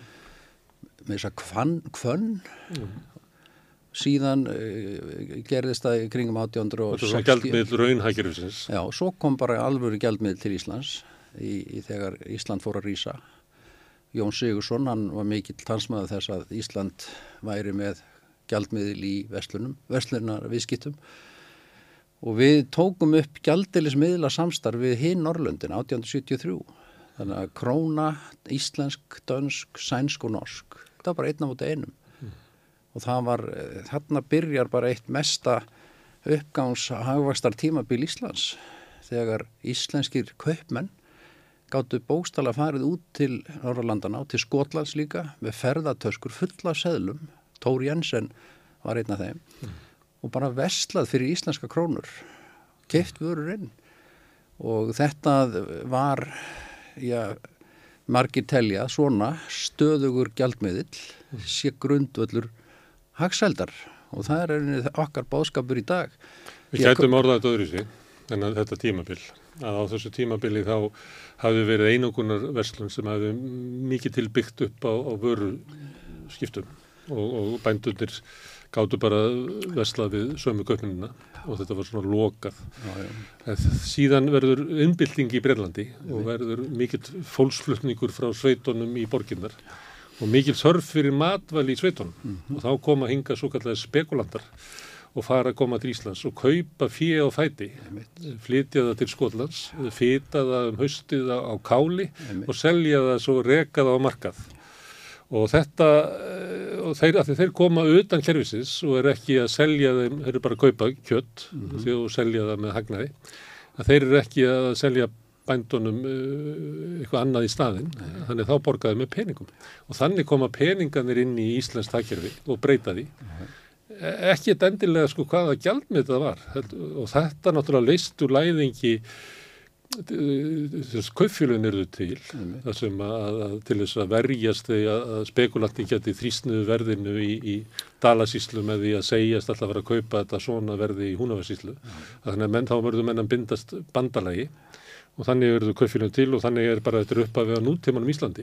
Veistu en ég er bara ekki Veistu að með hverju- ástæða sér einn á móti einum við, við hérna tösku krónuna. Já, það var svo, svoleiðist til 1900, og- sko það náttúrulega setni, fyrir heimstyrjöldin eðilaði þetta myndbandalag þannig, að- og, og það var mér að sett inn í sambandslögin að Ísland fengi að vera áfram í þessu, samband, þessu myndbandalagi. Svo hrundi Tóri Jensen á, á þessu að því að eitt daginn, eitt haustið, þá kom ekki spekulandandir. Og ástæðan var svo að, að, að hafði eitthvað fundið upp niðursöðu eitthvað starf í heiminum. Og á, inn á, á hérna, vaksandi borgir Bretlands komu bæði hérna náttúrulega beikonið frá Jótlandi, mm beikonbarónunir eru til út af þessu. Og svo kom hérna kjöt frá Bandaríkjónum og Argentínu.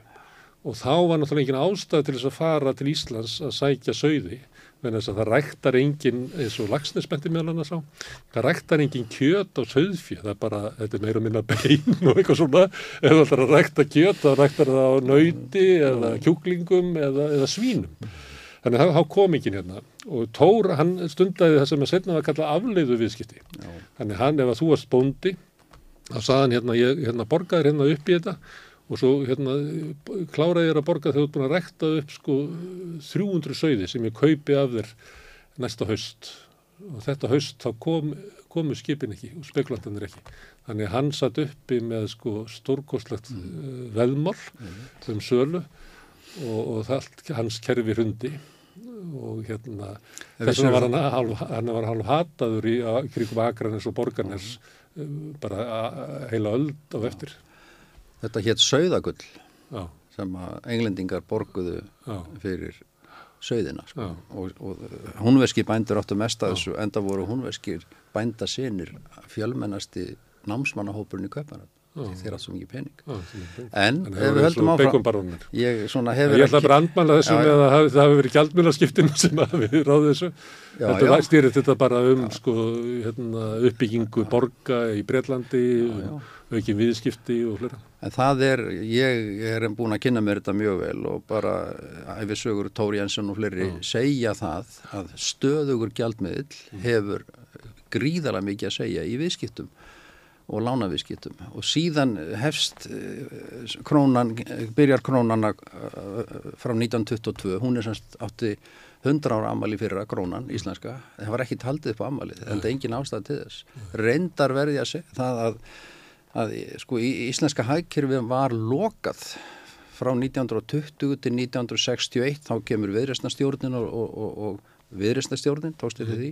Hún losar um hömlur og gerir viðskiptin frjálsari þannig að, að þetta var lokað hagkerfi sem byggði fyrst og fremst á, á sjárótvegi og ef að kom síldarbrestur eða eitthvað verða á afurðum fjell þá var náttúrulega mjög auðvelt fyrir stjórnmálumenn og bankamenn bara að fella gengið. Því letu kannski einhverja vini sína vita kvöldið áður eða eitthvað.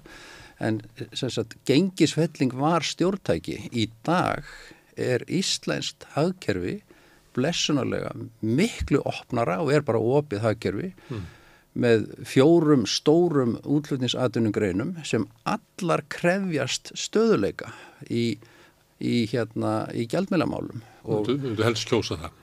Já, sko, ég held að þetta sé bara, eh, ég held ekki, ég veit að þetta er eitt stæsta hagsmönnamál íslenskra heimila. Hugsaði hvað við erum að borga hér á heimilin Það er viðurkjent að krónu álæði er 34%, alveg sama hvað vextir eru uppið að niður, krónan er alltaf 3-4% fyrir ofan. Miða við hvað? Miða við lánsviðskipti í evrum. Allstar, ég, Já, það er ekki sömu lánsviðskipti allstar í, Í ev, á efri svæði er Evróski Sælabankin gefur út stýrivexti Já. og lánsviðskipti eru mjög, bara ofan á- íbúalán. Á, álagið ofan á lán til einstaklinga er ólíkt í Þískalandi eða í er eða ég, sko, Gríklandi. ég er að tala um Norður-Evrópu Mið-Evrópu. Við getum ekki bóra okkur sama við Búlgaríu eða Rúmeníu og þessi svæði. Við verðum að bera okkur, það er oft tala um hvað Gríkland fóru illa og þessi erfitt í, í einhverju fjarlægu landi. Berum okkur bara sama við nágrannarlöndin. Írland, Belgia, Holland, Danmörk, Nor, eh, hérna, Þískaland og, og svo framvegis. Þar eru íbúðalánsvextir núna í kringum 4-4,5%, það rokka kannski með hálft prósent. Hér er Arján banki, Auglísal og Landsbanki líka, íbúðalán til fólks á 12,4 12,4% vexti. Þetta er, raunin er þetta þrefald í dag sko.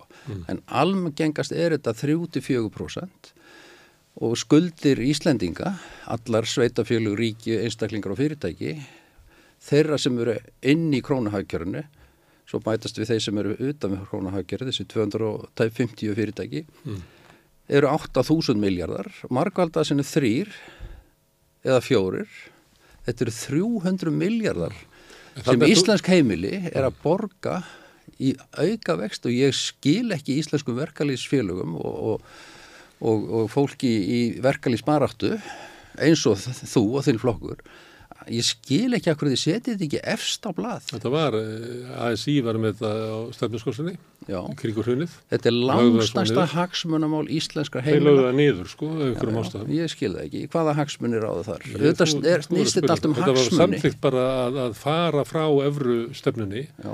á uh, þingi ASI. Þá hafa bara menn ekki kynnt sér þetta nógu vel. Það er, ég er búin að kynna mér þetta mjög vel og það er svolítið gaman að segja frá því. Þetta Minn- halda þess alltaf fram minn- að sko anstæðingurinn hafi ekki kynnt sér þetta nógu vel. Já, það er Sem þetta aðeins segist vera með skynsemi síkjuna, Já, þannig já. að þetta séu allir bara ekki nógu ég, ég finn, þetta er ekki alveg gilt í ég rökum- finn í rökræðum. enga aðra ástæðu. Og hérna neytendasamtökin tala um þetta núna. Viljálmur Birgisson talar um þetta Hann talar um að skoða þetta, já. já, já, það eru margir sem vilja skoða þetta. Katrín Jakobs vill ekki sjá skoðun á þessu það er búið að kanna þetta, segir hún. Samtöku aðrunlýsins, þau vilja ekki ræða þetta, þeir reyndar inn á netinu þeirra núna er að segir tími krónunar er liðin en það er fyrir 8 árum síðan. Ég meina, Bjarni Ben vildi evru, skinsum leiðað evru, Það var í eftir hrun. þá skipta með síðan um skoðun ég, ég man bara hvenar ég heyrði þessa umræðu fyrst. Ég var semst í MBA námi upp í HR 2007 ári fyrir hrun og þar voru margir svona eh, þekktir, eða margir öflugir fyrirlesarar úr öllum löndum, mörgum löndum heims, ráðgjafar ríkistjórna og ég stundum bauðum bara í svona hátegismat út út á stjörnutörki í kringlunni að því að skólinn var heinum við göttuna og þar sögðu þeir allir þessir og spurðu hvernig dettur ykkur í hug að vera með sjálfstæðan gjaldmiðl þetta er algjörlega vonlaust í svona flóknu, opnu hagkerfi. Það kostar ykkur allt á mikið. Tengiðst við stóran gjaldmiðl eins og allar smáþjóðir með alvöru er svona stór, stórt hagkerfi eins og þið og opið hafa gert. Það er ekkert smárík í heiminum eins og Ísland sem notar sjálfstæðan gjaldmiðl þannig ég, ég er að reyna svona að snúa einhvern veginn heila selum fólks aðeins að þessu þetta Við erum nú með ríkustu af- samfélögum í heimi og Já, við erum, tí, við erum tíunda ríkasta samfélagi heimi. Þrátt fyrir Færingar eru ríkara við. og þrátt fyrir krónuna. Já, ég meina, þrátt fyrir krónuna, já, ég segi það. Þú ert að vísa í söguna Jú, jú. En, en, en ég meina, hugsaður allar harmleikin sem fylgir þessum gjaldmæli. Taktu bara allt fólk sem þú þekkir sem hefur lendi í þessum hörmungum eins og í kringu 2008. Það var ekkert land í heiminum sem fór eins illa á hruninu eins og Ísland. Ekki neitt. Og þessi, Nei, sko- þessi menn sem ég tala við á þann, þessu, það, þetta gengur ekki tjá okkur lengur. Það kemur ykkar hrun og það kom árið senna. Það var húsnæðis kreppa og hérna svona subprime lána kreppa út um allan heim í bandaríkjónum það er sko, stórkostleg hérna, hvað voru margir bara hend út á götu eins og hér. Já, já. og þeir hafa samt sterkasta gjaldmiðli í heimi. Í kollega minnir í Þýskalandi, Hollandi og Danmörku sem ég þekki, þeir spyrja mig ennþá hvaða hrun er þið alltaf að tala um? Þjóðaframlæslinni Danmörku fór niður um 2% Holland svipað. Mm. þið verður fundu valla fyrir þessu. Við erum alltaf að tala um eitthvað alþjóðlegt hrun Þetta er bara ránt. Þetta var, var í Bandaríkjónum og Íslandi. Já, og það á Bandaríkjónum, að þú ert að tala um gjaldmiðil, þeir eru með tröstastað gjaldmiðli í heimi. Þar mistu bara týjir þúsunda, hundruðu þúsunda, Miljón. miljónir heimilið sitt, nákvæmlega sama tíma og sömu ástæðu á Íslandi. Já, já, ég er eftir að draga við það. Ég tel að, að við höfum farið um einna verst út úr hruninu, þessu hruni sem gerist hér sjáðu heimili sem fóru 98% hlutabriða fóru skilur, krónan fóru niður um helming lánin fóru upp um helming Við rákur náttúrulega efnastefnu sem var bara fróða sko. Þetta eitt af þessum þessi aðna, Videla, profesor Videla spurði mig mitt sko og sagði heyrðu, bankarnir orðið, orðið tólsinu þjóðafræmislan mm. eru þið galinn með þessa krónu mm. það var allt í lægið, það var með alþjóðlan gjaldmiðil Þetta væri eins og bankarnir í dag væri konur upp í 36.000 Það voru bankar í bandaríkjónum sem er hundu. Já, það var fólk í bandaríkjónum sem var misti heimli sitt. Þau eru með tröstasta gjaldmiðl í heimi sem er notar í alþjólu viðskiptum allstaðar. Tók kannski mestu áhættuna. Hefðu þeir átt að taka upp efru þá? Þeir tóku náttúrulega mestu áhættuna. Ég er ekki að tala um, sko, við erum að tala eitthvað um rísa blokkir tvær, sko. Európusambandið með sína 475 miljónir manna mm. Bandaríkin eru minn en Európa-samvætið, sína hvað, 280.000? Meiri efnarslega tafl. ESB er með 27 ríki, þetta er svona 7% heimsins, en þjóðaframlæslega ESB er 30% af heimsins. Þannig að sko, það er eitthvað að ganga upp hjá Európa-löndunum. Það er ótrúlega mikið velgengni í þessu löndum meðal annars út af... Þetta er gamlu nýlendu þjóðunar og soga til sín sko, hérna, auðlindir víða að í heiminum, ekki síst frá Afríku. Gunnar, ég, ég var allan daginn í gæra undirbúum fyrir þetta viðtal og ég vissum myndi koma þetta já, já. og það er, það, er, það er heilu kaplanir í, ef þú fer á netið, já. ESB eða EU samskiptum við vanþróað þjóðir og það er einmitt sérstaklega tekið fram og það er fullt af prógrumum hjá ESB sem styðja innflutning frá hérna, þrónalöndum, mm. innflutning frá hérna þeim löndum sem að hafa hagaði að senda vörðunum til Evrópu. Þeir setja totla það sem er batnaþrælkun, þeir setja totla á lönd sem eru ekki að uppfylla líðræði skilirði en öll lönd sem er að standa sig í, í, og er að þróast hafa greiðan aðgang inn í ESB toll, nánast tollfrjálst. Þannig að þetta, Þa, þetta, ný, þetta nýlendu hérna, tala um Evrópusambandið er bara að mínum að því allavega mm ekki rétt. Sko, Európa-sambandi hefur eitthvað svona reglur og uh, yfirborðinu virkar þetta að vera svona eitthvað siðrænt. En hérna undir þá soga fyrirtæki, eurósk fyrirtæki, til sín sko auðlindir Afrika. En akkur er þá, akkur, akkur er þá, Európa-sambandi er náttúrulega ekki bara efnahags- og tollabandalag. Þetta snýst um jafnrétti, Man, mannréttindi, neytendamál, samkjættinsmál, mm. akkur heldur að segja, já, dýrt í símanuðinum að ringja til kópaskjérsins og kaupanafnar. Það, það er að því að ESB sagði símafyrirtækjunum mm. að hætta þessari mismunum. Mm.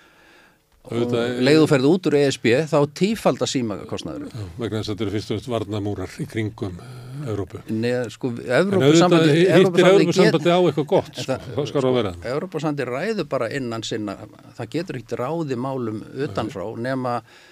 og það, það er bara auðvitað er ESB ekkert með ekkert gallalöst fyrirbreyði skilur en þetta er bara nútímalega, þetta er svona samvinnu hugssjónin, þú ert nú hrifin að henni pínlítið eða varst. Þetta, þetta, þetta er svona samvinnu hreyfing það sem að bara samstarf þjóða mm. þjóði sem trúa því að ná meiri árangri saman heldur en eitt sér. Mm. og, og fullveldi þessara þjóða að mínum að þetta er, svo, þetta er svona kannski paradox, það eikst við að fara í samstarf Mm. Það er sko alþjóðlega sam, samvinna er, er margsonar gennum tíman. Við höfum kannski á eftirsýsárunum þá höfum við áherslu á svipað og var bara kringum saminu þjóðunar, fengum mannréttinda sáttmálan og fengum hitt og þetta út úr því. Og þar gildir það að öll ríki hafa eitt aðkvæði og skilaði tölvurum miklum árangri, hafði árif hér heima, við erum ennþá að glýma við það að taka upp sko sáttmála um, um réttindi fallara og, mm -hmm. og við erum bara langt á eftir, þannig við höfum bara uh, haft jákvæð árif. Uh, síðan ertu með þannig eins og EFTA og Evrópusambandi sem eru svona tollabandalög og, og viðskiptabandalög um, um, miðjan tíma, miðjöld, upp úr, upp úr miðjöld og þau þróa síðan yfir því að verða líkt og þú ert að lýsa núna sem er kannski hábúndurinn er kannski Maastricht svona, þar er Evrópu hugssjónin að við værum mögulega á leiðinni að verða að, að svona einu ríki Já. með einhvern kannski fylgjum. Og að því að við höfum samila hagsmunni þannig er ennþá til góðsóknin um, um við opna líðræðislega vestranna samfélag. Og það að Európa sambandum um verið að tæki til þess að innleiða það síðan eru bara liðin sko kvartöld og Európusambandið hefur ekki styrt sig að þessu leiti heldur þert að móti verið eins og tölum til dæmis um orkumarkaðin eh, það sem er um að vera reyka hagsmunni fyrirtækja réttindi fyrirtækja til þess að stunda viðskipti, réttindi fyrirtækja til þess að tegja sig inn í opibera þjónustu og annað slíkt og svo er það, það er, það er eitt tímaskeið. Og síðan erum við kannski komin í það sko enn nýtt núna þar sem við sjáum sko valdaskipti í ríkjum Evrópu sem eru kannski ekki lengur eitthvað sem við getum kallað opin líðræðsleg hérna, vestran samfélag við reyndar viðsnúningur í Pólandi núna. En við erum með hérna, Orban er, er í Európa-sambandinu við veitum ekki hvað ríkistjóðin við fáum út úr Hollandi. Við erum með eh, ríkistjóðin í Ítalju sem er á rætu sína bara í fasisma Mussolini og í, hérna, það verður kosið í Belgíu næsta ári. Þar er sterkasti flokkurinn hann vil sko kljúa Belgíu sko. Þannig að þú getur eitthvað ímyndaði hvaða skoðun hann hefur á einhverju einingu Evrópu. Orban, Meloni, uh, Wilders, Le Pen og fleiri er eins og republikanar í Európu. Þau vilja minka vægi Európa-sambansins, eru á mótið í og vilja auka völd hérna, þjóðuríkjana. Þannig að sumuleiti eru við líklega að fara í sko sundrunga tímabil Európu þó að að það byrti síðan einhvern veginn eins og með þessari ákvörðunum að taka Úkrænu inn, eitthvað svona vilji til þess að vera með sterkan front á alþjóðlugu sviði, mm. að þá sjáum við alveg að Evrópu sambandið kannski líklega að það sé frekar að leysast upp heldur en að eflast og styrkjast. Ég hef bara engar ágjör að þessu, Nú. að því ég er búin að kynna mér þetta. Okay. Ég fór á netið í gæðir og þar kemur, það vefur sem segir um ánæju íbúa Európa-samsríkja með ESB og Euruna. Við erum að tala um 70 til 90% ánægu. Mest ánægu er í Íslandi sem er nýkomið þarna inn og, það, og þannig að og svo er spurt um ánægi með Euruna í Eururíkjanum og það er sama, 60, 70, 80, 90% og þó einhverjir öfgaflokkar komist upp á og til, ég hef engar ágjörð þessu vegna þess að líðræðis hefðin í Evrópu og, og meðbyrinn með Evrópusambandinu í þessum ríkjum er það sterkur að þegar áreinir, sko, kostningaþáttjaka í Evrópu þings kostningum sem að fara fram á næsta ári, hún hefur verið á bylinu 56% upp í 91% mm. Og ég er sannfærið það að svona flokkar sem komaðu upp eins og Orban sem er algjör outsider núna, hann er 1 á móti 27, 26 löndum, hann er einangraður og hún um, á Ítaljum mm, já, hún er bara mörguleiti Európusinni, hún vill ekki hérna, breyta þessu sambandi. Hún var ekki kosin sem Európusinni, hún er Európuskeptísk. Já, en þú setur ímislegt fram í kostningu og svo bara dæn eftir ertu búin að snúa blæðinu við. Ég hef engar ágjör af þessu. Það, þetta, þetta Európusamband á langa og bjarta framtíð fyrir sér vegna þess að þetta snýst og þetta er sem þú varst að tala um áður með fyrirtækin Akkur er Európa-sambandi stanslöst að sekta stórfyrirtæki fyrir yfirgang, samkeppnisleysi, verð eitthvað hérna hækkanir. Mm. Sko, Európa-sambandi er ekkit endilega svona að hjálpa neinum fyrirtækjum, þeir eru að hjálpa neytendum fyrst og fremst, að halda neyri verði, halda upp í samkeppni, mm. tryggja jafnbrétti og tryggja menningu, hugsaður eins og þegar við förum í Európa-sambandið, þegar við förum í Európa-sambandið, við erum náttúrulega inni 80%, við erum að ég meina, flest lög sem voru samþitt á þinginu núni í haust, þetta voru allt Európulög Það, það er alltaf samhugur um þau að því þau eru einhvern veginn passa vel inn í okkar kerfi. Stríðin eru alþingi snýst alltaf um einhver lög frá ríkistjórninni en hérna þannig að við erum þann inni nú þegar. Skrefið í fulla aðild er svo lítið að mínu mati það snýst bara um landbúnað og sjáratveg. Allt annað er frá gengið þannig að við, stö, við störfum í dag. Efran er ekki frágengið. Nei, það kemur bara í framhaldinu, sjálfsögðu heldur að fólk er bara skinsamt Íslendingar eru skimstöðum þjóð og þeir vil, Nei, Íslendingar vilja lægri vakstakostnað vilja hérna, aukna samkjætni Gunnar, akkur er ekki ellendi bankar á Íslandi og tringafélög í bara í Íslandi erum við að tala um 7-8 ellenda banka og 4-5 tringafélög af því að efran opnar samkjætnismarkað krónan er besta vörnir gegn samkjætni Þá gerist það þannig að, bankar á Norðurlandunum fara og kaupa upp bankakerfið á Íslandi? Já, hvað er að því? Ég meina, akkur um ég, ég meina, það eru ja. báhásir hérna.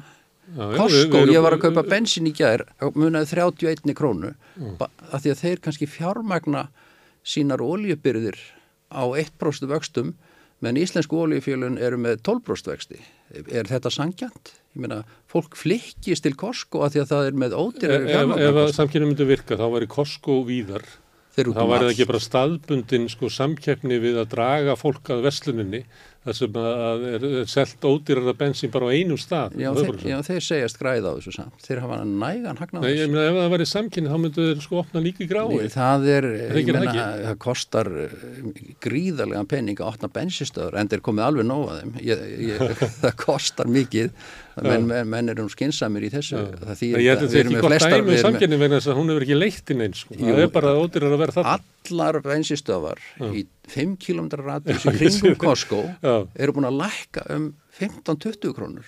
En allar aðrar eru á fulluverði þannig að þannig þetta er bara eitt Ef að samkynni virkaði, þá myndi Costco opna upp í grafái Það er engin markað fyrir fleiri bensinstöðar hérna þetta er flestar bensinstöðar á íbúa. Ég held að Costco, ég held að í heiminum en, Costco er bara fjármagnað með erlendu fjármagni eins og báhás Þú, þú gerir ekki aðtöðsættu við þótt að bankaðir hafi selgt greiðslumiluna fyrirtækinn til Ísrael og, og Brasilíu að, að símin hafi selgt innviðina til uh, Frans eftirlunarsjós svo telur að þessi viðskipti séu alltaf til bóta? Ég er ekki að segja, ég meina auðvitað þarf maður að skoða hvert tilfelli fyrir sig en, en sko ég tel reyndar krónan er innviður. Mm. eins og vegir og ramagn og sími. Mm. þess það er svo mikilvægt að, að gjaldmiðill sé góður innviður sko að vera með krónuna að mínum að þetta er eins og vera enþá með vinstrumferð og allar brýr einbreyðar þetta er innviður sem þarf í lagi. Greiðslu miðlunin er líka innviður.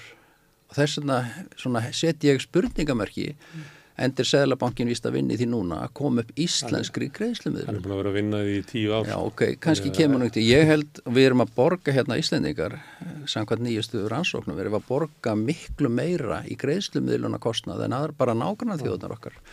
En að því að vera að tala um vext... Við erum að borga meira fyrir matin okkar og við erum að borga meira fyrir húsnæði okkar, við erum að borga meira fyrir lánin okkar, við erum að borga meira fyrir flest. Allt saman, við erum að korta fyrirtækin elska krónuna. Hmm og sérstaklega kannski þessi útlendu því að þau græða svo mikið að þú veist bara að þau borga fyrir 100 eurur í útlöndum, við raunir alltaf að borga 105 eurur að því að þeir leggja svo mikið á þessa fæslur mm. en það sem ég vildi líka að því að ég, við tölum mikið um þessa vexti sko að, að hugsaði bara nýra á alþingi var að vera að samþykja fjárlög í gæri að þeirra dag mm. og það var að vera að samþykja 118 miljón krónar vakstakostna ríkisjóðs mm ef við værum með evru hérna þá var þessi vastakostnaður svona 35-40 miljónir. Það er verið að kasta þann á glæ mm. 75 miljardum í óþarfa vastakostnað og mundu það heldarlaun 5.000 starfsmanna landsspítalans eru 75 miljardar. Við erum að kasta frá okkur rauninni öllum launakostnaði landsspítalans. Heldur þú að, að vaksta, vextir sem að Þískaríki þarf að borga og Grískaríkið eða Eistneskaríkið séða sama? Sko stýrivextir Evróska Sælabankans er allstað þessu öllum Evróríkjum. Ég er bara að spyrja um sko vexti á, á hérna, ríkiskuldir. Ég... Heldur það sé sama allstaðar í Evró? Ég, sko, ég er, ertu það bara að miða við það sem er lægst? Ég er að miða við nákvæmarlöndin okkar, þar sem hagkerfin eru svipuð. Greikland er mikið landbúnaða land með ferðamennsku. Við erum að ofta að bera okkur saman við Portugal og, og, og, og Ítalíu. Við eigum að bera okkur saman við nákvæmarlöndin okkar sem eru með svipaða efnarslega uppbyggingu svo við. Og þau eru öll núna, ég bara kíkti á nokkra banka í þessum löndum og vextir eru rétt fyrir ofan stýrivexti við getum svona jafnvel 5% en það er enginn með 12% eða 9% stýrivexti og 12% Þú getur að farið út úr öfrunni og séð hérna, normin eru ekki með öfru þeir borga minni vexti öllur við heimilinn Svisletingar eru ekki með öfru þeir borga læra Bretar eru ekki með öfru, þeir borga læra Veist, þannig að þetta tengist ekki öfru Sko við erum að tala um 300 sinnum stærra hagkerfi, Bretland. Mm. Við erum að tala um ólíuríkið hérna Noreg. Við erum að tala um, já, Svísland er skattaparadís og bankaparadís, mm. sko við mátt ekki, við getum ekki verið að bera okkur saman við lönd sem eru gjör ólík okkar löndum. Já, Svíjar eru að íhuga að fara yfir í efru, það er komin skoðanakannar í Svíþjóð sína.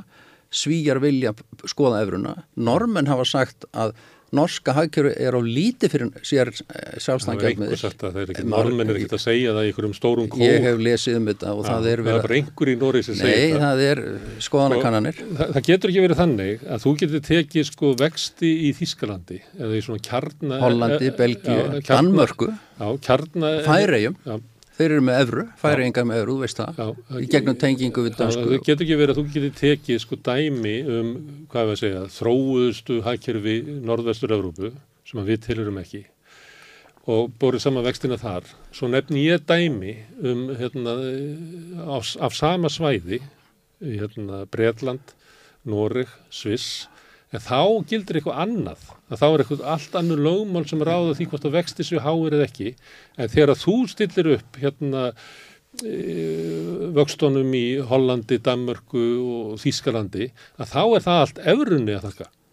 Þetta, þetta gengur ekki upp. Að, að, að annars vegar sé þetta bara efran sem að skilaði þjóðverjum og, og, og dönum og hollendingum lágum vöxtum en svo er það eitthvað allt annað fyrirbrið sem að skilar normönnum, svisletingum og bretum lágumvastum. Sko, auðvitað að tala frekar um Írland sem er svona...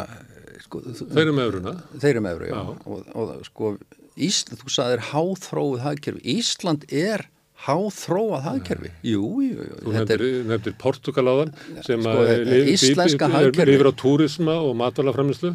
Íslendingar lifa á túrisma og landbúnaði. Nei, því að víðast er nú sjáróturum flokkað sem landbúnaði. En við hefum bara orkuna til viðbútar. Smá hérna hagfræði einn og leitt sko.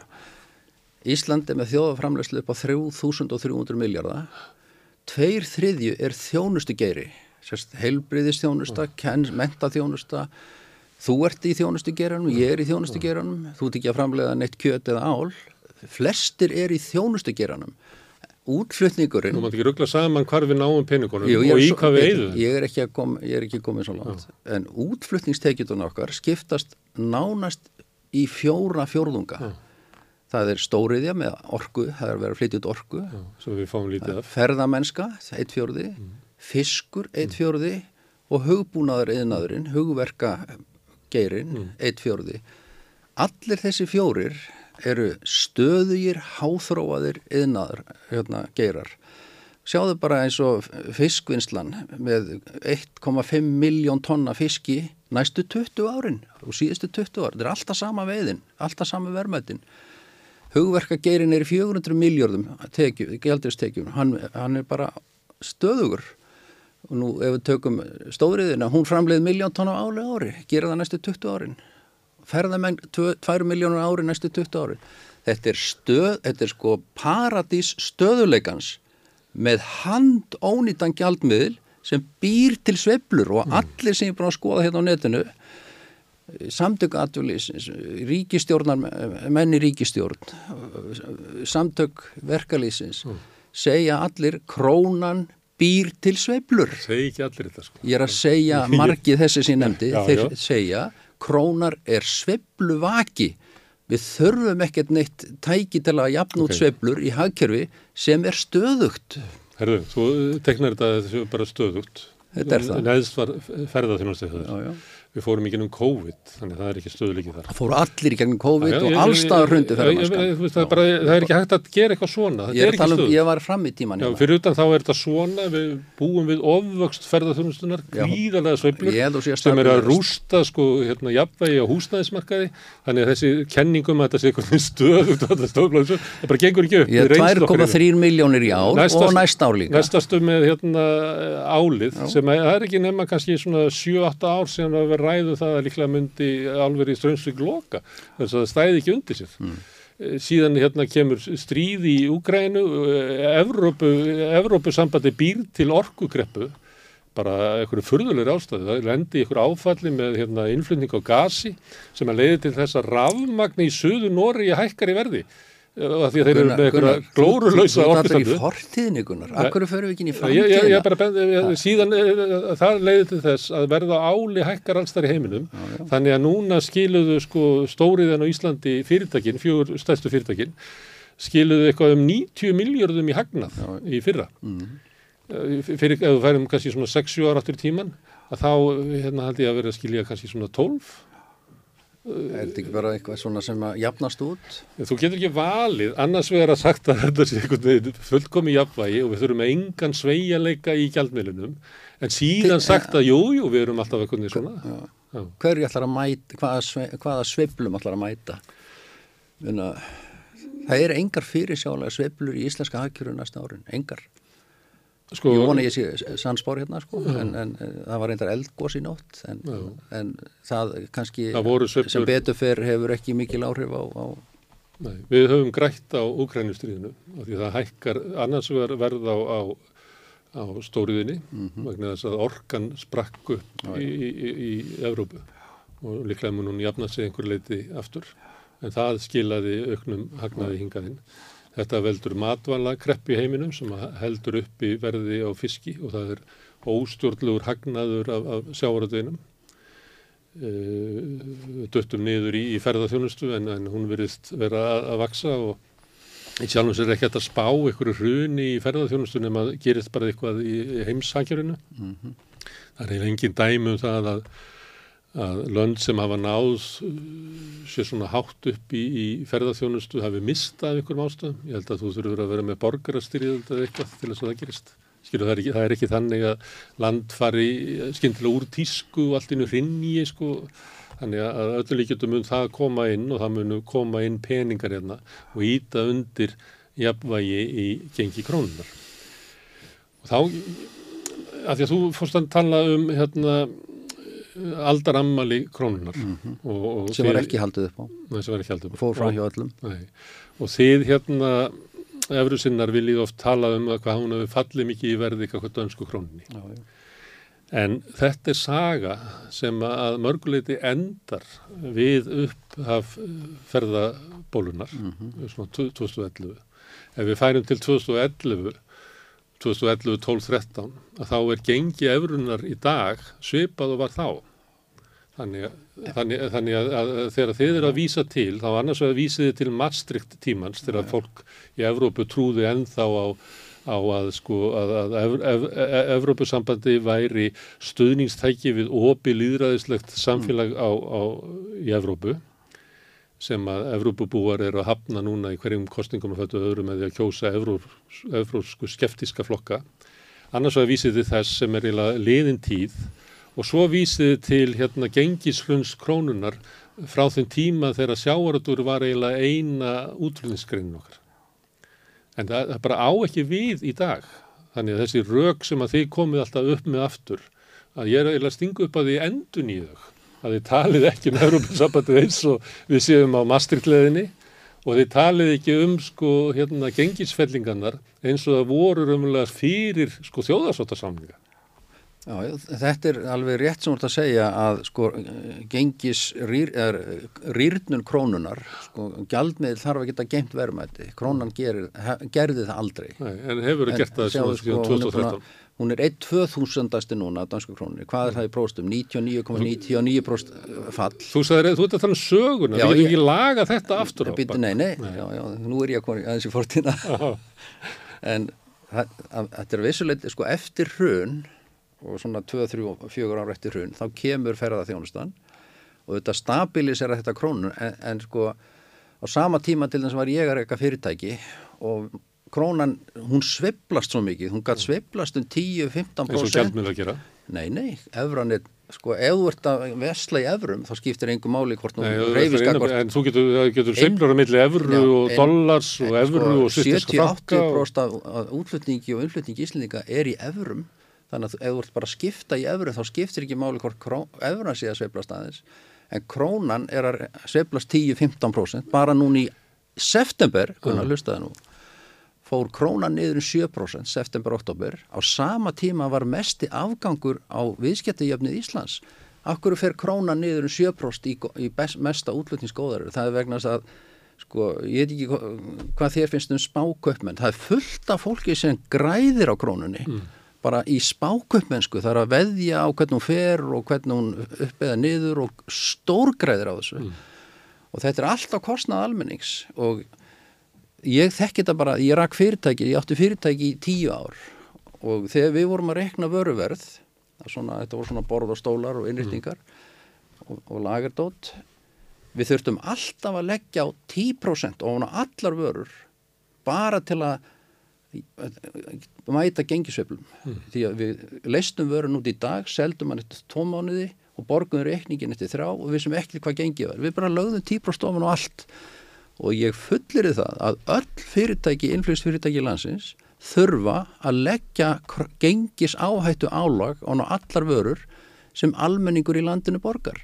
Þetta, ef við værum hérna með alvöru gjaldmiðil, þá þyrft ekkert að leggja svona gengis áhættu álag og það er á rauninni... það sem við veslum við Evrópu. Nei, bara, já, já, 80, 70-80% okkar viðskiptum eru við Evrópu og aðtöfa það að, að þessi kostnaður sérst, hækkar vöruverð krónan veldur 300 miljardar vaksta kostnaði fyrir heimil og fyrirtæki nema þessi sem eru hætt þau á fjármagnarsbæri evrum og ríkisjóð og sveitafélagin borga þetta líka. Sko kostnaður við þennan gjaldmiðil ég segi bara við fólki sem er að hlusta hérna og horfa í guðana bænum farið átt ykkur á þessu. Þetta er stærsta afnahagsmál Íslendinga og stærsti kostnaðilegur íslenskra heimila og fyrirtækja og sveitafélaga og ríki sem hægt er að laga. Og, og er þetta er sko, í mínu huga er að hafa svona sjálfstæða ja, sjálfstæða, hún er svo sjálfstæð hún bara sveiflast að vild sko, gjaldmiðlar er allt og gjaldmiðlar og sérstaklega fyrir verkefælisfélag ég skil ekki akkur þið setið þetta ekki Nei, Allir gjaldmiðlar sveiflast. Þannig það er, er ekki rétt ekki ef þú ert að vesla í sama gjaldmiðli það það er annað. Sko. það, það, er bara stöðugt alltaf Já, það er krónan líka stöðu í viðskiptum á milli sko, neskustæður og Reykjavíkur. Sko. nei, nei, Þannig að, að, að það, við höfum farið í gennum tíma þar sem að evran hefur gefið eftir kakvað dollar en íslenska krónan síður. Sko með Evru er Reykjavík er neskustæður eins og bara Þískaland þannig að við erum bara að nota sama gjaldmiðlin þetta er góð punktið þau, gott að, það gott var eru- að nefna það, það eru er, hérna, gjaldmiðlar sveiflast, það er báðir, það er engin festa, það er ekki, er ekki fast. Það er gengi Evrunar Ef þú miðar hana við sjálfan sig, Já, já, ef þú miðar hana við dollar, þá sveiflast þú bara umtalsvert og hún hefur sveiflast meira eh, miðað við dollar heldur en íslenska krónum. Bara skiptir svo litlu máli fyrir okkur því að flest okkar er bara viðskipti að segja- í Evrum. Ég er bara að segja að það er ránt að stilla því upp þannig að það sé ykkur einn gjaldmiðl sem er eiginlega festan. Þeir, þeir sveiflast hérna gagvart hvoröðurum og það hefur verið meiri sveifla á milli dollars og evru heldur en á milli íslenska krónunar og dollars. bara skiptir okkur engu máli. Ef við erum með Evru þá skiptir ekki Ok, máli. þá, þá kemur það því að, að þú ert að flytja inn húsgögn. Já. Og, og frá, hérna, frá því að ferða mannabólan byrjaði Já. að þá hefur hérna krónan verið heilt yfir stöðu, svipuðu verði kakvart efrunni, en hún sveiflast. hún er alltaf að Já, það. Og þá segir þú, heyrðu, ég legg hérna 10% ofan á til þess að mæta geng, gengis Á- áhættunni. áhættunni. Já. En svo gerist það að, að hérna, krónan styrkist, Já, já. kakvart efrunni, skilar þá 10% til neytandans. það er, ég menna, það er á seint Nú, það er búið að setja þetta í verðlagi, búið að selja getur en, en þá hlýtur að lækka það næst. Já, sveiflunar eru með vandamálið. Þú veist aldrei, hvernig ætlar að vita hver krónan er að fara? Er- Veistu hvernig krónan er, verður núna í janúar? Það veit það enginn. Ef að þú leggur 10% ofan á út af mögulegri, mögulegu tapi út af genginu, Já, já. þegar það verður ekki heldur verður að hérna, gengisfellum verður í hináttina þannig að þú komið 20% hérna, gengishagnað og 10% sem að þú tókst frá og 10% sem að króna færið er skilar því þetta verðlæð? Nei, ég meina hinn fullkonni kveppmaður myndi eftir skera það ef hann er sérstaklega já, já. Þannig að þá er vandamálið er, er bara okkur eftir sveiflur krónuna Nei, sko, þetta er ekkit okkur, þetta er bara krónan krefst herra verðlags þetta er ekkit flókið og, og ég meina þú veist ekki hvernig næsta sveifla virkar þú verður kannski eitthvað í varasjóðin ég get sagt þér samt eina sögu, svolítið skemmtilega mm. Þegar ég rak þetta fyrirtæki þá seldum við tölverta vörum til sjárótsfyrirtækja hillur og liftara mm. og ég hrengdi eins og nýja einn og spurði getur ekki bara borga mér í efrum og hann, ég bara fór að senda út reikninga í efrum og ég fekk efru inn á minn reikning og þessar efru fóru til útlanda án milligöngu bankana, tóka ekki eina ekki prósentu brota þessu. Mm. allt í hennu stöð gáttu við lækka verðum 10% bara með því Já, gátt, þú sér að þú hefði getað það, það er ekki þar að þú hefði getað. Jú, jú, við, uh -huh. við, allt í enn áttu við 2 miljónur efrin á reikninum okkar og við borgum bara alla byrja, orkureikninga innanlands og byrjareikninga ellendis og ég hvet íslensk fyrirtæki að prófa þetta, að rökka útlunnsfyrirtæki bara í efrum og fá efrur inn á reikning. Þeir eiga svo mikið efrum, þeir vilja helst ekki skipta þessu fyrir krónur. Það kostar. Mm. Fáið bara greitt í efrum og sendið svo sjálf peningan út. Mm. og þarna gáttu við, ég fullir í það við gáttum lækka verð, þarna, þarna skilum við þessi tilbaka, þannig ég, ég er þessi miskunnsami kveipmað mm. Hérna, en Íslands viðskiptalíf eh, þú vil stilla því upp að það sé svipað í Norðurlandunum og í Hollandi og Jafnvel, jafnvel háþróaðra. Bara hér er, er, er ótrúlegir hæfileikar og, og við náttúrulega erum hráefnist þjóð sem Danir hafa engin hráefni, við erum hérna landið er svoleiðis Við auðlendatrifið hagkerfi. Já, já, og, og við erum bara Íslenskt hagkerfi er bara, eitt, bara með háþróaðri hagkerfi Við erum fyrst og fyrst auðlendadrifið hagkerfi. Danir hafa hérna þeir hafa kannski viðskiptavitt Íslandikar hafa það ekki, þeir hafa bara aðganga auðlendum Nefna þessi hugverkaðinaður, hann er bara auðlendin hér. Hinnir er náttúrulega orka náttúra fyrir ferðamenn og fiskurinn og sjónum. Uh, hugverkaðinnaðurinn hann til dæmis ógs á árunum eftir hrun fyrst og fremst yfir að vegna þess að laun voru ódýrari á Íslandi já, já, svo þegar hérna ferðarþjónustan kom inn, krónan styrtist, laun hérna hækkuðu, að þá er mikið af þessu störfum verið bara flutt til Búlgaríu eða eitthvað. Ég held samt, Gunnar, við mögum ekki glemja því að líka... Íslenskt mentakerfi, þó að við þessi smá písahalli á því núna, ég hef mikið álit á íslensku mentakerfi. Ég fyldist með um daginn, það var að veita íslensku mentavelunin, fyldist, sástu það? Það var 10-12 skólar sem fengu íslensku mentavelunin. Mm og það var og sínt kennarar, já, og, og kennarar og skóladeildir og skólar og, og að sjá gróskuna og þekkinguna sem er í íslensku mentakerfi Það er aldrei vant að alveg... sko nýsköpun í opibyrri þjónustu sko. Já, og, ef hún er, er lifta að hérna, blómstra. sko, Íslenskir skólar mm. eru miklu betur en fólk. Er, mm. það er bara komað því inn hjá fólki að skólakerfi sé vonlist út af einhverju písakönnun mm. auðvitað tekum við hana alvarlega. Mm en mentakerfið, þetta er bara með því besta sem gerist í heiminum. Mm. við skulum ekki gleyma að það eru 206 lönd í heiminum. Við erum í topp 10-20 á öllu sviðum nema í óstöðu gengi. Ja, Við höfum fjallað skólamál hér og meðal annars til þess að vera með eitthvað mótvægi við þá sem að vilja búa til einhverja krísu út úr písa til þess að sé þetta markasvæða og engavæða skólakerfið. Þar fyrir þetta má ég aðeins klára? Sko, í OECD erum við verðum við neðstusætin í samkeppnishæfni sko, hafkerfið er frábært en samkeppnishæfnin er léleg mm. og ég les út úr því bara að við þurfum að þetta opna hafkerfi þarf alþjóðlegan alvöru, stabílan gjaldmiðl þetta mm. er ekki flókið Við getum, ég... getum líka aukið samkefni og ef við, hérna, við alist hérna upp og þekkjum íslest samfélag og vitum það að hér er samkefni hverki í matvala hérna dreifingu og sölu. Að það er svona þú kannast við frasan akkur heitir krónan krónan, það er að því að samkominlega um að, að allar vörur sér einni krónu dýrar heldur í bónus.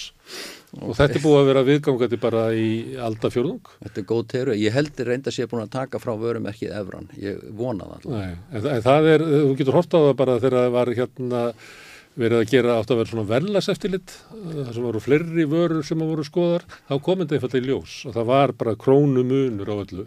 Ég... Þetta þýðir það ef þú ert að stýra krónunni og, og svíkur þetta, að þá fer bónus í verðstríð og þá kemur það í hérna hvorið bara með hérna, digriðari sjóðir til þess að lifa það af. Samkominlega erum það við förum ekki í samkjæmni og bónus bara hækkar verði til þess að geta skilað hérna, eigandu sínum arði. Og krónan eldir og, og hefur bara hérna, einni krónu meira. Passa sig að fara ekki verðstrið.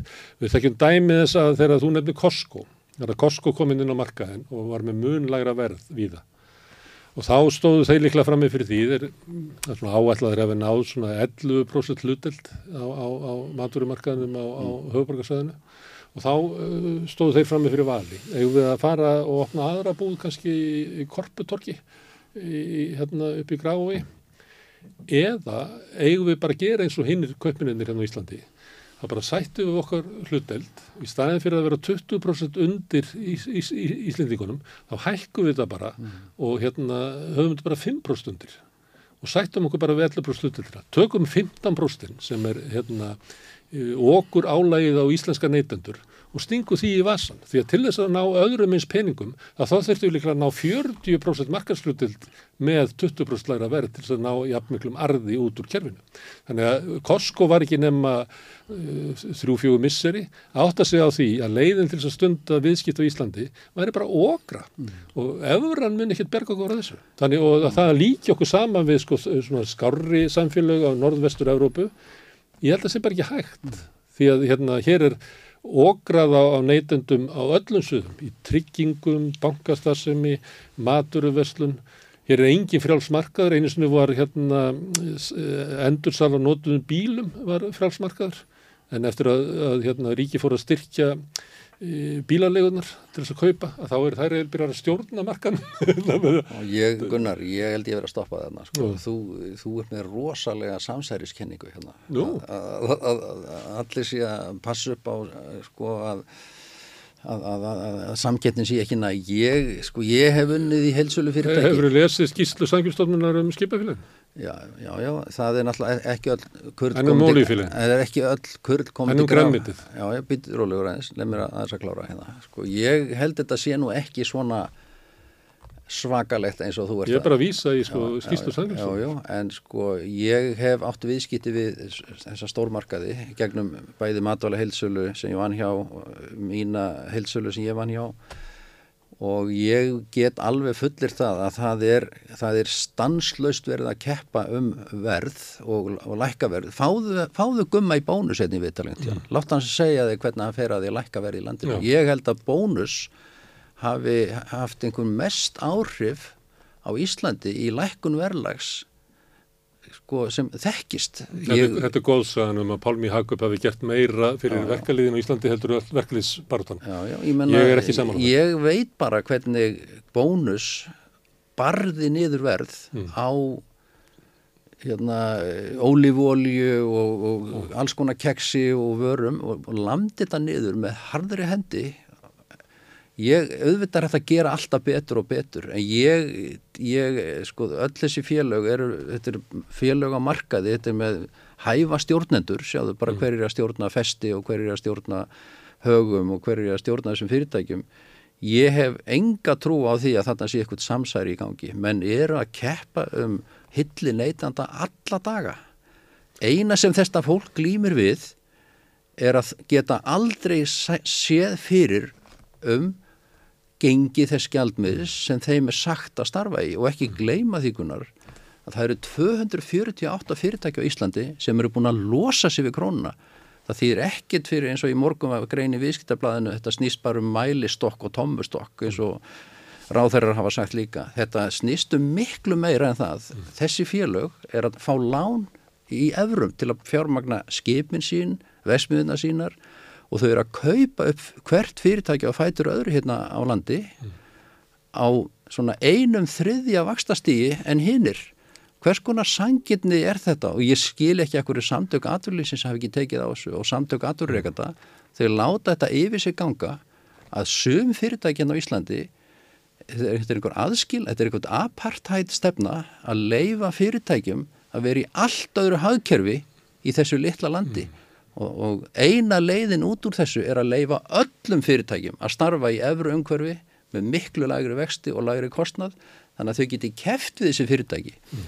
og þú bara þarf ekki hann að fara einn upp í korputorg þá sér það að það er eitt sjárundus fyrirtæki sem ánánast öll fyrirtækin Já. í því húsi og það er ekki sangjant að mínum að, að geti fjármagnað sín fyrirtækjakaup á allt örum kjörum en annu fyrirtæki. Þessi fyrirtæki sem hafa byggst upp eins og Ísfélagið og Sameri sem áorðið eims, hérna, Eimskip og, og Haga eru stæsti einstakki hlutafinni í hugun. Öll, öll fjármögni efurum. Vitu, en heldur að, að það að þau hafi aðgengi af auðlundum sjávar skipta ekki máli í því að þau geta kipt upp öllunum fyrirtæki? Auðvitað er það grunnurinn að þeirra auðlegð en það er í dag eru þau í allt öru viðskita umhverfi en öll önnur fyrirtæki í landinu. Fyrst og fremst vegna þess að þau hafa aðgengi, þau sita upp við auðlinda uppsprettu almennings og soga þar peninga og það er bara flæða peningar út um eirun á þeim.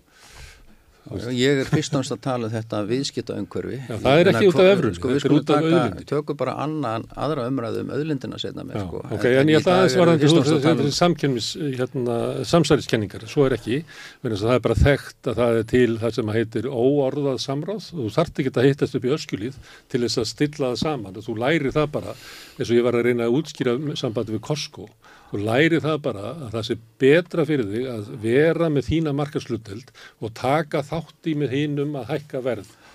Það er betra. Ég, ég, og þú nefndir hérna góðsuguna um bónus, að bónus er lekka verð. Uh, þegar þú er búin að ná markasráðandi stöðu, að þá er markmið stjórnandans að lemja niður kostnað. Við sjáum þetta í, til dæmis í, í stó, stórútgerðinni, að þeir hafa, því að þú veist að tala um stöðuleika, verðum alltaf að veiða sama fiskin, að það leiði til þess að þeir eru bara með uh, óbreyta hlutild, er alltaf að fá bara sama fiskin og markmið þeirra verður að berja niður kostnað. Þess vegna eru að horfa á velvæðingu hérna uh, fristihúsana uh -huh. og við erum ekki að horfa á sko vöruþróun sem að leiðir sífætt til hæra afröðavers, við erum ekki að segja það Við erum að framlega bara svona standardvöru, þorsknakka sem eru seldir í einhverjum stórmörkuðum að langmestu leiti. Það er ekki einhver svona stórkostli vöruþróun, það á sér stað í einhverjum jáðar hérna, fyrirtækjum sem annars verður sækja fiski sín á markað eða þá þeir sem eru að vinna eitthvað á róðinu eða eitthvað til hlýðar. Það er engin sérstök sko vöru þróun eða hækkun á afræðverði innan stóru risana. Það sama gerist með bónus, Guðmundur Martinsson, að þegar að, að, að þeir voru að koma sér fyrir á markaði, þá börðu þeir niður verð á byrgjónum og skiluði til neytenda til þess að hækka markarslutit sína. Svo þeir eru búin að ná markarslutit og hámark, búin að kaupa, hagkaup og búin að kaupa og bara orðið að einhverju sko óskiljanlegu bara einhverju fyrirtækja súpu, áttu livja fyrirtæki og óljöverslun og guðmáðu þetta hvað sem hefur notað sko arðin af, af hérna, markasfrándi stöðu sem er náðið til bónus, þá snýsta það og það er það sem hetja hérna, Guðmundur Martinsson er að gera.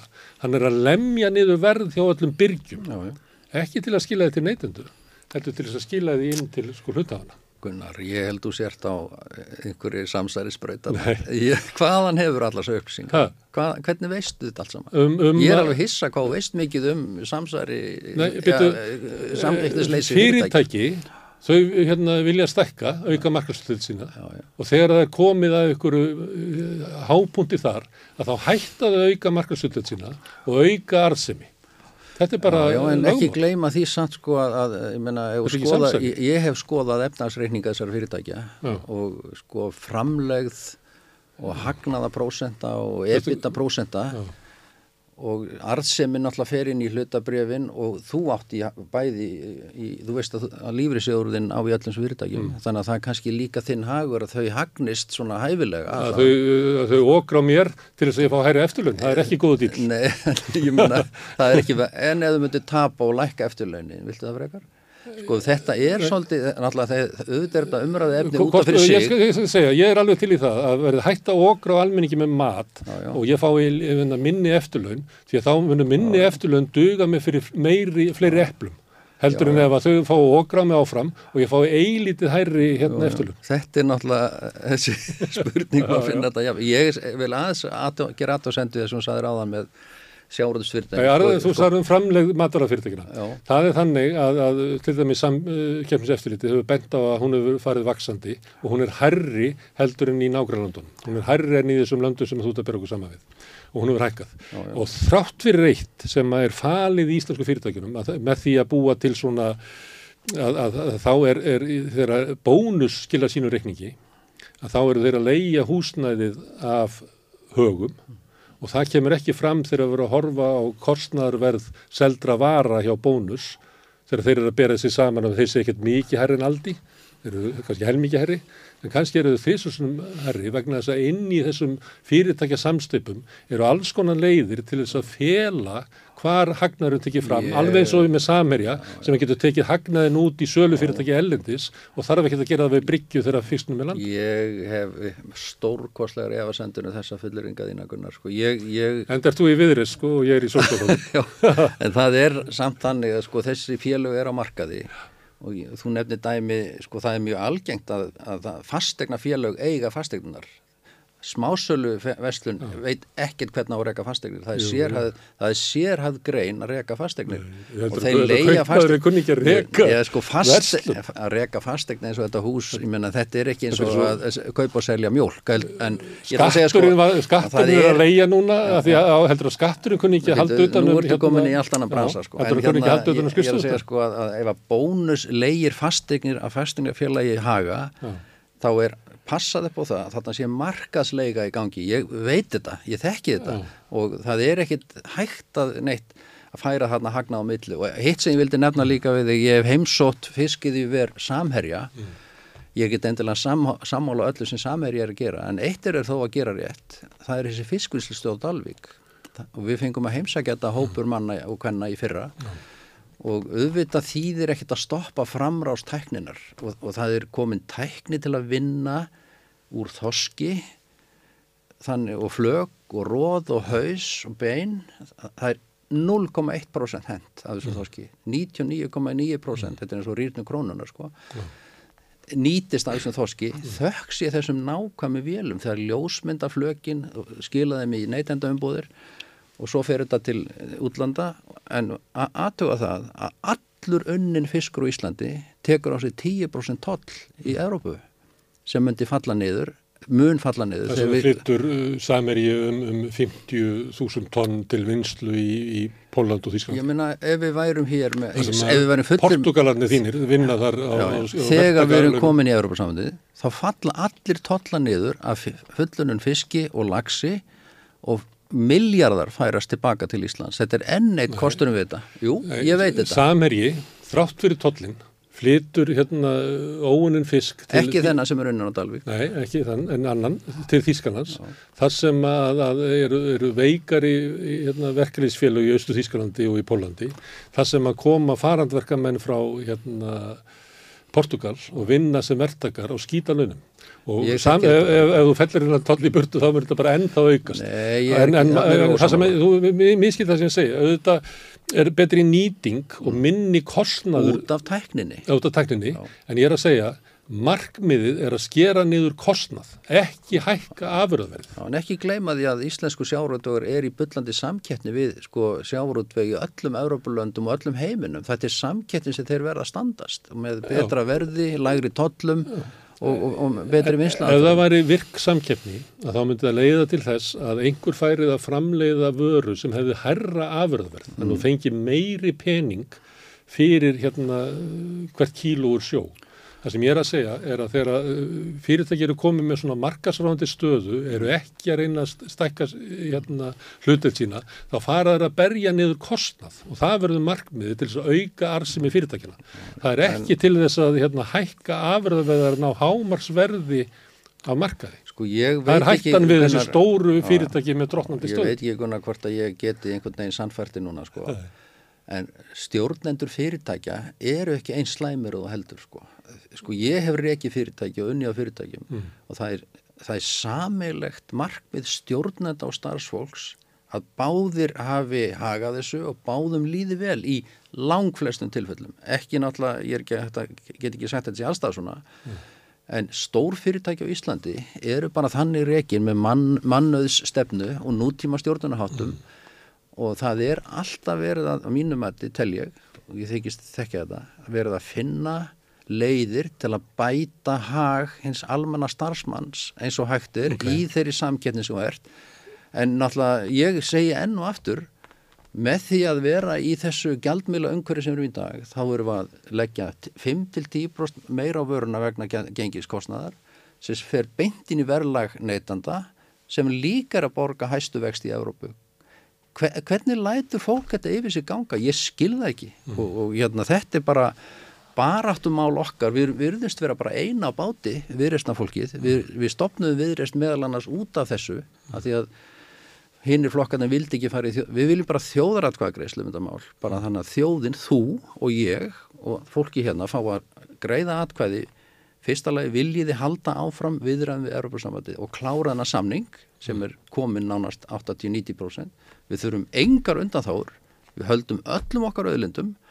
Klárum þennan samning tökum upp alvöru gjaldmiðil og ég Ég, sko, ég trúi því og við í viðreist trúi því, þetta er eini flokkurinn á alþingi sem hefur þetta sem eitt af aðal málunum sínum, þannig að eina ráði til að koma sér gegn er að kjósa viðreist í næstu kostingu mm.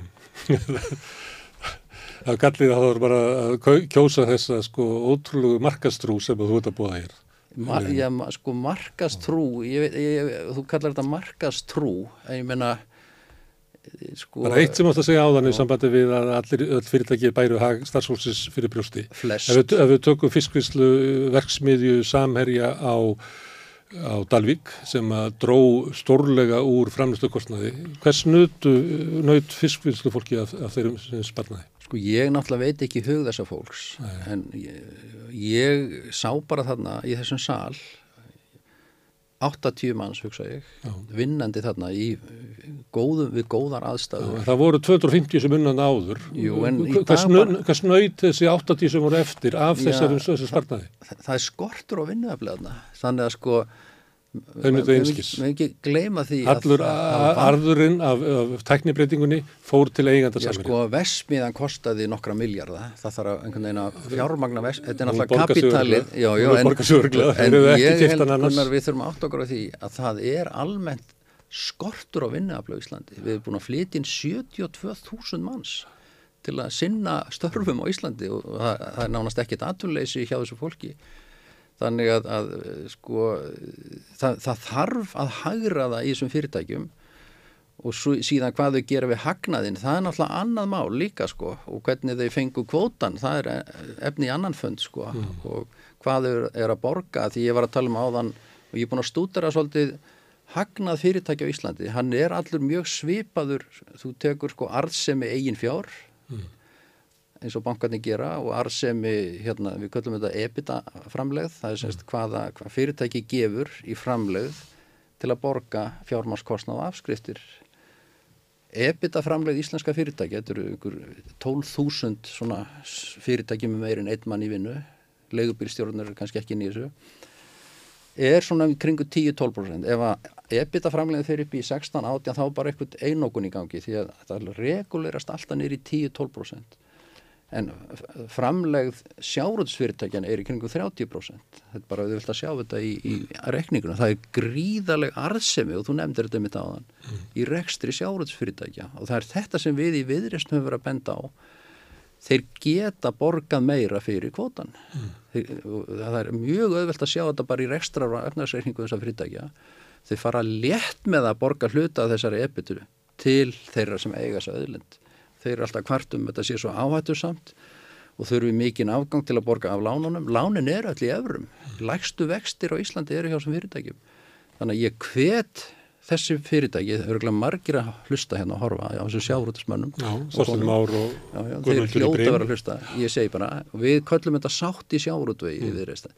komið til mótsi fólk það er mikil óanæg með þetta. Skoðana kannir sína, fólk vill að þjóðir sem á kvotan fái meiri hluti í honum. Kvotin er núna 1600 miljardar virði og það er greitti 7 miljardar. Þetta er eins og að leia 200 fermetrar hús á 20 skall eitthvað lögis, ég man ekki tölunar. Þetta er of lág renta sem við fáum að þessari öðlind og þeir geta borgað miklu meira. Bara... En áðan notar eh, þetta sömu öðleg þeirra til þess að raukstuðið hvað efran var í góð. Þess vegna getur þau kipt upp önnu fyrir því. Já, en þeir eru búin að yfirgefa íslenska krónahagkerfið mm. og geta fengið lána alltaf um vöxtum en við hinn Meina, ég var í Stæðst aðrið er náttúrulega auðlindarentan sem að þeir fá að eiga. Já, ekki bara þeir fá vextina miklu lægri, heldur borga þeir að mínu okkar mati í viðrest, þeir borga á líti fyrir auðlindina. Hún er það mikil virði og ekki glema því að auðlindin var gefin, þetta er, þetta er, þetta er gafakvóti, hann var bara, hann var bara gefins og kannski mjög framtíða kynsluður spurja byrju gáfuði kvotan. Mm. Vi, við hefðu getað haft þetta aðeins öðruvísi þannig að ef þú veidir hann ekki þá bara skilar honum en hann gengur náttúrulega kaupum og sölum mm. Það eru Tómas, má ég hérna menda mínu kæði kross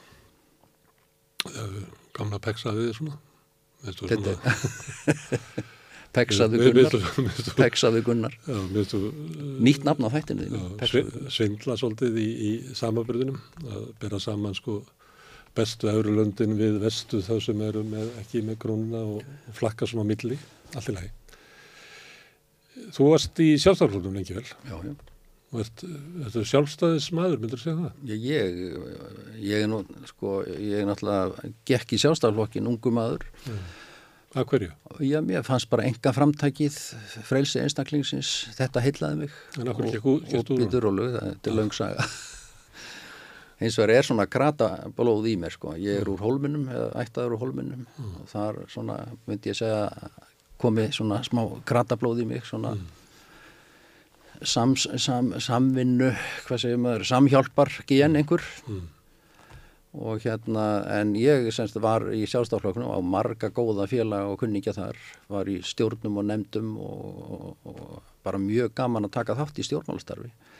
Og ég átti mjög marga góða fundi hérna hinn með göttuna mm.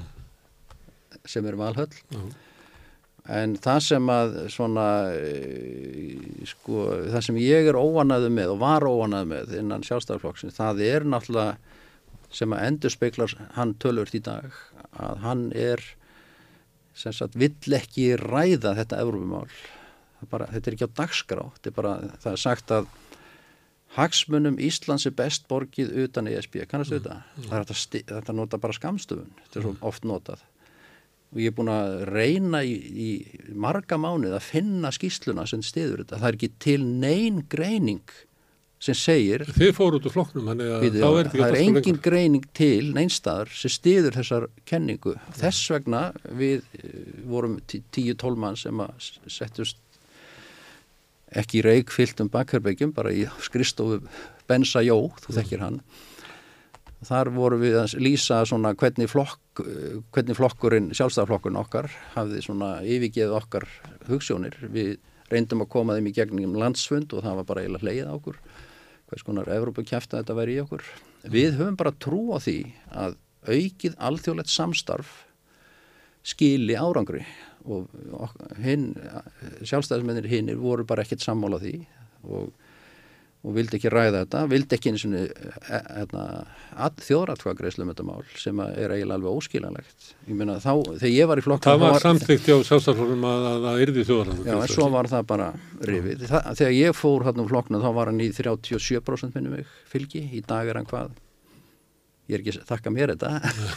Við fórum þó hann að viðresti búið að í nýjustu konunum í kringu 10%. Já. Við fengum 18.000 atkvæði síðustu kostningum við stefnum á svona 30 snartkvæði núna í næstu.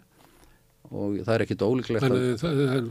Viðrætt hefur ekki verið að auka fylgisitt og það er eitt af einu dulafullu gátum íslenska stjórnmála að þegar að samfylgingin hættir að hafa efruna og Evrópusambandi sem helsta barátumál sitt af hverju vex viðrætt ekki? Já. Við að við allar svo skinnsemi og allir viljast og allir segja þess að þú stillir málinu Já, já, það var eiginlega förðulegt að þessi allir vil ekki kjósa við. Við erum auðvitað litlir flokka hafa ekki mikil fjárráð eins og veist og, og hérna við teljum hins vegar með nýtmiðið um skilabóðum þá hefur eftir að náti flera fólks þegar það sér kostið þess að, að, að steyðja okkur. Mm. Þegar það fær ekki ennum nokkru kostingar en aldrei náð sko uppafsfylginu? Nei, það, það, það, það er alveg rétt, en við teljum okkur eiga tölvörtinni, er, er þetta ekki gammal frasi? Nei, ég, það er fleira sem að drómin í viðrist, við erum með sko mjög öflugt hérna jafnbrettisprogram, við tölum um almanahagsmunni í stað sérhagsmuna, mér finnst minn gamli flokkur vera fastur í sérhagsmunum bara eins og sjárótursins og Stiður fákjefn og einu og frjáls, Við viljum bara frjálslindi meira, við erum, bara, við erum í hópi liberals, frjálslindra flokka í Európu og þegar við förum inn á Európuþingið þá förum við inn í ALDE sem er svona reformhópurinn og, og við erum mikið með hugan við neytendur. Okkur finnst verð á landbúnaðurum allt og hátt hérna á Íslandi. Við viljum, sko, við, við viljum náttúrulega styðja bændur En við, við teljum að með, með yngöngu Europasambandi þá falla niður allir tollar af ellendun landbúnaðurum en landbúnaðin fær styrki, við erum búin að rekna út þetta sér kringum 15 miljardar sem þeir fá frá Europasambandinu sem tvöfaldar styrkina sem er að koma frá ríkinu. Nú er líklega eitthvað mikka vegna þess að ef að Úkræna gengur í Europasambandi þá munir þau taka allan. Þetta er, algjör, þetta er smáörar í, í okkar huga sko. Þetta, er ekki, þetta er ekki svona stórt en samkvæmt lögum Europasambandins þá og ef bara reknar formúluna þá erum við að tala um 15 miljardar og íslensku landbúnað þarf styrki, þetta er heimskauta landbúnaður, viðkendur af Europasambandinu, finnar eru, eru heimskauta landbúnaður og þeir fengu mjög sko, mikla styrki þaðan. Feinskir bændur eru sagðir hafmyggju sömustu bændur í heimi, ég veit ekki, ég hef ekki staðfesta en sensat, og svo erum við mjög með öfluga náttúruvendar hérna program en Svo er annað sem að ég veit að við erum ekki sammála að sko við teljum að ríkið eigi ekki að standi í þessari gríðalegu samkettni við enga, enga geran. Ég meina, taktu bara Íslandspost, hann er að keppa við 15 fyrirtæki í að senda út pakka.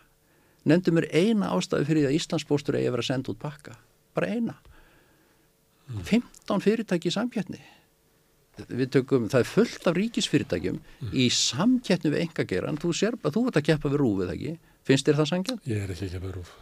Ok, en bara, þú ert að, ég, við erum að kemja. Ég, ég, ég stýð hérna ríkisúttarpin ekki bara stefnu þeirra, sko. Já, það bara ítlar ekki fyrirtæki já, og bæði faglega og peningalega. Við stýðjum alveg, og við viðreist, við stýðjum rúf, en við teljum að rúf eigi ekki vera svona aggressíft á auglýsingamarkaði.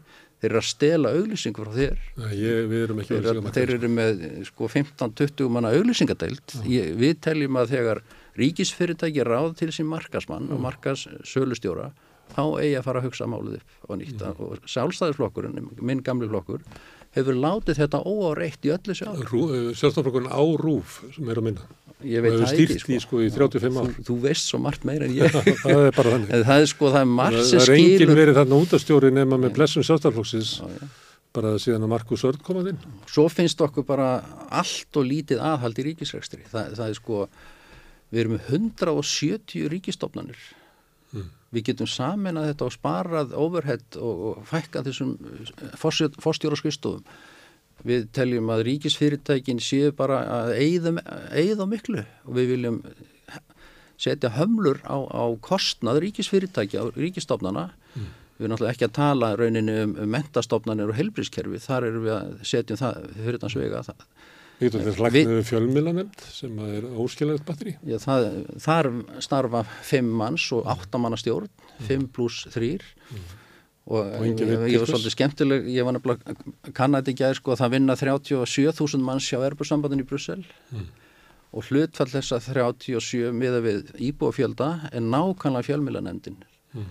Þetta er álíka og 15, nei, 13 manna nefnd á Íslandi er allt þetta byråkrati í Brussel. Þetta er svo 13 manns á Íslandi en fjölmjölanendin er reynda kannski ekki dæmis í áttanöfna því að þú ert ekki ánað með þá. Nei, ég minna það, það ég minna, ég bara, veit ekki hvað er að gera sko.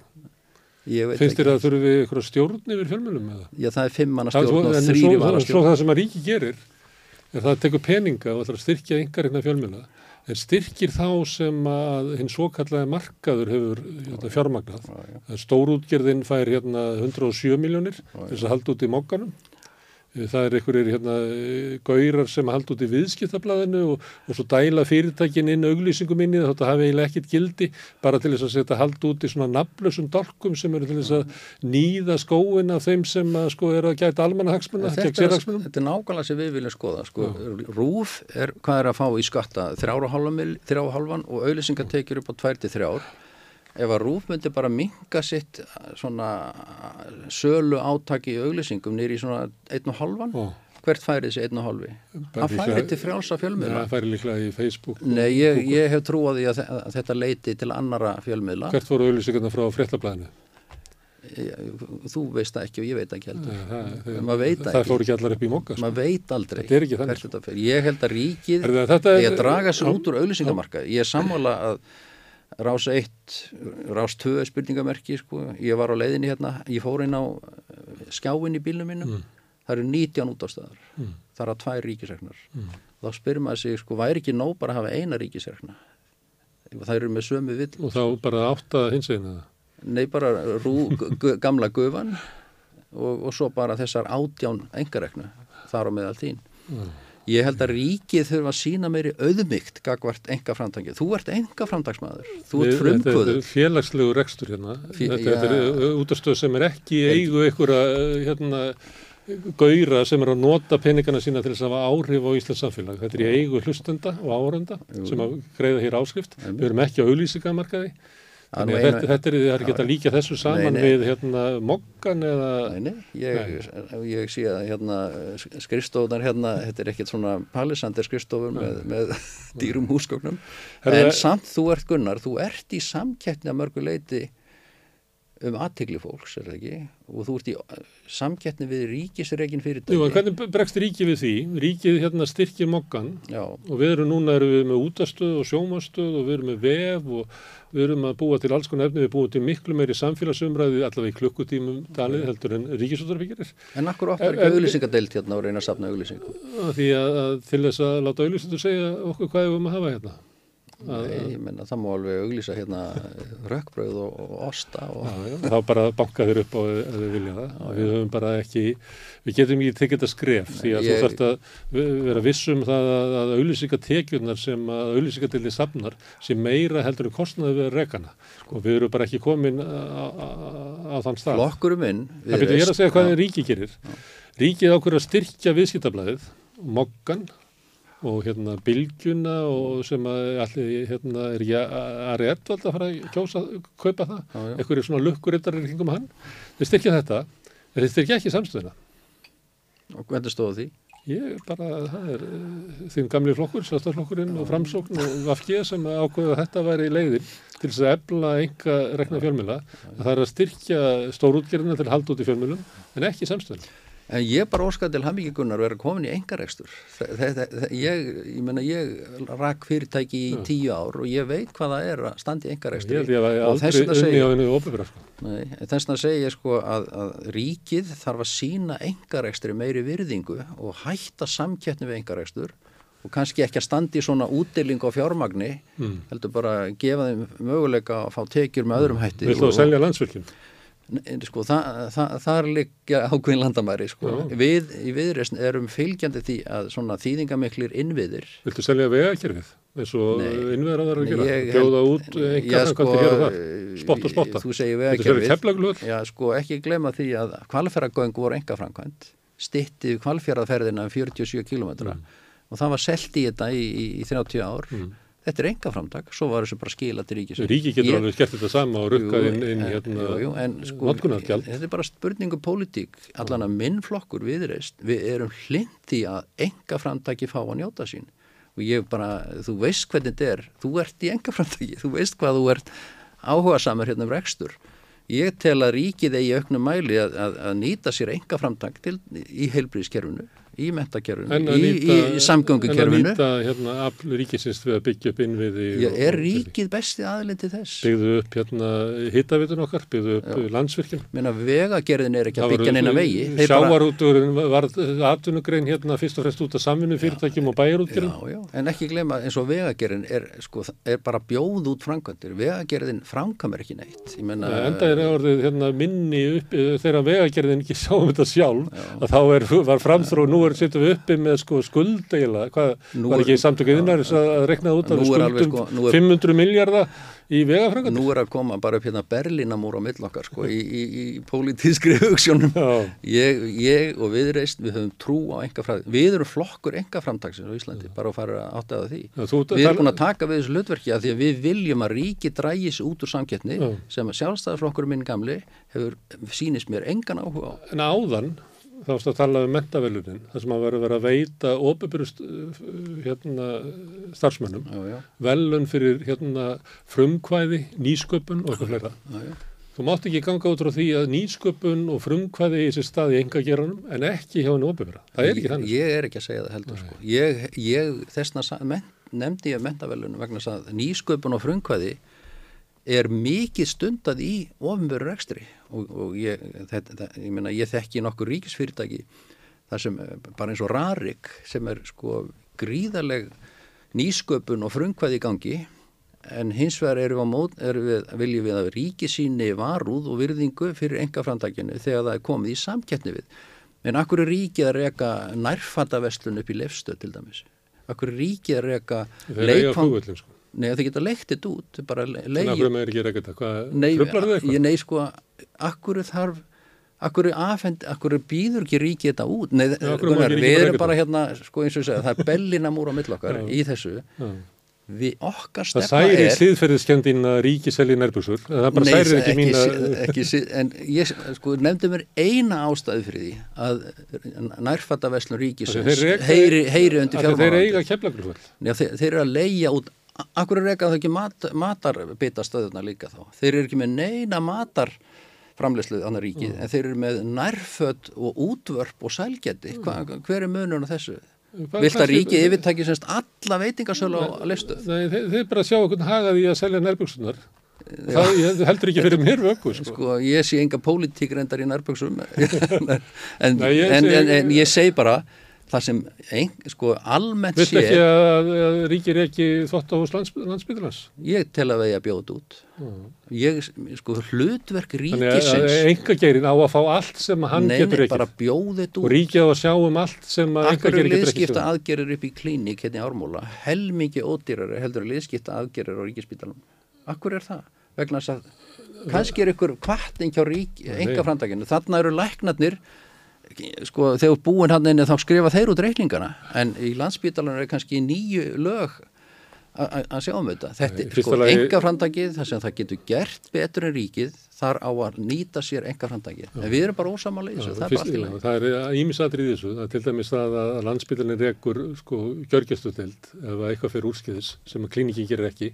Og klíningi þarf ekki að borga inn í landsbítalan sem svona tryggingu fyrir því ef eitthvað kemur úrskiðis Í öðru lagi að þá er landsbítalið með fjölbreytilega þjónustu og er með alls konar svona stóð, hérna, stóðdeldi þar sem þessi kostnar er reiknaður inn í. Ef þú færir upp á Akranes, þessum er einfaldari sjúkrósrekstur opiber, að þá er ekki sami kostnar við liðaðskiptið að gera þar og á landsbítalum. Sko ég er að reyna að segja, mín, að, sko, tannlækningar til dæmis, það eru enga reknar. Ögnlækningar eru enga reknar og glerugu, náttúrulega, þetta er bara hjálpatæki. Þannig að sko Við erum bara ósamála hérna. Ég tel að ég nýta kosti, ég hef verið í enga framtæki alla mína tíð. En nýta kosti þess að þið ofinbæra getur fekið lán á lægri vöxtum? Akkur ekki að nýta það? Nei, það er vissulega. Akkur ekki að nýta samtakamátt almennings? Kannski... Vilja almennings til þess að byggja um samtryggingakerfi? Vilja almennings til þess að byggja upp ofinbæra heilbríðisjónustu? Vilja almennings til þess að byggja upp ofinbæra metafensu? Hvað er svona merkilegt við það að selja nærbuksur að ríki þurfa að gera það? Gunnar, sko, ég er að, ég ætla, ætla að reyna samfarið um þetta mm. en við allavega, þetta er bara pólitík, ríkið á að gera það sem ríkið gerir best og það eru þetta reka spítala ég, ég, ég er alveg samálega, það vinna hvað eru 7000 manns á landsspítalanum þetta fólk er allt að vinna sína vinnu mm. en kerfið kannski þarna er of dýrt á vissum sviðum þessna á landsspítalan aðkamati að fela enga geiranum, það er ungt fólk að koma úr námi vil spreita sig í engarekstri ég meina það eru þrjú fjögur hundru fyrirtæki í helbrísgeiran á Íslandi, rekin af hjókunarfræðingum læknum, um bara að leifa þessu fólki að njóta sín. Þannig að ríki gerir það sem ríki gerir best. Mm. og enga framtæki gerir það sem enga framtæki gerir Við höfum enga vætt hérna, húsnæðiskerfið. Áður var að þannig að ríki var að veita húsnæðislán og og ríkið tók þátt í að, að móta húsnæðsuppbyggingu með því að greiða niður vexti til hérna, verkamannabústaða og byggju félagslegt leigu húsnæði hérna, e, sveitafélagana. Það voru líka samfunnu fyr, fyr, fyrirtæki sem að byggðu já, upp. Já, ég... Það voru búsetti og það voru kennara, sambandi kennarablokkin og rafvirkjablokkin og allt þetta var byggt já, upp. Nú erum við með fullkomlega engavætt húsnæðiskerfi og það er ömurlegt, Tómas Mjörn. Nei sko Gunnar, ég held að við séum með ákveðna samæglega snertipunta hérna sko. Ég bjó í Berlín í sex ár í Goldstrassi, í sex hæða húsi. og öll gata var bara leiguhúsnæði. 70, síðasta tala sem ég heyrði er að 70% þjóðverðal búa í leiguhúsnæði. Og var mót okkur í blokkinni voru arkitektahjón og það voru læknar og það voru kennarar. Og ég spurði stundu fólki akkur eigið ekki eigið húsnæði? Vegna þess að það bara dettur engum í hug hérna í Bellin að eiga sitt eigið húsnæði. Vegna þess að leigumarkaðin er svo öflugur og það er svo ódýrt að leia og þetta er svo hagstæðu markaði fyrir leijandan auðvita, og svo þekkir maður þetta úr Danmörku þessum hérna, dætutan okkar bjöku í, í nokkur ár. Mm. á mjög hagstæðu leigumarkaði og auðvita er þessi leigumarkaður á Íslandi hann er, má segja Berlínu með, með re, leigu, mikla regluvetta leigumarkað Ég meina það var, ég, við vorum þarna í þessar íbúð í fimm ár. Mm. við vorum komið með 15 ára uppsagnarfrest. Hugsaður, mm. það mátti engin henda okkur út mm. með við borguðu leiguna. Og leigan þetta fyrir stúdenta var hún niðugreitt eitthvað. Svona mítgeld og ég, sko, ég, eiginlega, sko, ég held að leigumarkaður á Íslandi, húsaleigumarkaður á Íslandi þetta er eiginlega svartasti bletturinn á þessu, þessu þjóðfélagi okkar. Mm. að við skulum ekki bjóða ungu fólki upp að hafkaman valkost í leiguhúsnaði, ég er sammálaðir hann ja, og þetta er allir horfað til þess að markaðurinn eigi að geta laga þetta, þessu markaðsbrestir en þessu markaðurinn eitt sem ekki getur laga þetta. Reyndar eru komin þessu óhagnaðadreifnulegu félög og búseti og björg, það eru komin núna síðust árum mm. Svona sprotar sem að ég held að, að, að stjórnmálaflokkar ættu að skoða og, og við í viðrist við tökum við Við tal sem ég tók hérna í gær við Pál Gunnlaugsson um búsetta og þá kom mjög fram að það er ekki bara formið sem ræður heldur rann undan búsetta hinn opibyrri stuðningur við hérna, það að, að fólk með svona millumstekjur og læri tekjur gætu hérna, búið við öru túsnaði. Það er það sem að þvarr út úr Íslands samfélag. Mikilvægast er eiginleiki stjórnmálumana, ég er í stjórnmálum, mm. er að geta sett sér í fótspor annara mm. og þegar ég reyna að setja mig í fótspor leiðjanda fjölskylda með 1, 2, 3, 4 börn í leiguhúsnaði þar sem er hægt að sparka út hvena sem er og leigan hækkar eins og vísitalan hækkar þá er þetta ömurlegar aðstæði við það. Ég, og ég veit að, að virðist þegar við förum í stjórnlandsins eftir hvað rúmda ár þá munum við taka þetta mál mjög alvarlega upp og hérna því að þetta er eitt af stóru málunum sem geta gert Ísland að enn betra landi. Mm. og almennt er nú gott að búa Íslandi. Mm. Sjáum til með það, það verður flóki fyrir ykkur að komast í ríkistóta sem að þið viljið taka upp efruna en eiginlega engin annar. Nei, ja. við viljum bara fara í þjóðratkvæðagreyslu með efruna og í síðustu skoðanakönnun kom fram að yfir 60% Íslendinga vilja fara í þessa þjóðratkvæðagreyslu mm.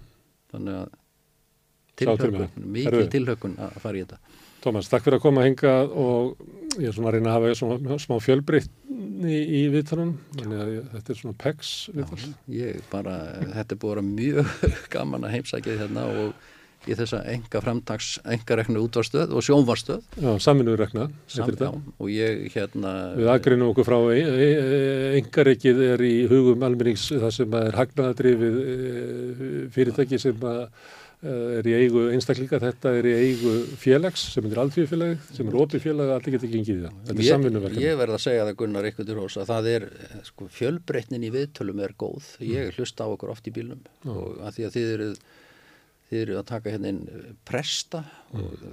skáld mm. og stjórnmálamenn og svona peksara eins og mig. Alls konar fólk. Herru, kæra þakkir Tómas Möller viðræstamaður og öfru sinni. E, þetta er lokin hérna á rauðaborðinu í kvöld. Ég þakka Tómasi og öllum gestum mínu kellaði fyrir komuna og ykkur sem hafi hlustað minni á að þetta er samfunnuverkefni. Að, að þetta er samfunnuverkefni þeirra sem er að búa til þetta hérna bæði fyrir framann og aftan velarnar, gestan sem yngar koma og ykkur sem að, ykkar sem að hlustið. Þið getið hjálpa okkur við að byggja upp kerfið með að læka síðunar okkur á YouTube og Facebook og dreifa efnin okkar ef ykkur finnst það þess virði. Við erum öllum hlaðvarsveitum, þið getið sótt efnin okkar þangað og við erum í útvarpinu á stór höfuborgarsvæðinu 89,1 á FM og þið getið líka sótt ef þið eru fyrir utan þetta svæði þá getið þið náð út af sendingunum með því að hlaða niður spilaronum sem app í símanum eða sóta á netið, það er spilari.is, þar er hægt að hlusta á útarpið, svo erum við komin í sjónvarpið, við erum því eitthvað sem að sækið sjónvarstarskun ykkar í gegnum síman að þar erum við nummer 5 á fjárstyrningunni þegar þið getur horta á okkur í, í, í sjónvarpinu. Þetta er síðasta rauðaborði fyrir jól, við ætlum að hérna, taka okkur hlje en það er hugur flestra komin að jólunum og að eldgósinu og við erum svona jáðar uh, fréttamiðl og ráður náttúrulega ekki við hérna, að segja ykkur betri fréttir þetta eru rúf nær að segja frá eldgósinu þannig ég hveti ykkur bara til þess að fylgjast með stóru fjölmjölunum sem að munum segja ykkur margar fréttir af eldgósinu. Við verðum með einhverja þætti hérna millir jól og nýjás, ætlum að sjá til, við erum í, með starfstaga líka, við erum að taka til og ætlum að stefna því að byrja með enn öflur í dasgra á 3. januar. Hveti ykkur til að fylgjast með fréttum af því en segi bara góða nótt og gleðileg jól. Hvernig getur við réttlætt að um 63% eblingarkvenna eigi erfitt með að ná endum saman? Ebling stjættarfélag. Baróta fyrir betra lífi. Taktu þátt í vali á stopnun ársins 2023 á sameiki.is. Hlítur þinn vinnustæður verlaun. Sameiki. Segðu það á samstöðinni.